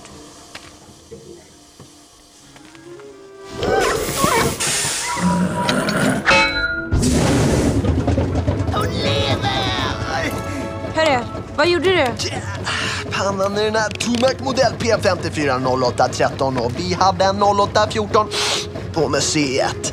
Och värmeelementen på hela Tomac-linan, det vart lite, du vet, lite lynniga så ibland måste man boom, övertala dem. Ja, ja, tack så mycket. Knip igen. Två för att blinka. Apropå henne, det är också en grej jag gillar i filmen, att de verkar ha jobbat så rigoröst med produktionen. Att, för att när de är på väg där till Atlantis, när liksom ubåten har sprängts, de har gått i land i sina nödubåtar och är liksom på väg den här vandringen och bilarna på väg mot Atlantis. Och så hänger de och så kampar de och så sover de på natten och då bondar de ju såklart. Eh, och då pratar ju hon med han, Milo pratar ju med eh, Det, men det är Audrey. Audrey, precis. Audrey. Eh, och så säger han ju så här, hon frågar så här, hur var din farfar? Jag träffade aldrig honom. Ah, right. Och då tänkte jag, när jag tittade på den senast, att men vänta nu, den här miljonären Widmore, han visar ju en bild när det teamet var på Island med Mm. farfan och grävde upp eh, boken. Ja. Det här är en logisk lucka. Och sen så spolade jag tillbaka i filmen och kollade på bilden. Men då är ju inte Audrey där, utan Nej. det är Audreys pappa. Right, för att hon är med i... Och sen så fortsätter jag kolla på filmen och bara två sekunder senare så säger hon så här, ja men, eh, var, och då frågar ju Miley så här, varför är du mekaniker Ja. i det här gänget? Och då säger hon, ja men det är för min pappa, så här, när han, han Mm. var med här och liksom, nu har han gått i pension och bla bla bla bla bla. Det är snyggt. Eh, Det är väldigt snyggt och det är Mm. också så här en, en grej, det är som det är inte nödvändigt för filmen att bygga den typen av liksom Djup. djup, men det gör man. Ja. Mm. ja. Nej, jag vet inte. Jag, jag tror att mycket av eh, livslängden på den här filmen för mig Mm. Hänger väldigt mycket på karaktärsgalleriet. Ja. Att det är en skön mix av karaktärer runt Milo och Kida. Mm. Eh, jag tycker att det är en väldigt bra skurk. Jättebra. Eh, jättebra skurk. Även med, vet, om man bara blickar ut över hela Disney-galleriet med Jafar och Scar och guvernören i Pocahontas och alltihopa. så står han ju ändå eh, mot dem, tycker jag. Som en väldigt så rå, råbarkad, skrupelfri Mm. legosoldat. Ja men precis, han är ingen häxa eller liksom eh, Nej. trollkarl eller någonting. Han är bara råbarkad Mm. militär. Och jag tycker att Helga gör liksom lakejen, du vet skurkens nummer två, Mm. väldigt bra också. Eh, kändes lite att hon faller offer för, liksom, hon ska spela den typen av människa, Mm. men hittar väl lite, någon typ, hon håller ju på att vända där på slutet, men Mm. är lite för fast i hennes karaktär för att bryta sig Mm. loss liksom. Men får någon typ av, när de skjuter den där signalpistolen upp i Älskar det. upp i luftballongen. Ja. Ja, det är som snygg Not- liten nothing sista. personal. Nothing personal. Mm. Det jag sa, att alla karaktärer får vara lite comic relief. Mm. Alltså det är klart att Molière verkligen är Jar Jar Binks i den där filmen. Ja. Men du vet, Fin har ju på tal om också, du vet att komma tillbaka senare i filmen, när de träffas på ubåten så pratar ju han om sin bensåg. Just det. Kan såga genom ett lårben på 12 sekunder. det är. Och sen i slutet när de ska såga kedjorna Mm. på den här luftballongen. Så står de och sågar och sågar och sågar och så är det någon som ropar bara, Vad fan vad de sa, det här är ju inte 12 sekunder. liksom. Eh, Så att mycket kommer tillbaka. Men att han är sådär läskigt sugen på att operera på folk. Kirurg. Eh, och du har Audrey som är liksom råbarkad. Eh, mekaniker med hjärta på rätt Mm. ställe. Kakan är Kakan. Eh, ja, och Vinny är bara som skön, ambivalent, spränggalen kille. Mm. Som bara drömmer om sin familj och sin, att alla egentligen är florister. De tycker bara om nitroglycerin lite för mycket. Ja, precis. Ehm, så de hittade verkligen så, okej nu har vi en supernaiv lingvist, Milo Thatch, Mm. med Michael J. Fox röst liksom. Helylle kille nummer ett. Mm. Alla som har sett tillbaka till framtiden vet det. Ehm, så vi måste ge honom ett väldigt sådär, fan som man ser det, det är därför jag tycker att den bilden, du vet när de pratar om att vi, vi har varit vi är ett sammansvetsat gäng och vi var där uppe Mm. på Island och hittade boken och vi var där runt och gjort, vi är tio äventyr in. Ja, precis. Eh, vi kan dra referenser till tidigare äventyr som, Exakt. som biopubliken inte Ja. har sett. Så vi är sånt slutet gäng. Det var som när jag träffade min kompis Kasper och hans Södra Latingäng första gången. Jag tänkte fan, jag kommer vara 12 år innan jag kommer in i den här in i den här gruppen med människor. För att de är inte intresserade av att lära känna någon ny. De är så nöjda med det de har. Eh, det tycker jag också är så snyggt gjort. Dramamässigt. Att hur han kommer in i det gänget. Ehm, för annars är ju det vanliga, jag kommer tillbaka till Dreamworks på andra sidan häcken, Over the Hedge. Ehm, där är en mycket mera, fan ska man säga, du vet livsvan huvudkaraktär som kommer in i ett gäng med noviser. Charmar dem. Och så sen så blir det något galet. Samma sak med Björnbröder som någon av de här som gjorde Atlantis gick vidare till att hjälpa Mm. till att producera Ja, eller regissera sen. Ja. Att det hela tiden, det är inkräktaren som blir intresserad till en grupp av godhjärtade människor. Mm. Men i Atlantis är det tvärtom och det är inte så vanligt att det är det greppet liksom. Så det är jag också glad för. Mm. Lite tvärt emot andra Disney-filmer. Det är väl det, jag tycker den, den sticker ut liksom just jämfört med all, alla Disney-filmer som har varit tidigare. Mm. Eh, och, men just så här att den, jag tycker också den gör, det är mycket av de här grejerna är ju klassiska liksom, äventyrsfilmstroper Troper. som, Gud, som är, om vi har sett det liksom i Uncharted, Mm. är det lite samma beats, så här liksom skattsökandet, för, förräderiet, så bara du visar sig vara skurk, Mm. nej du var inte skurk, du ändrade dig, du hade hjärtat på rätta stället, Ja. skatten, alltså det är mycket så här, ja all, allt sånt är ju Känns ju igen. Men Ja. jag tycker de har gjort det ändå väldigt snyggt och liksom Mm. så här rutin, eh, rutinerat. Och, sl- och slutprodukten är verkligen unik. Du vet, det finns ingen jag skrev här mina eh, papper och penna-anteckningar. Just det, Jag ser ut som en galning som har skrivit dem. Eller hur? Ja, för, för jag skriver järnjätten, då alltså eh, Brad Birds järnjätten Ja, med ja. Vin Diesel. Absolut. 99 sa vi väl? Ja, Den? sa vi. Ja, och så sen så har jag dragit streck till eh, eh, Hjälp jag en fisk. Ja. Den danska filmen från 2000. Mm. Eh, och så går det ett streck vidare till Atlantis. Och så under har jag lite sådana Secret of Nim. För att för mig, om vi då tar Järnjätten 99, nej vad fan är jag då? Fem? Ja. ja. Du föddes 94. Föddes 94. Och så sen Hjälper jag en fisk vidare till Atlantis. Ja. Att det finns bara ett stråk av de här filmerna som inte är som andra Disney-filmer. Mm. För någonstans så är du vet, är man född 94 så är alla tecknade filmer Disney-filmer. Precis. Fast man känner att det är en annan ton. Exakt. Så på något sätt så är den unik att det känns som, du vet Järnjätten känns ju i efterhand inte alls som en Disney-film när man tittar på den. Nej, den har ju ett det. annat djup och ett annat mörker och en annan, annat bett liksom. Än mycket av det som Disney gjorde på den tiden. Ja men precis. Ehm, och jag tycker nästan att Atlantis sällar sig mer till Det är som att Disney såg Järnjätten och sa vi vill också göra någonting som är mindre Mindre Disney. Prins Ali Mm. och mera Brad Bird och Steven Spielberg jag har tecknat. Mm. Jag tycker det är kul det du säger, för det är också så här i den kontexten. Jag, Mm. jag tycker så här under liksom Disney-renässansen så har Disney visat att det här med animerad långfilm, det är big business. Är big och om business. man gör det rätt och bra, då kan man tjäna storkovan och tälja Mm. guld. Och så har de gjort det i tio år. Och, och Dreamworks kommer och bara, vi vill ha en del av den här kakan. Mm. Och de gör till att börja med också liksom traditionellt animerade filmer Mm. som Vägen till Eldorado, Fantastisk film. Eh, Spirit, the Och som, ja, Stallion of Silmarion eller vad fantastisk heter. musik framförallt i Ja, Spirit. Brian Adams. Mm. När han fortfarande Och var synonym med Hollywood. och Brian filmer, liksom. och Hans Zimmer i, Ja. liksom, ja, eh, jag skulle säga så här, det är Brian Adams bästa album. till och med. Spirit. Ja, det är jag. Och, och eh, vem är det Hästen som är hästen? Eh, vad heter han? Matt Damon? Matt, är det Matt Damon hästen? är ja. hästen? Just Okej. det. Som bara pratade in i monolog förstås, Ja. han är ju en häst. Ja, men det, jättesnygg film, jag älskar Mm. den bara för det. Och, eh, ja, och sen kanske de gjorde den här Just det, Sinbad-filmen och kanske var li, lite på väg och- ut. för. Men i alla fall, Ja. så här, efter Shrek så var det tydligt att så här, våran framtid är 3D-animerade filmer, Mm. datoranimerade. Ehm, men att de någonstans länge jobbade med att försöka vara mer Disney än Disney. Mm. När de gjorde Ja, sådana men filmer. eller hur? Eller ju Prins, liksom Prins av Prinsen Egypten har ju för fan glömt i den första. ja. Och det var ju verkligen så här, vi ska göra en Disney-film. Ja. På alla Med sätt. låtar och hela köret. Mer än de kan göra. Ja. Samtidigt som Disney någonstans försöker liksom dra sig ifrån det. Bara så här, men vi ska försöka vara mindre Disney. Vi ska försöka liksom släppa det här med musikaler. Eller Mm. liksom, vi ska försöka liksom gå en annan väg och göra några andra filmer. Vi ska utforska liksom våran, ändå Disneys som företag, så ganska Mm. långa tradition av äventyrsfilmer.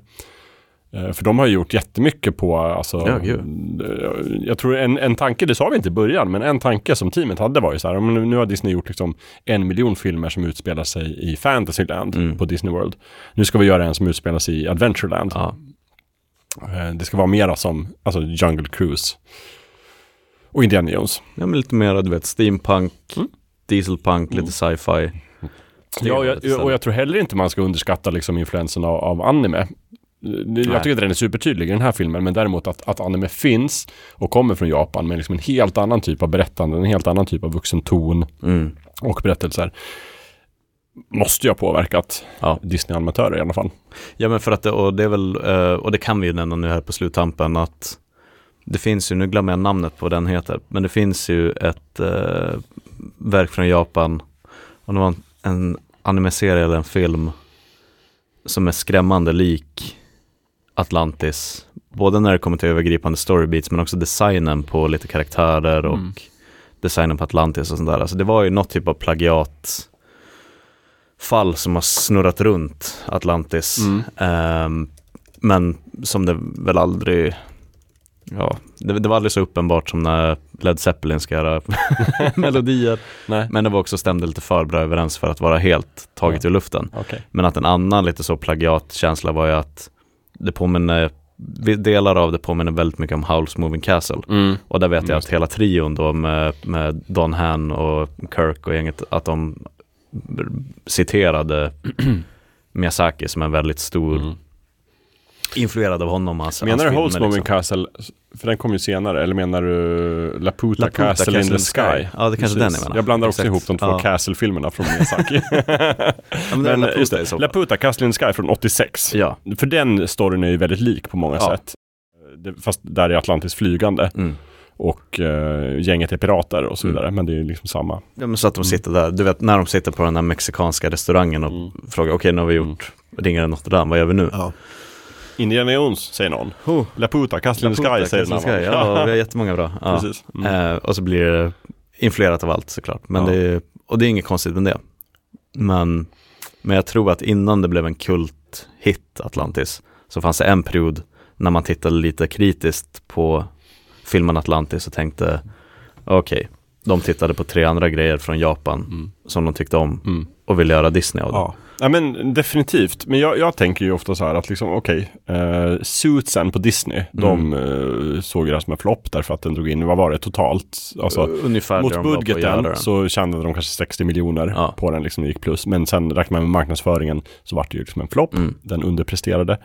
Eh, det är ju en sak någonstans. Men jag måste ju tänka någonstans att det som verkligen satte foten för den var ju liksom Disneys tidigare varumärke. Eller så här, vad man har för förväntan när man får en ny Disney-film. Mm. Som vi sa i början, att vi levde i den här tiden när det liksom var bara så här, Disney ska släppa en ny film varje år och det kommer Mm. bli fantastiskt. Och den kommer vara det här och det här. Det kommer vara fina sånger som vi kan liksom Det ska finnas minst det, en Alan Menken-sång som man Ja. kan sjunga på. Precis, och det ska vara roliga djur som är sidekicks och det ska vara, det finns Exakt. ett koncept, det ska vara liksom den här liksom Mm. Broadway-musikalen fast i tecknad filmform och det ska vara en saga. Mm. Och sen så kommer Atlantis och är inte det. Och det kommer några andra filmer också vid den här tiden som inte är det. Och det utmanar ju det någonstans. Så att mot förväntan så tror jag många barnfamiljer liksom, som går dit för att se Disney-filmen blir besvikna och bara så här, det här verkar inte vara vad vi vill se. Ja, nej, det var ju den perfekta Disney-filmen för mig, sjuårig kille, Just det. 2001. Men det var nog inte den perfekta Disney-filmen för den stora majoriteten av barnfamiljer som gick och tittade på Disney-film. Just det. Du har ju sagt tidigare att din mamma eh, avskyr den här filmen. Ja, för att hon tycker att hon, hon är ju inte ett fan då av Mike Mignolas Hellboy heller tror jag. Ehm, för att någonstans här kring, hon avskyr ju nog Kejsarens nya stil dubbelt så mycket som Atlantis. Okej. Men jag tror hon klumpar ihop dem. Ja. I den här lite mer kantiga, modern stil. Ja, Så, ja. lite mer abstrakta. Och hon, någonstans där så var hon så här bara, nej, ska jag verkligen hyra de här åt dig på biblioteket? För att de ser ju Mm. Inte som... på bibblan, man lånar. lånar, just det. Ehm, det ser ju inte ut som det gjorde på Snövit. Nej, just det. Tiden liksom. Ja, nej, men Disney lite mer modern serietidningsstil. Mm. Ja. Jag var så bara, nej, men hon bara, men allt är så kantigt, fingrarna är kantiga och axlarna Mm. är kantiga och näsorna är knäppa. Ehm, Jag tycker det är roligt att den här filmen var en sån som verkligen så här blandade 3D och 2D Mm. så mycket. Med tanke på att Mike, Mignola, Mike Mignola är kanske den mest 2D-serieartist jag Någonsin, vet. ja. Ja. han gör så otroligt 2D. Väldigt. Väldigt mycket yta Mm. och kant. Jag gillar det. Men... eh, jag, jag tänker på Mike Mignola när jag ser The Darkest Dungeon, det spelet, som också är väldigt så. Mm. Men ja, nej, vi pratade om det här tidigare med att det var sista, liksom sista sucken av 2D-animerat från Mm. Disney och för den delen Dreamworks håll. För det, är att, bara, du det är vet, bara två år till eh, Kogänget Ja. 2004 som är verkligen den sista traditionellt animerade filmen som de gör, den floppar och sen säger de mer eller mindre att Fuck vi kommer it. bara göra, ja fuck it, vi kommer bara göra 3D-animerat. Vi Exakt. kommer göra familjen Robinson och eh, Little Chicken, Mm. Chicken Little.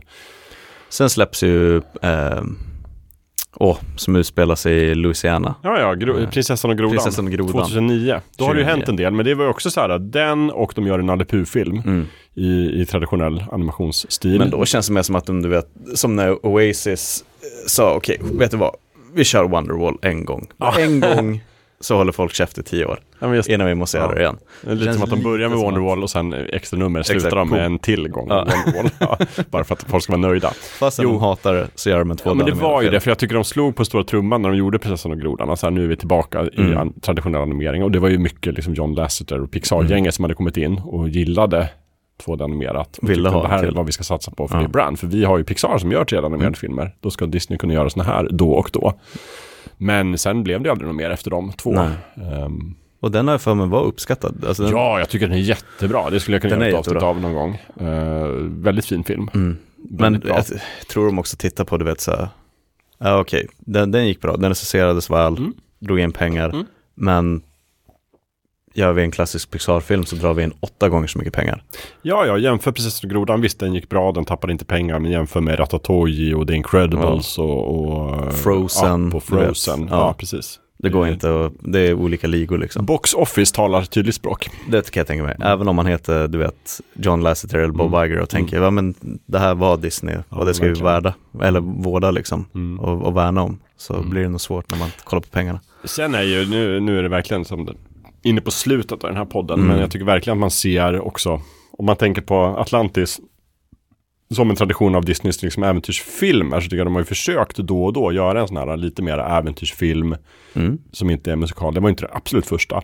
De försökte göra, de gjorde DuckTales-filmen, Ja, eh. The Lost Lamp, när det nu var, om det var 90 eller sånt där. Ja. Eh, som ju visserligen inte var liksom Disney Feature Animation Studios, Mm. utan det var deras studio Paris som gjorde det mycket. Men ändå så här, den gick på bio, det floppade. Mm. Vart inte så bra. Även om den byggde på en framgångsrik tv-serie. Sen gjorde de med Bernard och Bianca i Australien. Vet vi 1990, det? samma sak där, inga sånger, eh, mer äventyrsfilm, lite så här Indiana Jones-stil. Floppade också. Mm. Tyvärr, den är många företrädare, men Ja. Eh, Och sen även den här då liksom underpresterade och sen även Skattkammarplaneten som kom året efter. Ja, och det var väl där det var så sent att skattkammarprogrammet var så jävla dyr att göra. Ja. Och så floppar den. Ja. Eh, I kölvattnet av eh, Atlantis liksom. Mm. Och det är en tradition då som Disney har av att lite misslyckas med sina animerade äventyrsfilmer. För det Mm. gjorde de ju också nu det här året med, vad heter den filmen de gjorde? Just det, Strange Planet. Strange... Heter den något sånt? Jag är Nej, inte det är långt ingen planet, ifrån. för det är ett land. Strange Land. Strange Land. Ja. Lost World. Not, ja, Lost World eller Strange Land. Jag googlar på det, Disney. Strange Lost Land. Medan du googlar det så kan jag bara säga det att du vet Lilo Stitch då 2002 va? Där mellan Mm. efter Atlantis men innan, innan Kogänget. Jajamän. Det är väl den sista 2D-animerade Disney-filmen som verkligen blir en jävla hit. Men där är på något sätt så lyckas de ju, det är, det är inte en musikal heller, men de bestämde sig bara för att slänga in hela, varenda hit Elvis har gjort hela, under hela sin karriär. Ja. Slängde de in i den. Precis, ja den är Och de ju... lyckades ju verkligen med karaktärerna, Lilo och Stitch. Så det blev en supersuccé. Mm. Ja men precis, den är inte heller en musikal så för de har Nej men det är det jag menar. Ja, ja bara- exakt, det var det du sa. Ja. Bara glida in Ja. en massa Elvis i det. Och det älskar ju alla liksom. Mm. Ehm, Precis, ja men sen kom ju Bror Björn 2003 eh, och den vart väl ingen supersuccé så. Den är, Ingen väl, den är väl som du brukar säga habil. Men jag tycker den är lite, lite blaha. habil, lite blaha, men där tror jag också att den var, ingen dundersuccé, men att de gjorde, det, det var liksom sista rycket med 2D-animerad Disney med Phil Collins som gör musiken. Just det. Eh, och att den låten blev så jävla poppis. Eh, On My Way. Mm. Just det, det var Phil Collins ja, som kom tillbaka och Ja. gjorde efter eh, Tarzan. Och att den svenska låten också var så bra. Säg det till alla, jag är på väg. Och jag älskar varje steg jag tar. Vem det var en sån den? låt som vi sjöng på. Du vet, det här är så jobbigt för att det, det finns två stycken. En som har gjort en massa svenska covers på Phil Collins i Björn Skifs. Mm. Men det är också, gud nu glömmer jag namnet på honom. Och jag lär mig aldrig ifall det är Broder Björn eller om det är Tarzan, där det inte är Björn Skifs, utan det är, fan heter han, någonting Björn, han heter inte Björn Appelgren, men han heter någonting annat. Jag ber verkligen om ursäkt ifall han lyssnar på podden. Men v- vart är det nu? Menar du den som gör rösten i, i Björnbröder eller? Eh, Ja, Björn Bröder eller Tarzan. Att eh, han som, den svensken som gör Phil Collins-låtarna i Tarzan eller Björn Bröder är inte Björn Skifs. Okej. Björn Skifs är eh, en av dem tror jag. Ja, just det. Men det står inte här på Wikipedia. Nej. Men jag kan kolla på dubbningshemsidan kanske. Det kan du göra. Kollar vi Björnbröder under tiden. Eh, jag ska bara säga då att eh, filmen som vi, den heter En annorlunda värld på svenska. A Ah, Strange World. A Strange World. Det är också så här äventyrsfilm. Mm. Team, jag har inte sett den, men, men den har ju verkligen floppat på bio. Jag blev skittaggad när, jag, när de visade upp den nu i julas var det väl? Ja, det måste det ha varit. Där på slutet när de drog allt nytt. Sånger, jo då, men Björnbröder så är det sånger, var med, framför av Björn Skifs. Mm. Så där är Björn Skifs som gör Björn Bröder. Jajamän. Där är inte Björn Skifs som gör Tarzan. Då kollar vi vem det är. det här är viktigt. Vi skippar bonusrundan med Men det här är också, det här är ju en Det här är bonusrundan. Tarzan, då ska vi se. Eh, musik, ja, där är det sånger då. Vi finns på samma jord. Mm. Tarzan, Pelle Ankarberg. Pelle Ankarberg, tack så är det. Okej, okej. Så det finns, två det finns två svenska Phil Collins. En heter Pelle Ankarberg och en heter Björn Skifs. Verkar så. Mm. Eh, men det däremot kan jag säga då att, att på Björnbröder, eh, sången var med, framför, så står det faktiskt så här. Framför av Björn Skifs, Tobias Lundgren, jo, Joakim Sandén, Pelle Ankarberg och Karl Utbult. Så att. Pelle Ankarberg är med Han även på också. Björnbröderlådarna. Så att det är egentligen han som är Sveriges Phil Collins. För han har gjort det två gånger. Ja, och, och Björn Skifs är bara någon, någon nobody. Ja. Men det finns bara en Dan Ekborg. Ja, Mm. det gör det. Men vem gjorde anden i, i tv-serien? Aladdin. Det var ju inte Dan Ekborg. Det var ju absolut inte lika bra, men det kan inte ha varit Ekborg. Eller var det det? Jag kollar på dubbningshemsidan. Ja. Det är nog bäst här i slutet så att det blir rätt. Eh, Aladdin. Vill du veta vilken min favorit Aladdin-film är? Jag skulle vilja det, ja. För det är ju inte Aladdin. är det Aladdin, eh, Tjuvarnas konung? Ja. Jag visste det! Den är bra. Den är så otroligt bra. Ja, då är ju, eh, nej, Rövarnas konung heter. Rövarnas Ja, konung. precis. Ja. För då är ju Robin Williams tillbaka som anden. Ah, Han hoppade ju Ja. av sen i vredesmod efter med Jafars Aladdin. De, de blåste honom så otroligt på Just Aladdin. det. Så då var han ju Ja. arg tänkte att jag ska aldrig jobba med Disney. Och så var han inte med på Jafars återkomst. Men sen så blev de ju kompisar, eftersom att mycket för att Jeffrey Katzenberg hade slutat. så, då, var han, då var han tillbaka Är igen. idioten borta? Okej, då kommer tillbaka. Jajamän. Det sägs ju, jag läste den här fantastiska boken Disney War, som handlar mycket om så här, politiken på Disney, tiden. eh, mycket Katzenberg. Så Mm. det var ju också när de gjorde Lejonkungen, så var ju Mm. Elton John med och skulle göra Mm. musiken. Och Katzenberg liksom ringde honom hela tiden och bara ville ha olika saker och kommentarer och krav och sådär. Liksom, åh. Ja. Till slut så sa ju Elton John så här, bara, om, om, den där, om Katzenberg ringer igen, jag hoppar av. Jag. är inte med. Jag. Så bara, få bort honom. Så att ganska mycket arbete verkar ha varit liksom han, hanterat Jeffrey Katzenberg. Eh, Aladdin, den tecknade serien, Anden, Dan Ekborg. Det är han. han är tillbaka till Rövarnas Ja. Otroligt. Men inte i tv-serien då kanske?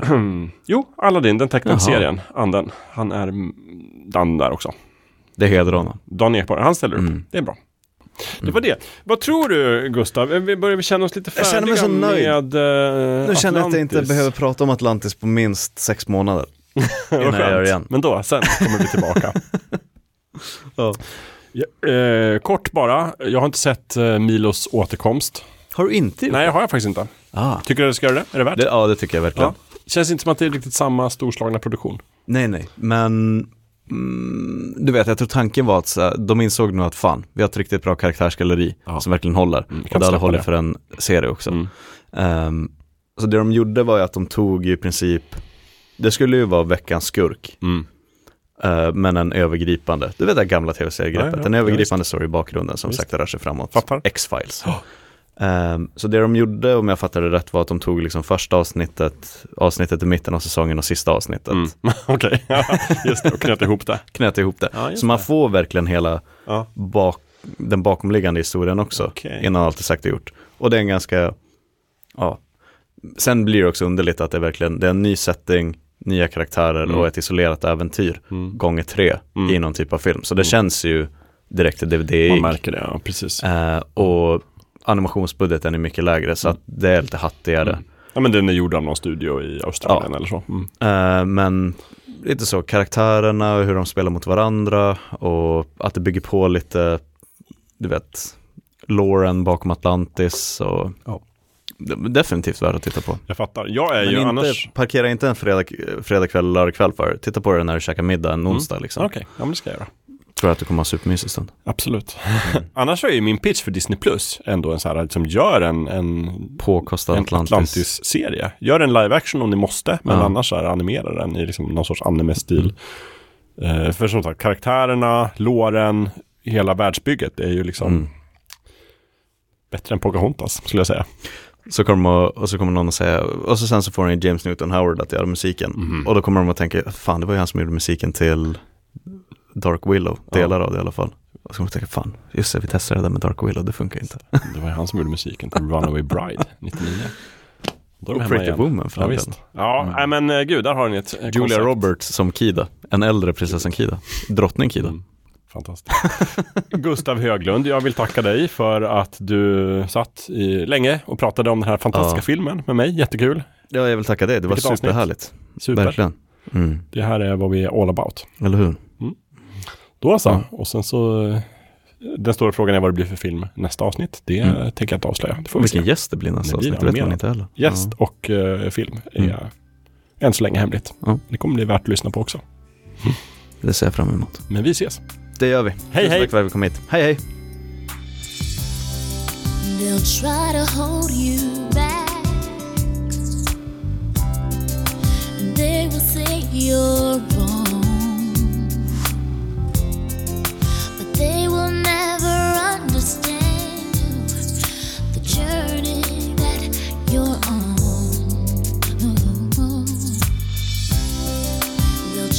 Change your mind. They'll try to change your heart. Oh, yeah. But they will never understand